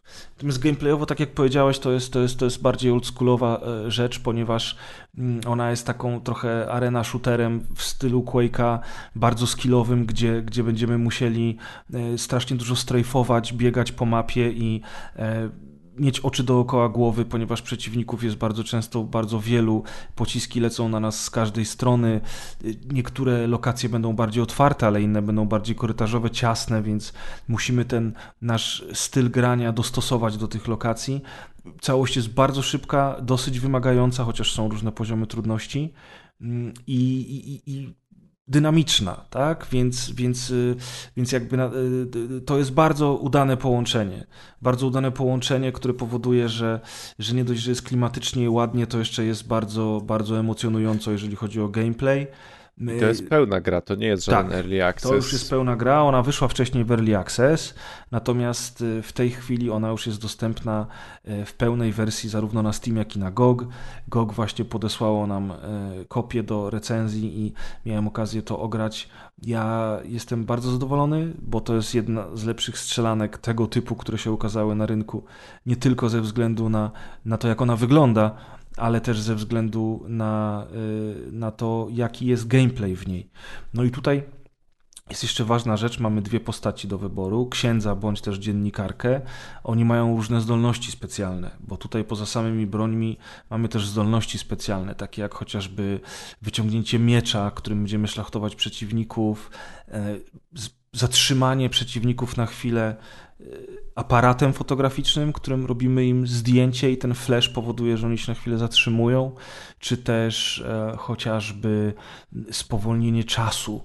No i ta, tam tych zdolności jest kilka i każda z postaci ma inne zdolności, mm, a do tego jest tutaj levelowanie postaci wraz z eliminowaniem przeciwników zdobywamy doświadczenie i wraz z tym rosnącym doświadczeniem rosną nam kolejne poziomy i przy każdym poziomie naszej postaci dostajemy jeden punkt do wykorzystania w drzewku broni w sumie, nie tylko broni, bo tam są też inne rzeczy, jak chociażby zdrowie, ale, ale broń przede wszystkim i to jest bardzo ważne, bo bronie mamy tutaj różne, mamy pistolet, strzelbę, mm, karabin maszynowy i tak dalej, i tak dalej. I teraz wraz z postępem na tym drzewku rozwoju możemy modyfikować tę broń i to jest bardzo ciekawe, bo na przykład z rewolweru możemy zrobić e, sobie pistolet szybkostrzelny z normalnym magazynkiem, albo na przykład z, z shotguna możemy zrobić taki shotgun, który będzie bardziej efektowny na długie dystanse, chyba że wybierzemy inną wariację i wtedy na przykład ten shotgun będzie rykoszetował po pomieszczeniu. Możemy mieć karabin, który normalnie ma ten tryb trzystrzałowy burst, ale jeżeli odpowiednio go zmodyfikujemy, to zrobimy z niego full auto, kosztem na przykład mocy, którą on, e, którą on posiada. I te, te modyfikacje są bardzo dobre, bo one zmieniają w ogóle całe działanie broni, ale też e, nie, nie, są, nie można ich cofnąć, one są nieodwracalne, w związku z czym e, można tę grę przechodzić wielokrotnie, bo jeżeli na przykład rozbudujesz sobie shotgun w taki, a nie inny sposób, to później już nie będziesz mógł mieć innej wersji tego shotguna, co zachęca do tego, żeby przy kolejnym przejściu rozbudować go inaczej. I to jest bardzo ciekawe. Y, dzięki temu ta gra się nie nudzi, bo bo umówmy się, gameplayowo ona jest bardzo prosta. Masz y, mapkę po mapce, na tych mapkach musisz oczywiście szukać kluczy, tak jak to było y, chociażby w Dumie czy Quake'u, y, żeby otwierać kolejne drzwi i dostać się do kolejnych lokacji, czy do kolejnych sekwencji tej mapki. No i walczysz z przeciwnikami. Tutaj też jest ciekawe o tyle, że ci przeciwnicy mają paski życia nad głowami. E, czyli troszkę tak jak w Diablo, troszkę jak w Borderlands, e, te statystyki jakieś mają tutaj wpływ na to, na to ich życie i widzisz jak ten pasek im powoli schodzi, e, ale poza tym też z tymi przeciwnikami różnie się walczy, bo na przykład zombiaki bardzo często niosą w ręku głowę. Jeżeli zrobisz headshota, co przychodzi ci pierwsze do głowy, żeby pokonać przeciwnika jak najszybciej, to ten zombiak zakłada sobie drugą głowę, którą ma w ręku i dalej cię atakuje. W związku z czym na przykład zombiaki lepiej zabijać strzelając im w korpus. Bo jeżeli zjedziesz mu ten pasek życia do końca, to on po prostu padnie. Jeżeli odstrzelisz mu głowę, to on założy drugą głowę. A na przykład tacy ktulu podobni e, żołnierze w hełmach z mackami, którzy strzelają w nas tam zieloną energią, potrafią, jeżeli ich odpowiednio tam uszkodzisz, to oni oni, ten model się trochę zmienia, oni, oni są uszkodzeni, ale pojawia się wokół nich taki obszar aury, która jeżeli oni się do ciebie zbliżą, to w tym momencie zadadzą ci damage, więc musisz pamiętać o tym, że jeżeli taka aura się wokół nich pojawi, to musisz ich szybko dobić, nie pozwolić, żeby do ciebie się zbliżyli. Są też grubasy, jak grubasa załatwisz, to odpadają mu nogi i on wtedy ten taki korpus z samymi rękoma się będzie czołgał do ciebie i będzie cię po prostu podgryzał po kostkach, co też jest y, dosyć, dosyć problematyczne problematyczne, bo jeżeli na przykład będziesz grał w wysokiej trawie, albo na przykład w ciemnym pomieszczeniu, czy, czy, czy, czy w jakimś takim kill roomie, bo tu czasami pojawiają się kill roomy i nie wyjdziesz z nich, dopóki nie załatwisz wszystkich przeciwników, to, to na przykład jeżeli będziesz skoncentrowany na innych wrogach, to w tym czasie taki y, czołgający się grubas niczym Anakin Skywalker y, podejdzie do ciebie i zacznie cię podgryzać. I to jest super. To jest naprawdę super. Mm. całość, całość po prostu bardzo ładnie ze sobą współdziała. I dzięki temu, że ta gra jest ładna, klimatyczna i ma pomysł na siebie, to nie ma się wrażenia, wiesz, że każdy kolejny etap grasz i grasz i grasz i strzelasz i strzelasz, i strzelasz. Oczywiście, że to jest tego typu gra, że warto sobie robić przerwy. No bo ona jest bardzo mocno po prostu na gameplayu intensywnym oparta i tyle, no tak, też. Tak, ale nic nie, szkoli na, nic nie stoi na przeszkodzie, żebyś na przykład y, raz dziennie usiadł sobie, zrobił jedną mapkę, wyłączył i następnego dnia przed snem znowu kolejną mapkę zrobił, tym bardziej bardziej, że y, muszę przyznać, że większość leveli jest całkiem długa w tej grze. One są na tyle rozbudowane, że, że, że przejście jednej misji trochę czasu zajmuje, nie? Y, No tak, i też warto dodać, że to jest tytuł, który no, jest świeżo po premierze, a on kosztuje 7 dyszek. Tak, to jest dosyć tania produkcja, e, warta swojej ceny. Ona całkiem niezłe oceny zebrała na Steamie i, i nie tylko. I jeżeli interesują Was tego typu produkcje, to uważam, że jest to jedna z najlepszych tego typu gier w tej chwili dostępnych na rynku. E, oczywiście wśród tych tytułów, które już pojawiły się w pełnej wersji, bo cała masa jeszcze gier e, gdzieś tam w Early Accessie wisi, tworzy się, chociażby Kultik, Kaltik, który wygląda jak, jak duchowy spadkobierca Blood, albo Wrath Aeon of Ruin, o którym już dawno temu opowiadałem i, i który nadal powstaje, e, też zapowiada się świetnie, czy przede wszystkim Prodeus, e, nie mylić z Amadeuszem, Deuszem, e, Prodeus, który, który po prostu jest genialny i, i, i będzie mega, mega dobrą grą, no ale nadal, nadal się tworzy. Tymczasem Forgive Me Father za te 7 dyszek już jest, jest całkiem długi, ma dwóch bohaterów o różnych zdolnościach, oferuje możliwość przechodzenia gry wielokrotnie ze względu na to drzewko umiejętności, które e, sobie rozbudowujemy i jest po prostu naprawdę smacznym kąskiem. No, ja sobie, ja sobie na pewno sprawdzę. Sprawdź, sprawdź. Chociażby dla samej stylistyki, żeby zobaczyć, jak to się tam spisuje.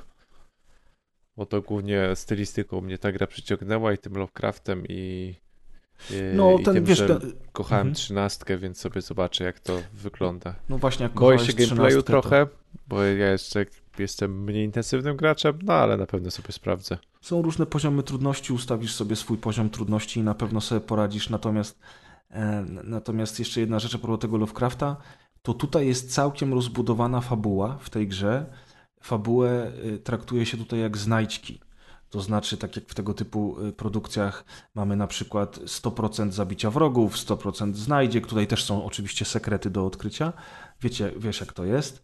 E, Ale teraz jakby taką kolejną rzeczą, którą można, ale nie trzeba zbierać i maksować na każdej mapie, to, są, to jest właśnie story. I to story pojawia się w formie plakatów, przedmiotów, do których możemy podejść, notatek, które możemy przeczytać. Część tych y, rzeczy story to są po prostu takie nota- notatki, które musimy czytać. Część tych rzeczy story to są rzeczy, które komentuje na głos nasza bohaterka bądź też bohater. Mm, I jest tego bardzo dużo. Jest tego na tyle dużo, że ja w pewnym momencie sobie to w ogóle odpuściłem. Bo czasami może być kilkanaście y, elementów story na jednej mapie i wiesz, i przy każdym musisz się zatrzymać, wcisnąć guzik, przeczytać albo posłuchać. A jeżeli mam być szczery, to całość nie jest na tyle intrygująca, czy też ciekawa, żeby chciało się tę historię poznawać. Ta historia oczywiście tam jest, ale jest kompletnie pomijalna. I można tak jak ja grać i po prostu bawić się dobrze bez zagłębiania w tę historię, ale jeżeli będziesz miał ochotę i będziesz e, chciał od czasu do czasu odetchnąć, to możesz sobie te karteczki i te elementy różne e, na mapie ulokowane po prostu poznawać. Więc dla każdego coś miłego. No, także też zapisujcie sobie na listę. Tak, Forgive koniecznie. Koniecznie albo w ogóle bierzcie od razu, no bo tak jak już Amadeusz powiedział, ta gra nie kosztuje zbyt dużo. Jest to polska produkcja, nowe studio, możecie ich wesprzeć. Swoją drogą w ogóle jak na nowe studio, to naprawdę dali rady moim zdaniem. To jak to wygląda, jak to działa. Szczególnie stylistycznie, tak, jak, Tak. jako pierwsza gra, nie? Tak wjechać Tak. od razu, że nie tam przez jakiegoś takiego indyka średnio wyglądającego z dobrym gameplayem, ale od razu tak z taką ładną grą. Z grubej rury, no oczywiście to jest da- nadal indyk, tak? To nie jest jakaś duża produkcja, ale faktycznie, faktycznie mm, wygląda to ładnie. Ach, ostatnia rzecz, walki z bossami. Są w tej grze walki z bossami. One nie są jakoś super wymagające, ale, ale ci bossowie to znowu jest taki element, który po prostu świetnie wygląda. Naprawdę wyglądają oni kozacko. E, I, i, I to też, no i jest to jest jakaś odskocznia od takiego typowego, zwykłego walenia w mopki, nie? Więc, więc kurczę, y, Forgive Me Father, polska gra, e, Lovecraft poleca, ja polecam, Deusz, jak słyszycie, jest zainteresowany, zresztą był jeszcze przed premierą, z tego co pamiętam, nie? No tak, tak, chyba nie wiem, kto usłyszał pierwszy o tej grze, o, jak o niej zaczęliśmy rozmawiać, ale, ale trochę od niej rozmawialiśmy tam w prywatnych rozmowach. Tak jest. No i nareszcie ja miałem okazję zagrać, ty zagrasz pewnie niedługo. Ja z kolei bardzo chętnie zagram sobie w, w to Lego Star Wars The Skywalker Saga, bo kurczę, no nie wiem, wiesz, brakuje mi brakuje mi gier e, z Gwiezdnych Wojen, bo rzeczywiście ta poprzednia generacja, no to Żeby muzyczka w słuchawkach poleciała, nie? Żeby O, tak sobie właśnie. posiedzieć w tym świecie po prostu. tak, no najbardziej to mnie zainteresowały te stateczki. No bo okej, to jest Lego, ale jednak cała walka w tym kosmosie i misje przede wszystkim w tym kosmosie i mnogość tych stateczków, no to jest coś, co po prostu na pewno dla fana Gwiezdnych Wojen będzie nie lada frajdą, nie? No, szczególnie, że nie wiem, jak jesteś zainteresowany i pod syceniem apetytu, no ale w czerwcu ten Disney Plus rusza, więc te wszystkie Mm. Mandaloriany, Boba Fetty, czy Plus teraz... Marvele.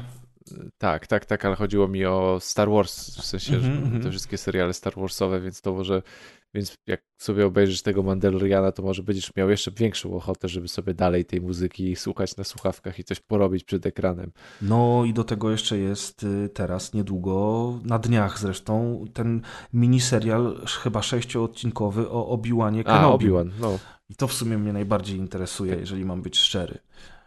Obi-Wan Kenobi, no zobaczymy e, jak bardzo to spierdolą, ale, ale ten, ale no tak, masz rację, no tylko w ogóle nie wiem, czy widziałeś, tam jest imba, bo, bo Disney Plus w Polsce startuje z promocją, że płacisz Za 8 miesięcy chyba za, Tak, i masz mam- na, dwa, na rok, Ma, tak? I masz na rok, tak. No i ludzie się oburzyli, no bo to y, niby drogo i, i w ogóle słaba promocja, skoro Amazon Prime zrobił taką promocję w Polsce, że na cały rok masz, nie dość, że masz za 49 zł, to jeszcze masz Prime Gaming i jeszcze masz wysyłkę z Amazona za darmo.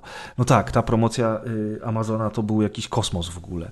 To była cebula roku w ogóle, jak oni z tym wyskoczyli. Bardzo fajna cebula, ale jednak wydaje mi się, że to była jednorazowa akcja i nie spodziewałbym się, żeby taka promocja trwała dłużej. No a Disney no to taką promocję zrobił no normalną, nie? No i ludzie tutaj się dosyć mocno No tak, oburzyli. no przecież HBO wchodziło ile? 3-4 miesiące, 3 miesiące temu z, tak, z Tak. podobną tak naprawdę. Czy oni mieli coś takiego chyba, że przez pierwszy miesiąc czy coś, jak założysz Nie, konto, czy konto to wykupisz? już do końca masz tą niby zniżkę, Tak, że już nie do końca. Mhm, tam chyba 20 parę złotych było za miesiąc, a normalna cena to jest 30 parę złotych za miesiąc, więc więc no tak, póki nie zrezygnujesz, nie? Jak będziesz chciał sobie zrobić miesiąc przerwę na przykład, czy dwa, czy trzy, czy pół roku, to jak wrócisz, to podejrzewam, że już będziesz miał tą normalną cenę 30 Tak, parę aczkolwiek, złotych, aczkolwiek dla mnie powiem szczerze, że teraz to HBO Max to jest chyba streaming numer jeden zdecydowanie. A czemu? Mm, Nie wiem, chyba najwięcej seriali jest teraz, jeśli chodzi o seriale i filmy na HBO. No pomijam fakt, że trafiają już takie rzeczy jak The Batman, Mhm. czy chociażby za chwilę trafia, nie wiem, w przyszłym tygodniu chyba trafia ta trzecia część z trylogii tych fantastycznych zwierząt, która też przecież była przed chwilą w kinach. Tak, Chyba a mi się wydaje, jest- że ona już nawet jest w tej Tak, chwili. tak, tak, jest cały czas. No a już tam chyba 30 maja jakoś tak trafia. Eee, seria, a z seriali to wiesz, no masz yy, Tokyo No, Vice, no Schody, tak. no cała masa. Tokyo Vice i ten nowy serial twórcy The Wire, on się chyba nazywa We Own This City, czy Ja, We tak. Own the City, tak, no oczywiście. Tak. No wiesz, no w ogóle HBO zawsze miało genialne seriale i super jest to, że możesz właśnie sięgnąć po The Wire, Entourage, Deadwood i to wszystko jest na stałe, nie? Więc możesz to wszystko obejrzeć, a cały czas wychodzą nowe seriale i no oni zawsze byli dobrzy w te klocki. No serialowo to, to, to, to roz, ro, Tak, no rozdawali filmowo karty też zawsze. masz te huby. Tak, Warner filmo- ale Brosa filmowo i tam to jest już tak- sporo, sporo starych filmów jest, tylko musisz wejść sobie w te huby i sobie poklikać. No ja teraz, ja teraz właśnie mm, zamierzam z kolei do Prima wrócić, bo pojawił się spin-off, czy też sequel Bosch Boscha. Legacy. Tak, Bosch Legacy to w sumie nie jest spin-off, bo to jest kontynuacja historii z książek. y, No tak, ale która- już nie pisana przez tego. mm, Nie, no chyba pisana jest przez niego właśnie, przez twórcę. Y, No, no, no, no nie, no dlatego Bosch nie jest już policjantem, ponieważ yy, w Został książkach prywatnym detektywem. y, pracuje dla prokuratury. Tak, ale mi się wydawało, że w książkach w pewnym momencie też tak się Nie, zadziało. nie, właśnie, nie właśnie, właśnie książki się kończą na, na tym, że jest policjantem i seriale Okej. też się miały tak zakończyć, Okej. więc żeby nie wymyślać nowych historii do tego, jaki Bosch jest policjantem, to po prostu zmieniono mu profesję. Okej, okej. Jakby tak, cały deal między książkami. Wiesz co chodzi, żeby nie dopisywać, Tak. że książki mają obejmować tylko Boscha policjanta i dlatego zmieniono mu profesję. A no proszę, no to I ciekawe. teraz już nie leci, i teraz już jest fabuła tylko i wyłącznie filmowa, y, serialowa, tak, a nie książkowa. No to tego nie wiedziałem, widzisz, no.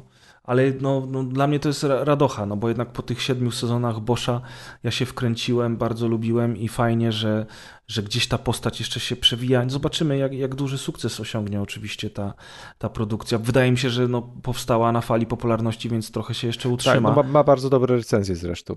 No widzisz, tylko w ogóle ciekawostka, że to jest serial, którego nie tworzył już Amazon, a stworzyło go IMDB TV. Okazuje się, że International Movie Database, czyli ta strona taka międzynarodowa będąca odpowiednikiem polskiego Filmwebu, ma swoją własną telewizję teraz, czy coś takiego. I oni w ogóle stworzyli ten serial, jakby wyprodukowali go. E, I on w ogóle jest w zagranicznym Amazonie za darmo do oglądania, bo Amazon bawi się teraz z darmowymi filmami serialami, ale które mają reklamy, nie? Mhm. Więc nie wiem, jak to tam działa dokładnie, nie będę się wymądrzał, bo nie sprawdzałem, natomiast u nas w Polsce Bosch Legacy jest na Prime normalnie z polskimi napisami, więc można go oglądać. No i tak powiem Ci szczerze, że im dalej w las, to tym mniej mam potrzebę, żeby posiadać dalej Netflixa. Tak jakby... O, to ja już nie wiem, kiedy włączałem ostatni raz. O, tak jakby wiesz, yy, nacisk przeniósł się właśnie, wiesz, no HBO teraz wjechało, było wcześniej, wiesz, jedyny problem z HBO jest taki, że niestety jakość większości tych filmów to jest HD e, i to widać i to czuć niestety mocno, zwłaszcza jak przełączysz się na Prima, który ma po prostu Tak, który taką jakość. Ultra HD. Tak, że to wygląda jak milion dolarów. No i teraz jak jeszcze wiedzie do tego Disney, to w ogóle Netflix jak dla mnie jest pomijalny. Okej, okay, oni mieli sporo dobrych seriali, ale w tej chwili No będą mieli tylko co? Stranger Things tak naprawdę no teraz. Stranger Things, potem kolejnego sezon. Wiedźmina, ale ja po drugim wcale nie jestem przekonany, że chce mi się dalej to oglądać, jeżeli mam być szczery. Jedyne, co może mnie zainteresować jeszcze u nich, to są te wszystkie seriale, które powstają na bazie twórczości Harlana Cobena. E, W tym polskie seriale, które zresztą sam pisarz bardzo mocno chwalił, bo było To w chyba głęb... tego najnowszego nie oglądał. A widzisz, to on podobno go chwalił, ja jeszcze tego najnowszego nie widziałem, ja widziałem w Głębi Lasu i w Głębi Lasu było ok. To może go chwalił, bo może scenariusz powstał po angielsku i później go przetłumaczyli na polski. A co, widziałeś ten, ten, ten nowy? Jak on Tak. się nazywa? Yy, w, e, no właśnie. Z, z, nie pamiętam jak się nazywa. Mrocz, nie, nie mroczne. Yy... Ojeju, już sobie nie przypomnę. No nieważne. Yy, no, w każdym razie jest dramatycznie zły, według mnie. O kurczę, widzisz. Czy nie ma tam linijki dialogowej postawionej, która byłaby z życia wzięta? Że wszystko jest napisane fatalnie po prostu. Jest dramatycznie przeprowadzony casting. Każdy dialog jest po prostu tak sztuczny. Wiesz, tak ludzie nie rozmawiają. No, Tak no. w ogóle ze sobą ludzie nie rozmawiają, tak nie rozmawiają nastolat nastolatki, tak wkurzeni ludzie w ogóle nie rzucają takich słów i tak dalej, i tak dalej. Kumam. Ten serial się nazywa Zachowaj spokój. A, zachowaj spokój. No, to, to jest okropny, no scenariuszowo jest okropny. Jedynie się broni powiedzmy intryga, no ale tu akurat to po prostu Koben wymyślił, tak? No tak, no tak. To, Całą to, to, tajemnicę, ale wszystko naokoło jest po prostu... No i to oprócz tego się dzieje w Polsce, więc w sensie to jest polska produkcja Netflixa, więc fajnie by było jakby choć trochę była polska, Dostosowana do polskich realiów. dostosowana do polskich realiów, albo jako, jakkolwiek zakotwiczona ta historia w polskich realiach, a to jest Mhm. Polska, która nie istnieje tam pokazana. Okej, rozumiem. I to nawet nie jest blisko Polski, która istnieje. Tam wszystko jest totalnie, tego nigdy w życiu nie było, nie będzie i nie jest nawet bliż, blisko takiego świata, jaki tam jest pokazany. Hm. No to widzisz, to, no to tym bardziej, tak jak mówiłem. Netflix niestety coraz mniej e, mnie interesuje. Ja ostatnio ten pierwszy tydzień ze złamanymi żebrami spędziłem z mamą, tak jak mówiłem, u niej e, i generalnie rzecz biorąc oglądaliśmy taką komedię, która teraz się niedawno pojawiła e, o babce, która 20 lat była w śpiączce i po 20 latach wychodzi z tej śpiączki, wraca do liceum, e, żeby, żeby skończyć szkołę i kurwa, Brzmi jaki jak to był cringe. Ale jaki to był cringe, człowieku. Dla nastolatek nawet nie. Tam jest bardzo dużo takiego kiepskiego, e, seksualno-fekalnego jakiegoś humoru. A, to jest produkcja E, Netflixa, tak? Niskich lotów, tak, tak, tak. Eee, I kurczę, wiesz, żartów to tam. No dramat, ja się tak męczyłem na tym filmie i potem te, ten film zaczyna się robić dobry, nie wiem, w ostatniej części tego filmu, tam jest jakieś, jakieś przesłanie, wiesz, tylko to przesłanie zawsze jest to samo. Te filmy o tym, jak to w liceum jest ciężko i wszystkie nastolatki w Stanach są smutne, to zawsze, zawsze w sumie mają to samo przesłanie. Mm, Tutaj troszeczkę jest jeszcze nacisku na, na, na wiesz, na LGBT, na osoby homoseksualne i na, na to wszystko, co, co, co ostatnio jest takie popularne, zwłaszcza u Netflixa i, i to jest spoko. Y, Ten, ten morał jakby na końcu jest spoko, ale ojej, jakie to było gówno ten film. Kurczę, nie przypomnę sobie teraz, jak to się nazywało. Niestety. Tam gra taka aktorka, blondynka, która e, Australi, australijska aktorka, która była mm, bardzo gruba i ona jakby była znana z tego, że jest gruba, grała w różnych komediach i ona w pewnym momencie strasznie schudła. Tak na maksa po prostu, wiesz. I teraz wygląda no inaczej zupełnie. I właśnie to jest jeden z pierwszych filmów już po tym, jak ona schudła i ona gra tam główną rolę. Kurczę, nie przypomnę sobie teraz nazwy, ale na pewno słuchacze skojarzą o co chodzi. E, więc ten, więc a jeżeli, a jeżeli nie skojarzycie, to jak wejdziecie na Netflixa, to podejrzewam, że gdzieś tam w tych najbardziej popularnych czy ostatnio dodanych filmach ten, ten będzie latał. Coś tam z, z coś tam nazwa z, z liceum czy z czymś tam. No, a mam, kurczę. Na pierwszym miejscu najpopularniejszy. Oj, to jest piękne. To jest kurwa. To jest nasz kraj, właśnie, Amadeuszu. Najpopularniejsze filmy dnia. Pierwsze miejsce. Powrót do liceum. Senior Year. I gra główną rolę pani, która nazywa się Rebel Wilson. No jak kurwa w tym kraju ma być normalnie, jak ten film jest na pierwszym miejscu, nie?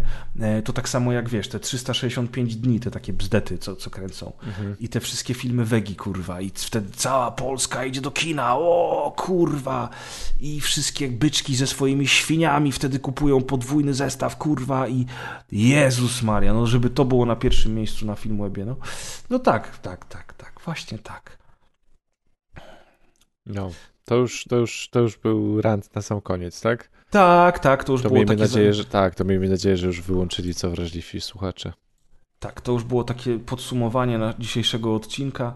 Faktycznie zrobiło się późno. No, słuchaj, mieliśmy Battle Royale, ale myślę, że jako dwóch. Podzielimy e, się zwycięstwem. Tak, najbardziej wytrwałych, nagrywających, po prostu podzielimy się zwycięstwem, zjemy tego kurczaka na pół e, i pójdziemy sobie smacznie spać. Co ty na to? Dobra, jak najbardziej. Spać to jest teraz w tym momencie bardzo dobra decyzja. Także dziękujemy wszystkim za odsłuchanie. Do następnego razu. Trzymaj się, Amcio. Papa. Właśnie, słyszymy się szybciej niż później. niż później. A może te grube rozmowy w końcu też nam się uda nagrać, prawda? Nie będziemy Mhm. tylko o nich mówić, ale wreszcie je też odbędziemy. No, No dobra. Na razie. piąteczka. Pa, pa.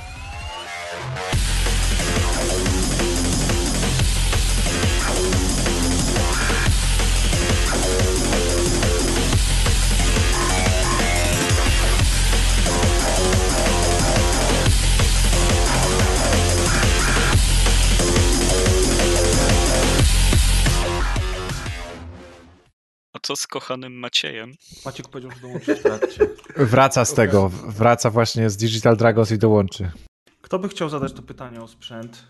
Ja chciałem się spytać. Dobrze, to zro- Y, zadacie- 15 centymetrów. Nie mam odpowiedzi. zadacie- Ale słuchajcie, to jest tak, że jak jest Recka, to jeden mówi i chuj, nie? A jak są newsy, to przynajmniej jest dialog, więc... No wiem, wiem, zawsze- Nie, ja to ja zawsze wiem, próbuję że tak namówić jest. chłopaków, żebyśmy grali w te same gry, żeby parę osób pogadało. No, ale, Ale niestety- kto by chciał w te same gry grać? Powiedz, Powiedz mi, kiedy chcia, kiedyś wpadła ci taka ochota, żeby zagrać drugiego na przykład? Wiem, ale Kiedy? czasami są takie gry. A, na min, przykład a ty w to- myślisz, w że to ja bym- Lego czekaj, od Deusza czekaj. bym zagrał, gdybym miał czas. Albo na przykład... A gdyby gdybym Deusz miał czas, na konsolę, też bym zagrał, ale nie mam. To by zagrał mi. No dali Deuszowi na CD. Na Ale na przykład- Na CD mi dali i sobie kurwa wsadziłem to CD. Dwa. Open beta czy open... Jak dali ci na CD? Serio? No co ty, no ile tych Myślałem, CD by było? może dali- 17? W sensie nie, no dobra, ale myślałem, że może ci dali po prostu na płycie, bo to kiedyś jeszcze dawali. Nie, że na PC ta wersja. Kompa, no. no właśnie, to by było śmieszne. E, No dobra. No, beka w chuj. Tak. W ogóle jak dobrze nagrywać, jak nikogo z Warszawy nie ma, nie? Od razu Można, można opierdolić kogoś. Pamiętajcie tylko, że Maciek bloopersy potem robi. No i co? No Warszawę wypika. I podpadniesz, to będziesz na bloopersach. Patronami montażu są Łódzki Dom Kultury. Paweł Las Jedi 84 Rumiński.